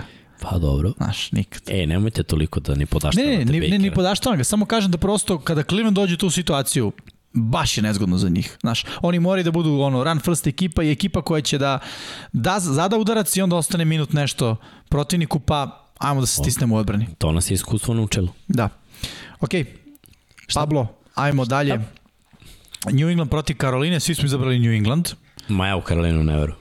Slažem se, mislim, bez McCaffrey-a već smo se složili da ono, nije to, to, a ja mislim i sa McCaffreyem koji je da li će igrati, neće igrati, to nije 100%, mm. ne deluje mi toliko opasno da mogu da šokiraju New England. Peci su mi okej okay ove godine. Da. Nemam problem da ih gledam, sviđa mi se. Denver protiv Dallas, kažu da će Dak da igra. Da, da, da, Dak igra. To je ono, no, mislim, no kao brainer, po znakom pitanja ali igra, mislim. Da. Nema Denver i dve ekipa koja igra on. Još sad bez Von Millera, mislim to. da Dallas to ono će da Mene da više brine napad lagano. Denvera, znaš. Šta oni, oni ne mogu da daju više pojena od Dallas. Ne mogu. Ne mogu. To, to je definitivno. Oni ne mogu da daju više pojena od Dallasa koji mi igra kuperaš. 20 da. pojena za Denver je ono, wow. Jeste, jeste. Ne, mogu, ne vidim scenariju da oni dobiju. Tako je. Uh, Minnesota protiv Baltimora, svi smo izabrali tamniju boju ljubičaste. Smo na ovom, gledaj, svi sve isto. Svi sve isto, da, A. da, da. Da, ovo je, ovo je taj slajd koji deluje kao da je neko neko, da smo svi sedeli zajedno dogovarali se šta ćemo. Ali da, svi verujemo Baltimoru, Uh, mislim da taj baj koji su imali i generalno svi ovi povratnici u, u tim posle povreda su stvarno veliki plus za Baltimore. povratnici. Pa dobro. Kao iz stripa. Da. Ajmo Stižu dalje, zombi. Pablo. Houston protiv Miami, a Srđan bira Houston, mislim da je o kontra u pitanju. Ja, gledaj, ne bi me... E, taj rod igra, mi... taj rod igra. Znam. To je bila vest to, da. koju smo propustili. Ja sam da izao, da, ali gledaj, taj rod nisam znao da igra, to je broj 1. Bio je ono po, na Jaru i dalje, mm -hmm. morali su ga aktiviraju, ali s druge strane tu ne igra. E, ono, Maco. Dobro, tu, aha, prilika. Nije da ne igra. Ne igra. Ne igra? Ne igra. Briset će startovati. Koliko sam ja pročitao malo čas, Tua... Ok, to onda baš nova vest. Čini mi se da ja to nisam znao. A nije, nije, nije, nije, po znakom pitanja. Po znakom pitanja, znakom ja. pitanja. Biće ovaj uh, game time decision. Ali u svakom slučaju, svi smo birali Miami, osim Srđana koji je izabrao Evo, Houston. Srki može da pogodi. Može, ali ja mislim, šta, ja sam se dosta isto vagao za ovaj meč, međutim rekao sam, ok, taj rod je plus, ali Ingram je minus, što nije to. I mislim da on, ponesaće magije te rodu Tayloru. Ok, Chargersi protiv File, ja verujem u Filu, Don Pablo, moj brat veliki, takođe veruje, veruje u Filu. A, Srđan has entered the building. znači, formula se završila. A, tamo si Srki došao pre pitanja i odgovora, to je tvoj segment svakako. A, ja verujem Fili, Don Pablo veruje Fili, ostali kažu Los Angeles Chargersi. Sviđa mi se a, taj neki zalet koji Fila ima. Znam da je ovo long shot, da nije ovo uopšte a, realna priča mnogima ali ovaj, ima tu malo i, ovaj, emotivnog momenta, odnosno uh, subjektivizma. Znam da ne igra Miles Sanders, ali ono, moje razmišljanje je, ako ja vidim Phil u play-offu, ne mogu da ih vidim tako što neće pobediti Chargers. Dobro, to je, to je činjenica, ali opet moramo kažemo da Chargers ove godine su ono, iako su izgubili par mečeva, samo od Baltimora su bili onako poraženi, poraženi ove, ovo ostalo što je usled. Mislim, nekako mi dalo da, da su mnogo kompletan tim na svim nivoima, a Fila na mnogim nije. Iako ima te mečeve gde, gde ono, ovde igra, ali gledaj, dva blowouta Filina, gde su ubili protivnika Atlanta u prvom kolu i Detroit. Dobro, nije za pohvalu. Nije. Ali da su izgubili, bilo bi... Ono, ne, bilo bi katastrofa. Tako Shane. da ono, delo mi okej, okay, ali ne okej okay da dobiju Chargers. Okej, okay. vidjet ćemo, vidjet ćemo. Pablo zna da pronađe ove uh, Zna biseri, Pablo ja i da failuje. Green Bay protiv Kansas City-a u Kansas City-u. Ja i Srđan kažemo Green Bay. Ja sam se već objasnio, dižem ruke od Chiefsa. Ne, ne mogu, stvarno, ne deluje to uopšte dobro. A, sa jedne strane, sa, sa druge strane, Green Bay mislim da ok, Rodgers jeste i, i pišu ljudi u chatu Green Bay je jednako Aaron Rodgers, sve to stoji. Ali mislim da Green Bay može i na druge neke načine da, da, da, da, da povredi ovu odbranu Chiefsa koja me uopšte ne deluje dobro s druge strane. Odbrana Green Bay-a mi deluje da može da se konsoliduje toliko da ovog dezorijentisanog Mahomesa i ove hvatači, hvatačke opcije u stvari njegove koje ono prosto ove sezone ne izgledaju kako, kako bi trebalo da izgledaju da ih ono pobede, da ih reše. Aj tako da kažem. Ok, i A, Mr. Green se vratio. Green Lantern, zeleni goblin. dobro. Ej, jesi vidio šta su mi stavili? Ili... A, Sve je slučajno dok ne postane Fenjeraš, a? morao si, morao si. Šta da ti kažeš? Ovo su moji momenti. Ja te vidim. Pa Vratio sam se da bacim malo hit. Tako je, Witchingauer. je počeo? Dobro. Po starom jeste. Ili nije? Po starom jeste. Po starom jeste. Po starom jeste. Vratili smo sat unazad, sad bi bila ponoć. Ok. Zašto Green Bay? Zato što imam zelenu kosu. Zeleno je boja ljubavi, to smo ustanovili, tako da idemo. Green Bay, pa ajde, šalno na stranu. Iako sam rekao da je mali mogli ipak Kansas City, nekako mi ovo utakmica posle onog što smo videli Green Bay šta je učinio, gledam ka Srđanu Petkovića, pa zato taj pogled van kamere koji je uvek u Green Bayu. Čovjek je bukvalno zeleni zaliv, tako da... Zub zeleni, je Green Bay da ima dugu kosu i brkove. Da, ima, e, da, e, to je Miksa provalio, no, tačno je ono, Rodgers. Green Bay all the way. uh, hoćeš sad i COVID da dobiješ, izađi iz e, studija, ako ćeš da imitiraš Rodgersa do kraja. Da, ali, ali šalu na stranu. Si zvao State Farm? o, discount, double, double check. Ali pazi ti koliko je dobra kampanja. Svi Jest. radimo ovo. Jest. Jesam zeleni nego što sam bio. Jesi. Znači, yes. bukvalno se prima boja kako vreme Greener than ever. Inače, jedan od realizatora se on je svestio dva puta kada me vide od smeha i rekao, molim te, neka ti to bude imidž u buduće. Rekao, vidi, si mu rekao, sve u redu. Ali, da, da, da, ne, ne, podržavam, ali, znaš, organi vlasti, ne znam koliko će se nasmeti sad kad prođemo ulicom, ono, posle ponoći, ali dobro. Da. Neće. Mada možda Čovjek si u godinama. Hvala. Ej, vidi, i Joker ima godine. Mada ti si u bojama, jesu to Batman, mada ti, ti ja smo kombinacija Joker zapravo, ljubičasto da, zeleno, to je to ludilo. A ko je Batman ovde? Don Pablo? Opa, oh, kako skromno, ko je ovde Batman? Dobro, došli u Gotham. Večeras, Witching Hour po starom je počeo. Pazi, Jimmy je počeo sa Gothamom i stripovima i filmovima, ok, sad sam zvanično uplašen. A odgledao tri filma i bacio. tako je, tako je, tri filma, Nolanova i to je to. Ej, nismo završili do kraja. Ne, nismo završili, dakle Green Bay, ne, imam, imam ipak neki utisak. Ne, odmah si došli na, na ozbiljnost, bre. Da, zato što sam zapravo duhom najmlađi. Unosi to zelenilo u nas. Zeleni, pogledaj kako se zelenio i kadar. E, ali nije loš. Da. Zadovoljen, zadovoljen. U svakom slučaju, uh, Green Bay, nema šta da dodam. I, iako i dalje verujem ozbiljno u Kansas City, slažem se sve s Jimmy s tobom, nekako to je potpuno iracionalna vera, ali ovo utakmica će zapravo da pokaže sa Rodgersom ili bez, gde stoji Kansas City zapravo. Ovaj meč je ono, Kansas City unmasking, bukvalno. Znači, Ako izgube, gotovo, stvarno gotovo, morate vi da prestanete da verujete. Pazi, Jimmy Ako da pobede, da ja ću ove... da se poljuljam. Jel on to dao ultimat? U, da, reci. Pa ne, ne, mislim, to je kao... Da, da, da, da, ali pazi, unmasking, znači imamo ovde sve elemente, Halloween je prošao, da, ludilo. Morate da verujete.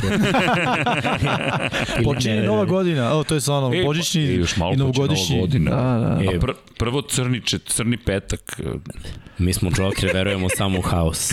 Ti, Vanja, Tako ti... je, Miksa da, jao, to je ta kombinacija. Ok. Daj ovamo. Dvokomponentni haos. Daj malo basic. Okay. Kada smo nasamo, sve je normalno, ali zajedno. Tudum, tum, tudum. ok, da vidimo mi šta još ima. Arizona, Arizona. Ne, vodite ljudi, vi ste sada... Ajde, Arizona proti San Francisco, uh, izabrali smo svi Arizonu. Baš čudno. Niko nije birao domaćina. Mada, ej, mada, mada. ko zna? Vidi. U... Ko zna? Zato što, znaš, Cisco, ovo je, ovo je divizija. A divizija nas je do sad naučila da underdog i nije baš toliki underdog. Da se citiram, ako San Francisco pobedi, Ne. Arizonu.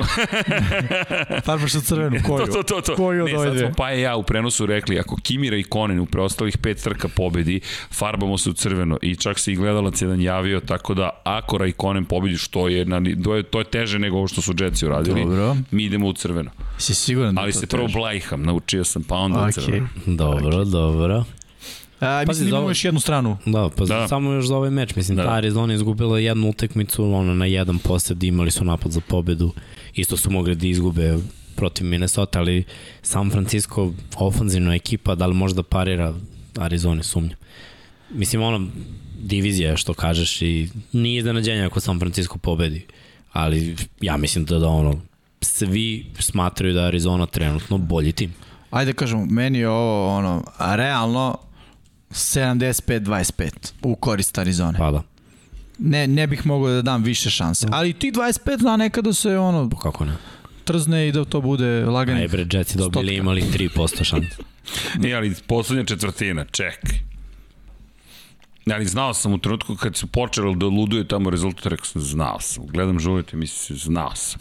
Ali dobro, idemo da. E da, Atlantu trebalo da objasnim. Zašto Atlanta? E, može. Može, Zato. Znao sam Zato. da to to. Znaš, Kontra. I Houston treba da bi Pa, e, Houston, nemam pojma. Znaš, Znaš da igra taj rod kad si birao? Ili nisi znao? Da e, ne, nisam tad znao. Okay. Nešto mi, ne, nešto ono, miriše i drugo zaostajem, znaš, sad već ono, pot, potezi da, da. očajnika. Treba znaš, ti ne mogu da pratim sve što svi glasamo, znaš, moram negde da Don Pablo me Don Pablo te ošurio, razbucao Don Pablo i Miksu, vidi gde su. Ali dobro, 64,8% za Pablo i Miksu. Pazi, Don Pablo, ej, vidi, outsiderski, ali Rookie of the year. Rookie of the year, definitivno, Novajlija godine, vidi, ozbiljno, e, vidi, Miksa, ti si kralj, ovo je, ovo je ozbiljno ugrožavanje. Princ. Pri, princ, pa, pri, princ na koji... Ne, ti si tamni princ. Može. The Dark Knight. Brat. da vidimo možda je utakmice. Ajmo, ajmo, imamo, da, da. To je naše samo da konstatujemo, da, da, to, to, to. Šta smo birali? Uh, da, tenis je protiv Remsa u LA-u, svi smo birali Remse. Pa pogotovo sada, bez Derika Henrya. Delo je kao logičan pik. Pa ne znam, Mixel, ti vidiš nešto da će tu da se čudesno desi? Ne. Niko, okej. Okay. Kratko. Baš ne. U toliko baš reči. Baš ne. Pa bo, bolje su mi Remsi ofenzivno i defensivno, u oba mečapa. Znači ono, šta znam, specijalni tim tenis je nek da dva touchdownu, pa možemo pričamo nešto. Mm, slabo, vajte. To je teška priča. I, A, za kraj? Za kraj, Chicago protiv Pittsburgha, pa prošarano. Jimmy i Vanja veruju Chicago, ostali kažu Pittsburgh. A, samo zato što mislim da Pittsburgh nije toliko konstantan, a, zato mislim da, da će ovo biti ono meč ala Pittsburgh-Cleveland, ono, mali broj poena i mislim da Chicago može da igra te mečeve sa, sa manjim brojem poena. Sad, to je neko da moje očekivanje. Ma da dobro, pa. pazi. Čak i da failujem ovde i da Pittsburgh ne pobedi, moja taktika igrati protiv Bersa je dobra procentualno. Koliko oni imaju pobjede? pobjede, pet da. poraza. To to igrati protiv Bersa. Desi će se da pobede ponekad, ali procentima dobro si na kraju. Pazi, u, naj, najgorem slučaju za, za onu prognozu bit će ko prošle godine 50-50. to to malo gubiš. Da, da. Opušta. Živeću s tim. Dobro, Ajmo pogled pi... na... Nema ja? pogleda, pitanja, da, odgovor. Pittsburgh. Da objasnim, ne, ne. Ne, nego pit kao pitanja. A, pit kao pitanja, ali ne, treba raspored da pročitamo uh, emitovanja prenosa. Aha. Uh, evo ga ovako, samo kratko, 19.00, Karolina New England, Sport klub 3. Tu sam. Gospodin Deljković i gospodin Jurišević zajedno to rade. Sport klub 5, Baltimore, Minnesota. Gospodin Vesić i gospodin Gaćeša će biti zaduženi za tu utakmicu, Sport klub 5, kao što smo rekli. Zatim imamo 22-25 San Francisco, Arizona, Vesić i Vuk, tako da je to Sport klub 2. Sport klub 1, Mihajlo i Žule rade utakmicu Kansas City Green Bay, tako da cool, cool. će to biti vrlo zanimljivo. I Mihajlo i Nerad, stara noćna ekipa, ponovo se zajedno. Vratio. Šone se, vra, Šone si. Šone se vratio u treću smenu. Je vidite razliku, nema više solo. Da, nema soliranja. Nema solo, konačno. Da, Čekaj, da, nismo dobili raspored za ponedeljak. Dobro. da. Ali mislim da nema, sad kad su se Ja njih dvojica vratili... nadam.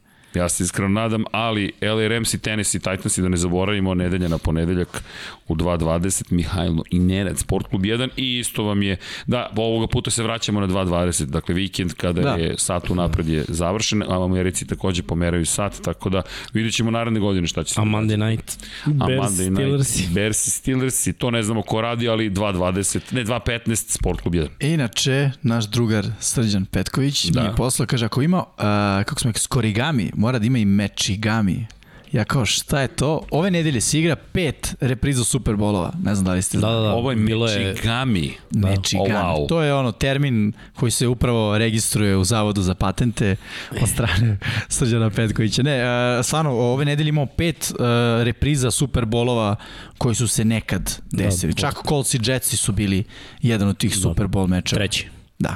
New England Carolina. Bilo je to juče. Da, da, treći, i to je čuveno, čuveni promis, kada Tako je, je. garant, garancija, guarantee, kada je John Amos rekao garantuj.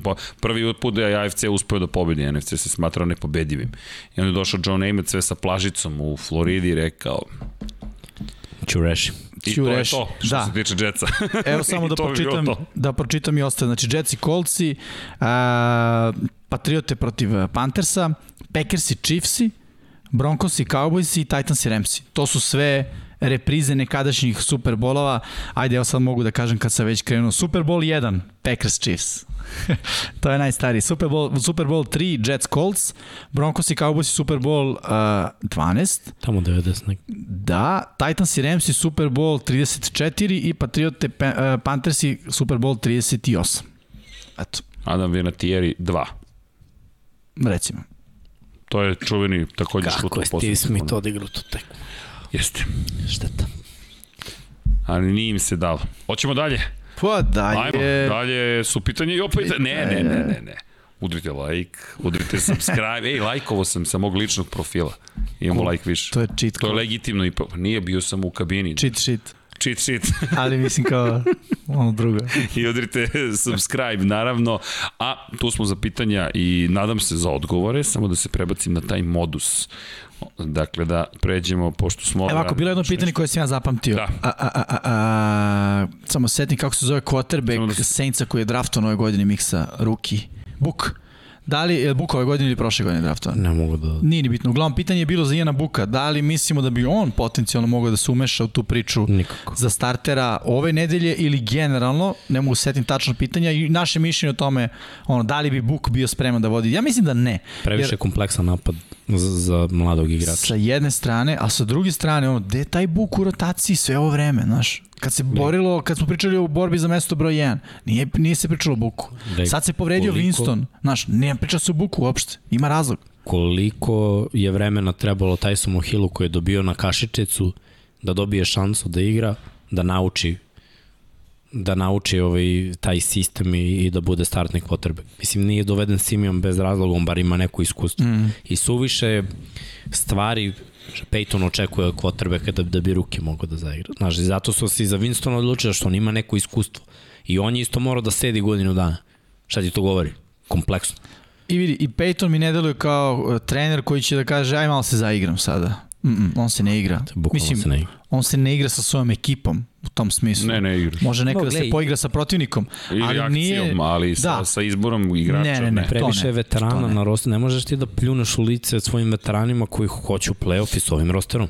Mm. Ajde, kaže, kaže Jordanu, ruki kotor, pa ako dobijemo, dobijemo. Šta brpe njima možda ono... Ili Demari Davis. Ili Demari, tako, to su ono možda poslednje sezone.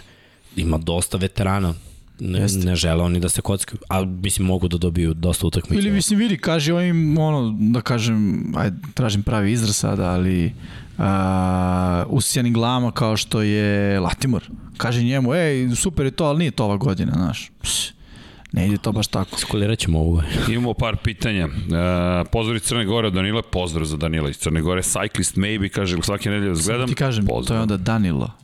Ako Danilo, pozdrav za Danila. Dakle, šta mislite kako će izgledati sezona Minnesota, da li mogu do play-offa i nastavku, da li je vreme da, se, da Zimmer napusti Vikings i ko bi mogao da bude zamena? Meni je to baš roller coaster, ono, cele zije. Jedan trenutku sam bio na početku sezone, on Zimmer mora da ide i onda kao nešto se desi, kao, ok, ima tu još borbe u, u ovom tigru, o, to je Vikingu, i sada je on, ne znam. E, ove nedelje će biti malo jasnije, ja bih rekao šta, šta da očekujemo od Minnesota? Pa gledaj, u najboljem slučaju, oni su 50% ekipa. To nije cilj nikome da bude 50% ekipa.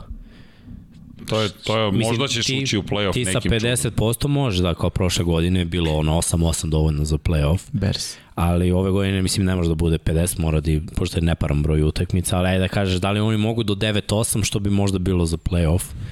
Ne znam, nisam siguran. Mogu da pobede neke ekipe, ali pokazali su mogu izgube šta je njihov najveći problem? Ofanzivni koordinator, mislim da je to ono bitnije, jer Zimmer je ono, glavni trener defanzivni koordinator, on je taj lik, on mora da ima nekoga, Zimmer neće kaže koju ćemo akciju ono sad izaberemo, on se ne pita čovjek za to, on vodi ekipu, tražit će time out u nekom dosluhu, ali sve poverenje ovog sveta ima u svog ofanzivnog koordinatora. Stefanski je radio posao, ušli su u playoff, mi smo još dobili sednicu u playoff, njihov domet je nažalost bio samo dotle, ali to je bila kao uspešna sezona i nakon toga su krenule loše, prošla je bila loša, ovo je polovična. To, to nikome nije cilj. Zato mislim da ono, svi ti stari treneri, to je old school futbol. To ne pali. Ja kažem, malo pre smo Jimmy ja pređi. Čak i kad imaš jaku odbranu, danas, džaba ne može da pobediš tako. Redko koja odbrana može ono da pobedi 10 utakmica tako što drži protivnika na, na 20 poena. I dalje tvoj napad mora da 21 bar. Znači napad mora da uradi svoje, evo Minnesota 16 poena prošlu utakmicu. Pa šta odbrana treba da uradi? 10 da primi. Mislim, redke, redke su odbrane koje mogu da prime kao nekada što je bilo. Ja kažem, Ravensi su imali onu jednu sezonu kad su bili šampioni, to su primali tipa 10 pojena po utakmici. To, to je old school futbol, toga nema ništa. I, bilo nekad. Dakle, Zimmer, vreme... ja mislim da Zimmer mora da ide. Da li I, I mislim da je vreme, da je, da je vreme za, za, za promene za, za Minnesota. Da li ima zamenu? Brat, ima pet trenera novih i mladih koji mogu da dobiju priliku da budu glavni treneri. Ali onda sve mora se menjati iz korena. Znači, Jasno. To I je, opet i, i rebuild je uključen. To je transformacija ekipe. Pa, kompletne. Kulture, načina kako se radi, šta se sve, do, kako se biraju igrači, pa, sve. Pa ja svako mislim, ako izvini, ako dođe novi trener, to je ono, kazni se još jedna godina i nakon toga rotacija i tu. A. Pa da, pa rebuild. To je kompletan. Mislim, čitava divizija im je u tom fazonu. I par pitanja. Naše kilaže. Ok. 96. 105. 83. 82,5. Trenutno. Trenutno, Trenutno. sam na 82, 3. Nisam to, se merio, ali Ma ne, ne, vratit će, nemoj Inače sam na 85. To je to. Bez brige. Ja flertujem sa statkom. Ja sam... ali spustio sam se, ja sam u braku se, sa statkom. Pazi, spustio sam se na, na, na 79. Stvarno? Da, one, wow. one prve nedelje, kad nisam ništa jeo. Koliko? Znači, posle prve nedelje Čovječ, gde ništa nisam imaš... jeo, sam se spustio na 70, znači nepamtnika sam imao ispod 80. Covid dobio 15 kg, Ali gledaj, izgubio, wow. u, drugoj, u drugoj nedelji, kad sam počeo da jedem, počeo sam da jedem junk, znači, ne, samo ja, da trpam, razumeš? Znam. Znači, krenulo je ono, Ja sam počeo u drugoj da nedelji i došao sam do 60. nedelje džanka. Ja sam dobro. poslednji put imao u 70 zoni kilograma, tipa drugi razred srednje škole. Pa, Stvarno. Da. Pa, da. A, užas. E, I eto, to je, to je taj odgovor. Odel Beckham u Eaglese. Ne. Jel ode Beckham ili ode Bilo bi Odel, pa to je pitanje Aleksandra Prošlić. Sumnjam, sumnjam. Nije, nije neophodan. Mislim, realno nije neophodan. Ma nije njemu šta je njemu interes da ide u propalu ekipu. Oh, wow. Oh. Je mogu Eagles je da osvoje Super Bowl.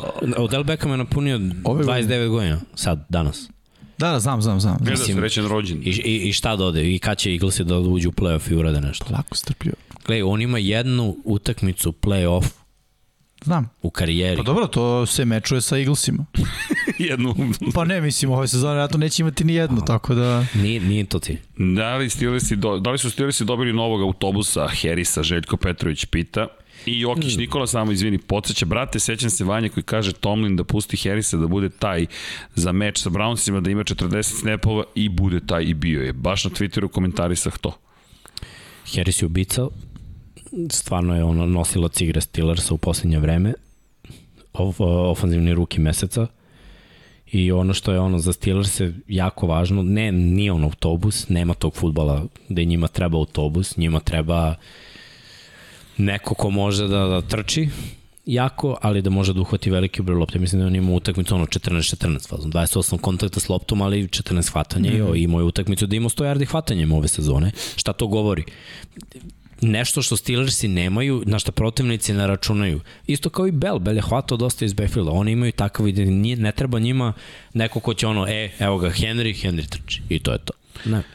Evo zanimljivo pitanje za Filu, da li može do 8-8 Vladimir Gajčin i, da, i poslednju nedelju dura sa Dallasom, nema više 8-8, 17 utakmica. Ne, ne, misli 8-8 pa onda meč protiv Dallasa da, to, to, da li to, to, a sad sam shvatio. preko 50 Pa, ispod. evo raspored, Chargersi su sada, Dobro. zatim Broncosi, Dobro. pa Saintsi, okay. pa Giantsi, pa Jetsi, Znaš, ima tu, ima tu materijala. 5. decembra za, brat, za rođena mog brata.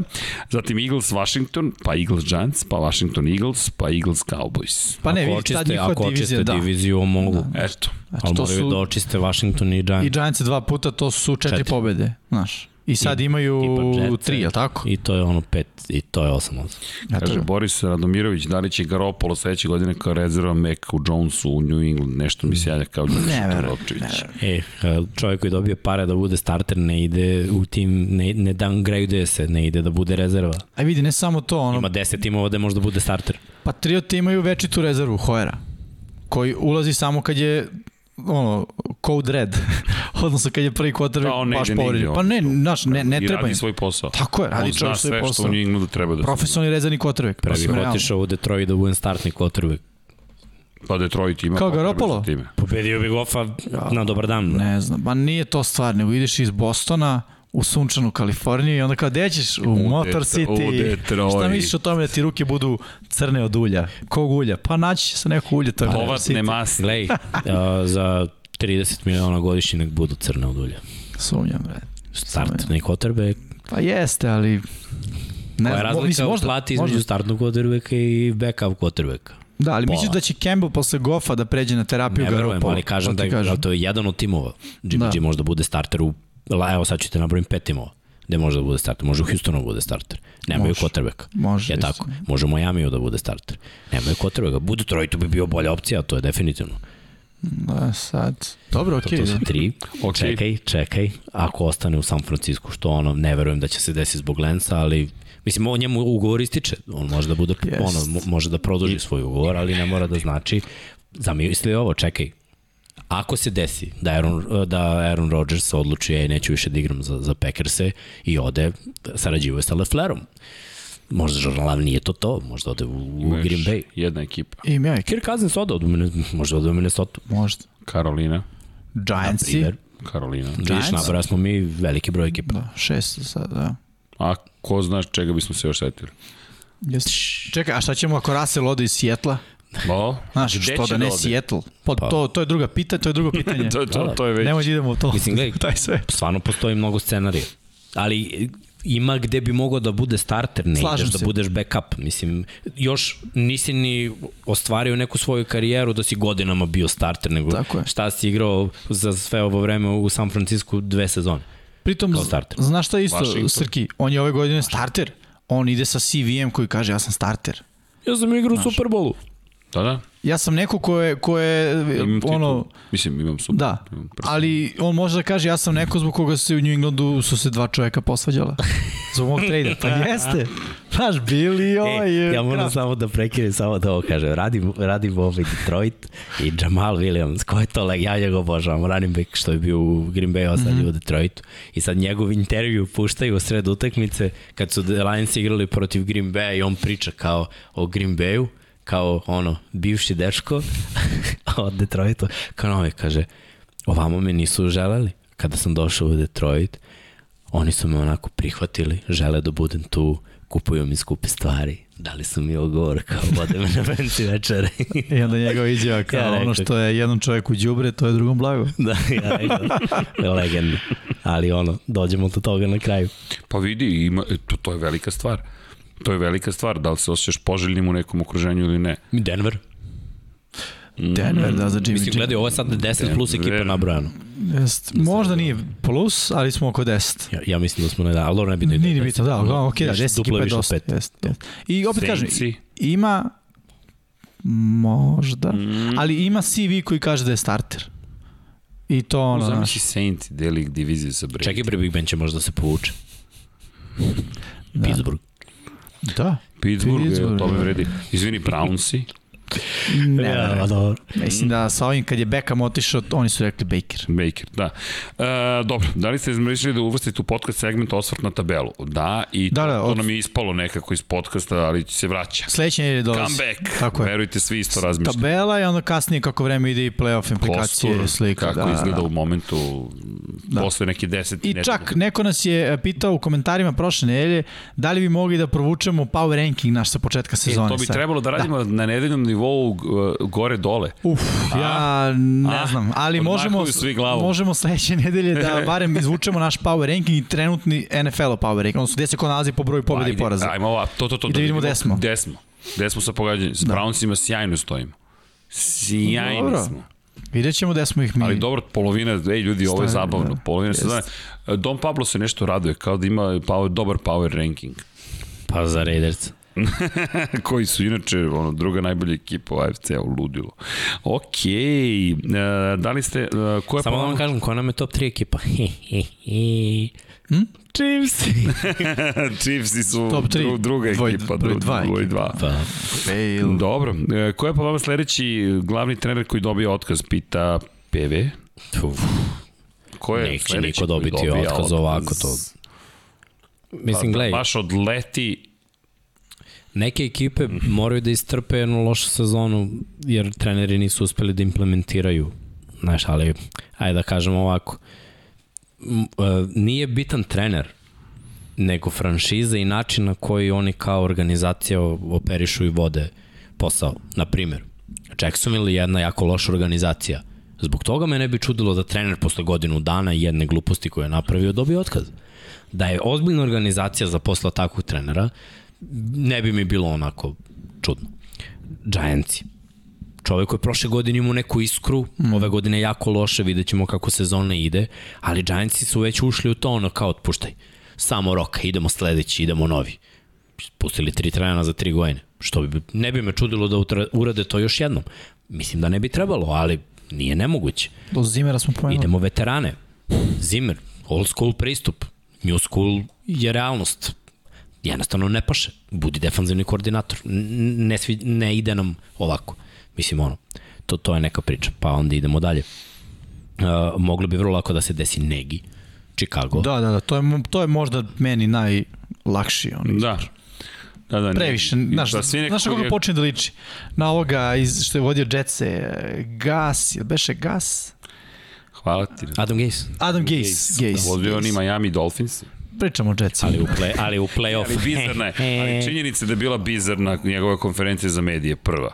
Baš izgledalo čudno, ali, ali ok, treba imati razumevanje za različiti ljudi različito se ponašaju, da. ali baš nekako nije običavalo od prvog trenutka. I još je otišao u Njurku koja je surova sredina baš tamo mediji zlostavljaju ljudi. I pretero je koliko dugo bio tamo, ako jeste, mene pitaš. Jeste, ali zanimljivo je Gejsovi izbor igrača uopšte nije bio loš kada pogledaš ko je sve igrao kod njega i gde su... Jel on draftao Hill u Miami, ja pa mislim. To, to, to su da. ti momenti, znaš, on imao to, te neki... Jarvis Alendrija. Da, da, Biće. da to, to su njegovi izbori. U Gejs uopšte nije bio loš po tom pitanju, ali prosto nije trener. Dobro, da bude ono... Da bude scout. Chief of... Če, pa, no. Kako se kaže? Chief of Football Operations. Može. Može, može.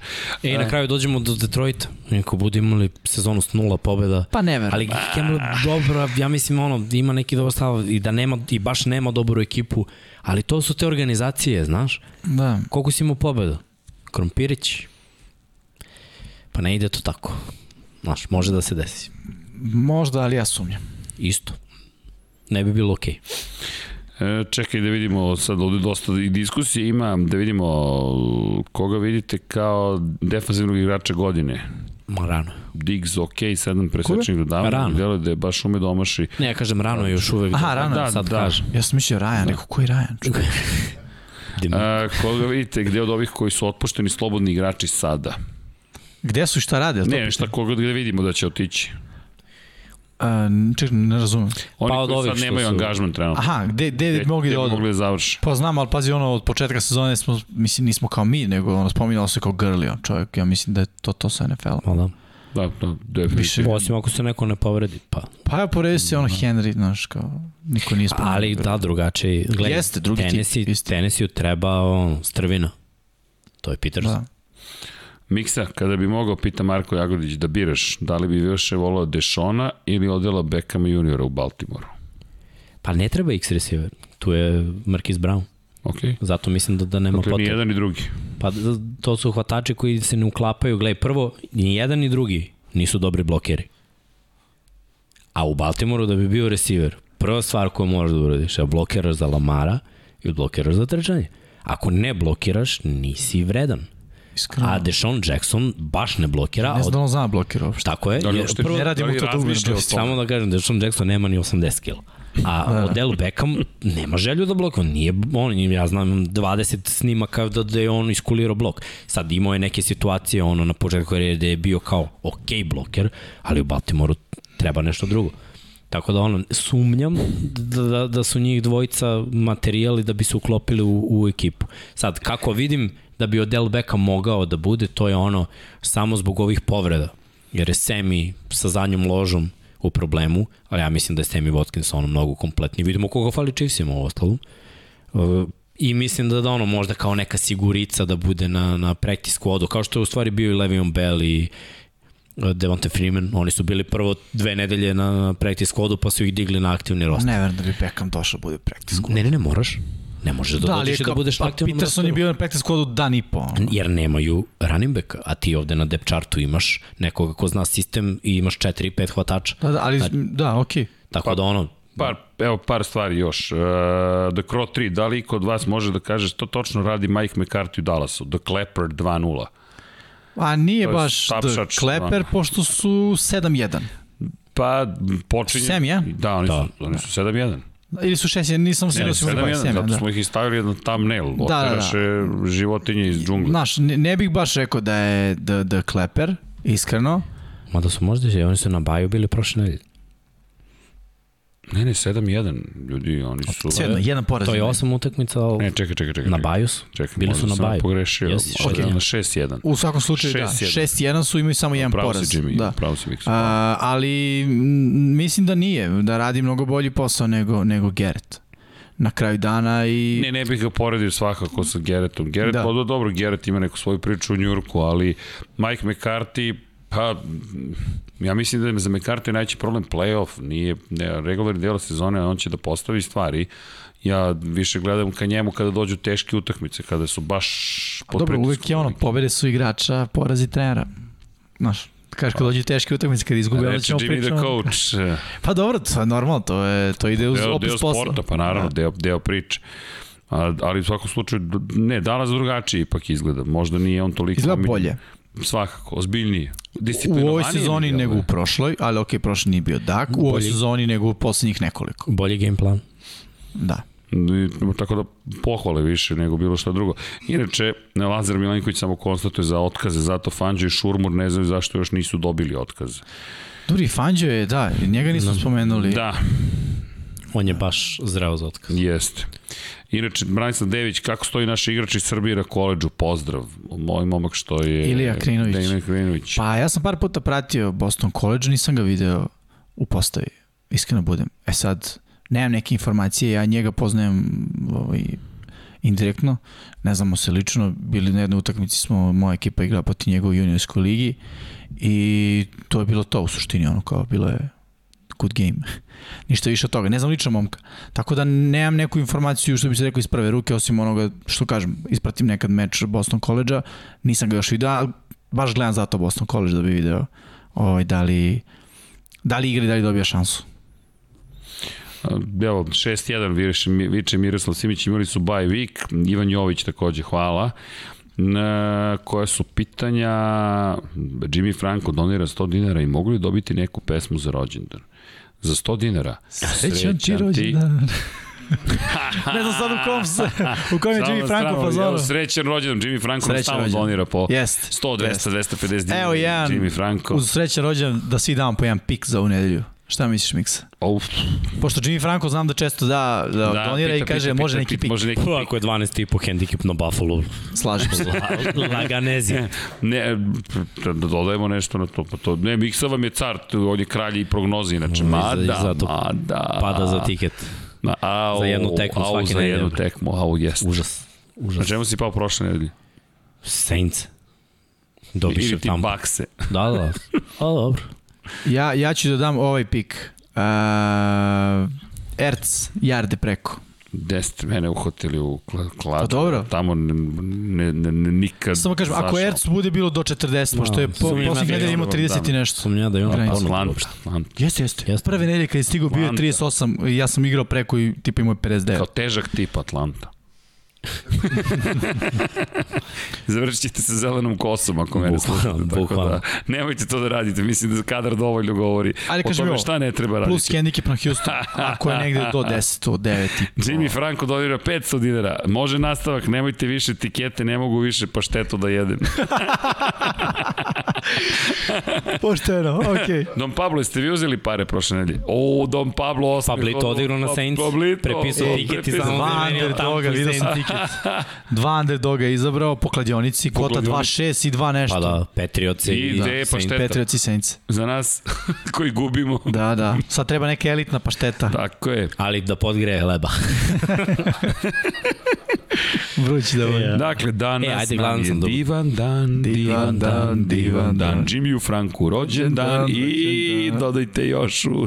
Šalimo se, rođendan i onda šta ide dalje? Živeo. Živeo, živeo i, i srećan nam bio. Baš dugo nisi peo nekom. Da. Ne, znaš kako moj brat, e, ali to je to je bizarno. U Čileu klinci pevaju prvo na španskom, pa na srpskom, pa na engleskom. Ja sam u fazonu, ja više ne znam koju verziju pevam, ali mi je mnogo dobro zato što su oni toliko srećni. A muzika ista? I sve isto, sve isto, ritam, sve isto, malo su promenjene reči prilagođene. Dobro, na engleskom drugačije. Ako ne pevaju tu verziju ili Feliz, compleanno feliz. Da, da. Razumiješ? I ja kao, kupa, samo otvaram usta i pokušam da ih pratim. Mada sad ulaze u tineđerske godine, polako mislim da od tog filma i pevanja nema ničeg više. I ovaj najmlađi još će tu da se drži malo bori, ali pozdrav za moju Sofiju, za mog Nika i Lukasa. To je ekipa ljuta. Možda u februaru odem da ih vidim ponovo, posle dve godine. Elen, tako da Jimmy Franco, eto, otpeva sam, nadam se da je to u redu. E, da, evo, kaže, pr, pr, ne, prs prsful, nije pr prsful, nego prs prsful. Kaže, Buffalo je minus 14.5, Houston plus 5.5. Da, ah, to je sad, šta je Houston? Ivan Jović kaže, Pablitova Pa šteta je od lososa. Uh. uh. Možda, pitaćemo ga. ok, ali... Ste videli kako zamišljam pa štetu od lososa. Evo, omiljeni kaže ne igra Krajinović trenutno. Tako da. eto, držimo palče u svakom slučaju. Ljudi, hoćemo polako da se odjavljujemo. Prošli smo ponoć. Wow, pa, 4 sata. 3 sata i, I 34 50. minuta. Oh. Nije loše. Nije loše. I pitanje za Miksu, da li će biti NFL podcast na sport klubu? Pa ono, možda. Možda. Vidjet Malo je to pod sad, Pravo da vam kažem, teško da, se stiže sve. Treba. Ne, pa ja nema šansa da stignem, a ovaj, pokušavam nešto, ali onda ubijam sebe malo. Ovaj, I to se naravno odrazilo i, i na zdravlje. Zdravlje, da. Da, što ne, ne mogu da, da jurim baš na toliko strana, da, to je ono, najveći problem. I na, mislim, tri nedelje nisam bio u opticaju uopšte, iskreno ja, ono, kad znam za sebe, nisam imao probleme I uglavnom sam uvek ono, ono zdrav, čak ni ove prolazne viruse, sve to lagano. Koji ste godište, izvini? 87. Ali ono, sa, sad me ovo satrlo toliko da... Doći će u moje godine. Pa, da, plus naravno imam ono, još jednu obavezu, to je ono št, novo štene, znaš, ono, Ej, da. brinem. E, daj dovedi. Pa kasno mi je ovo, no, devet, ona je koma. Komica? Komicu u osam već. Ustane u pet ujutru, brate, i krene da vileni ceo dan, ceo dan vileni, onda u 8 uveče naš da resi samo... e, slušaj ovo, Miksa dobrio bradu, imao bi brkove kao da je pobegao sa seta snimanja sedam veličanstvenih, onog iz 60-ih. da, imam jake brke. Ba, baš sam brka. ali to, to je dobro, puštajte brkove Movembar, izgledajmo smešno, ali podižimo svest o tome da se treba boriti protiv raka testisa. Pa zato je on pustio brkove. Ko? Srki. Sr, sr, Srki. Tega sad. A, ja sam mislio da je Rodgers. Srki the boy i zapravo stvari... podiže svest o tome kako da treba da se podržavamo međusobno i da se borimo protiv nekih ozbiljnih stvari. I bilo je neke priče o depresiji. Ljudi, depresija može bude vrlo ozbiljna stvar. Mm. Tako da podržite svakog ko, koga mislite, slutite da depresiju, uopšte nije šala. Kad smo mlađi, to je sve zezanje na nivou, a ma daj šta ti je, sad ćemo se mrnemo. Na, nažalost, kako idu godine, mnogo ljudi padne u depresiju i to može da bude kliničko stanje, bukvalno, tako da to nije šala. Podrška svima, mi pokušamo da, da, da, da pružimo podršku, ako vas zabavljamo, to je već neki korak u borbi protiv depresije, verujte, to, to, to je baš ozbiljno, mi shvatamo sve što radimo vrlo ozbiljno i to što se šalimo, pa to je onaj srednjoškolski duh koji živi u nama i koji nadam se da će živeti, ovde imate haos, ovde imate red preko puta, tako da malo to da vam razmrda živote, ali da, činjenice su ozbiljne stvari u pitanju, no trudimo se da ne budemo previše ozbiljni u prenosu tih informacija, baš zato da, da kako, eto, podignemo damo energiju i podignemo atmosferu, tako da podrška svima, a mi evo, brkove, pa ne, nima, čovjek ima lepo bradu, ako pustiš brkove, stvarno ćeš biti razbojnik, pazi, Gringo. Gringo, ba, još Mexico City se vozi ovog vikenda, ma sve se uklapa u tu meksičku atmosferu, ja ću pokušati još da puštam. Jimmy, ne znam sad. Sad kažem, da, hvala što me isključujete iz toga. Stvarno, hvala, nisam sarkastičan, ali Dom Pavlo me ubacio kadar, kao. Vidite njega, kao. Jesi provalio? Kao, Jimmy, se prekiče. Jimmy ima oči ušima, razumiješ, i shvatio da Dom Pavlo kao ting, fokus i ovako mi pokazuje prstom. Kao da čujemo tebe. Samo ću vam kažem, ako Baltimore uzme Super Bowl, Brada, noise problem. Nema problema. Može stavać mogu i, i Wolverina napravim. e, samo nemoj da dođeš sa, sa, sa, sa prstima koji se pretvaraju u mačeve, to noževe, ok, sve ostalo je u redu. Ne bih nisam kao su mekani prsti resiverski. Meki ruke. Inače, nadam se da je gospodin Franko zadovoljan našim izvođenjem rođenske pesmice. Nismo baš Marilyn Monroe, ali da. nije kao i da ličimo. Što me A gde si našao? Ne pevala to je Mr. President. Happy birthday Mr. President. Kako ne znaš? To je čuvena pesma kada peva John Ljudi Kennedy. kad traže pesmu ili traže to, ili nešto potpuno luda. Mislim da smo mi u ovu drugu kategoriju ušli. Kako si skrenuo u, u ovu, to me zanima. Pazi, ti kao Batman, čovjek pazi. treba se snađe, baš da se ne priča. Baš si Dark Knight, pazi, prošla je ponoć. Trenutno je Bruce Wayne. A Aleksandar Mijatović komentariše mogli nije našao vatru izgleda. Ja vam kažem naći će je, samo neće ove nedelje, to će sledeće nedelje da dođe. Mada ako sad pobede Green Bay, eto je vatra u rukama. U svakom slučaju ljudi, nadam se da ste uživali i e, da im ovde zanimljivo nešto samo za sledeći put. A da, a ako head coach poziva akcije za defazivu, šta onda radi defazivni koordinator ili za napad, ukoliko poziva akcije, šta radi ofazivni koordinator? Pa ovako, postoji, svaki tim ima svoju hjerarhiju, nije uvek uh, isto.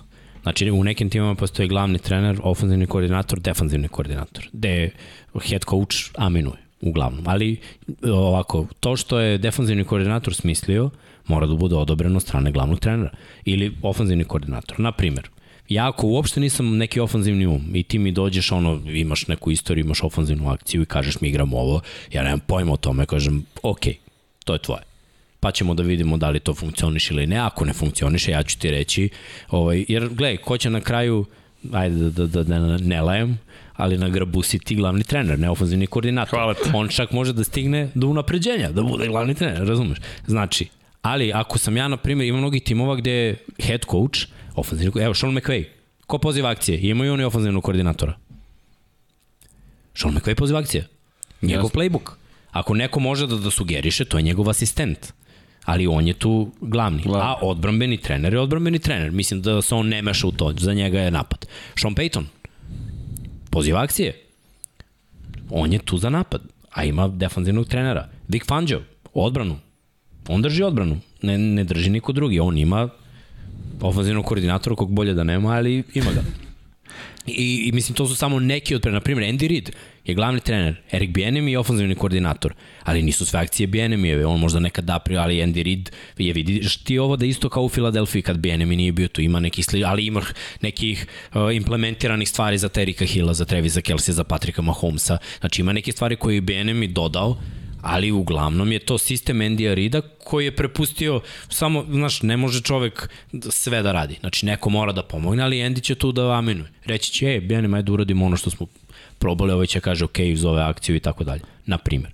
A oni imaju defanzivnog koordinatora. Dakle, da svaki tim radi na neki drugi način. Imaš trenera John Harbo, trener specijalnog tima. On se ne pita ni za napad, ni za odbranu. Ali ako bude četvrti za dva, on će da kaže, idemo. Zove akciju zove akciju za ovo. Tako da onda ofenzivni koordinator mora da izabere akciju da. za to ovaj će da aminuje, da li je da ili ne. Ja bih samo rekao ljudima razmišljajte, pošto je to američki sport, ali tako, to je kao na korporaciju.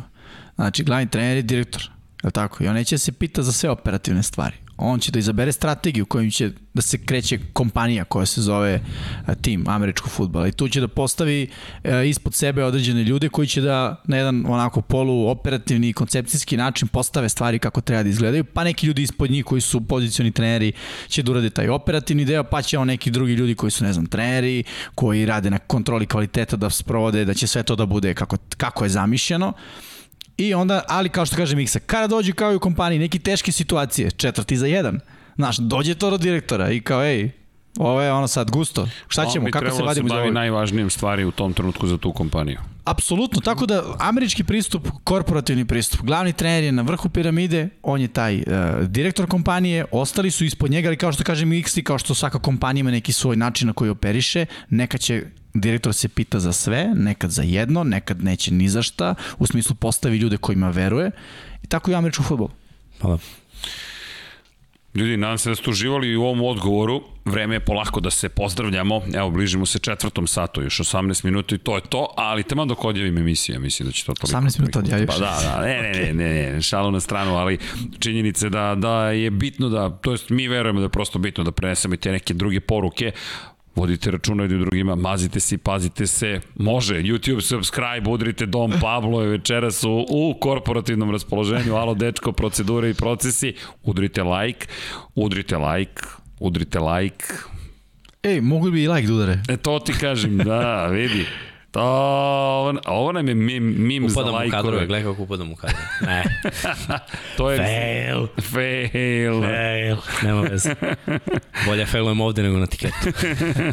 ovo, vidi, e, ovo je ozbiljna bitka, ovo se preselilo sada i van, mm. van fantasy, dakle njih... Oni, u fantasy, mi ne igramo fantasy, mi samo ozbiljno njih nekoliko igra vrlo ozbiljno i ja sam u fazonu, ok, moramo da se uključimo u bitku, Srđan, Dom Pablo, momci, ima tu mesta iza nas, zelene. Pa da, pazi, da. kako si odigrao na Atlantu, sam si sebe ovdje. eliminisao. Ja, kako bi volao da prođe ta Atlanta nekim Pa ta Atlanta možda i prođe, ali onaj Houston. Sorry. Šta si još, imaš 3-4 si baš... Imam, imam, baš sam ga igrao. Baš sam ga, handicap. baš sam ga igrao. Ali igramo se, vidi, ako mogu budem zelen, mogu i da pobedim nekad na tiketu. U svakom slučaju, nadam se da ste uživali i da vam je lepo veče. Želimo vam laku noć ako idete da spavate. Ako ne, uživajte uz Infinity Lighthouse. Ima tu još emisija, ali uživajte uz neku dobru zabavu, film, knjigu, društvo, piće, kako god, hranu za neke. Vreme je ipak da se jede, najzad. Da, da, da, da. A umeđu vremenu budite dobri jedni prema drugima, mazite se pazite se naravno i novembar, kao što smo rekli, momci, proverite se, mesece u kojima ćemo pričati dosta o tome. Devojke i dalje se proverite, borba protiv raka dojke stalno traje i ne samo protiv toga, i protiv depresije i tako nekih teških stvari. Ovo sve treba i da nam posluži da uživamo u životu i onako iracionalno, sve će proći, ali mi možemo lepo da se zabavljamo dok traje. Tako da uživajte uz NFL, pogledajte utakmice, igrajte ukoliko volite da se igrate, čuli ste neke dobre preporuke, pa da vidimo ko će biti bolji, ko će biti najbolji. Za sada znamo ko je kralj ovde, mada pretendent ne tako mladi pretendent, ali pretendent u svakom slučaju napada Novajlija i dalje. Čovjek se kasno preduključi u celu priču, ali iako govori da, da, da ništa ne zna, pazi, poziciju deli broj 1. No, da ne ođemo baš u četvrt, u peti sat, 99 yardi, 55, ali pazi, možda zato i treba da uđemo u peti sat, 5,5,5,5. Šalo na stranu, uživajte, želimo vam laku noć, naravno, pojete račune do drugima, 917 ili 1077 na 3030 ili Human 917 i Human 1077 na 455 ukoliko živite u Švajcarskoj, gde god da živite, uživajte i lepo večer vam želimo i lepo ostatak vikenda. Ekipa vam šalje mnogo pozdrava i naravno kao i uvek, čao svima!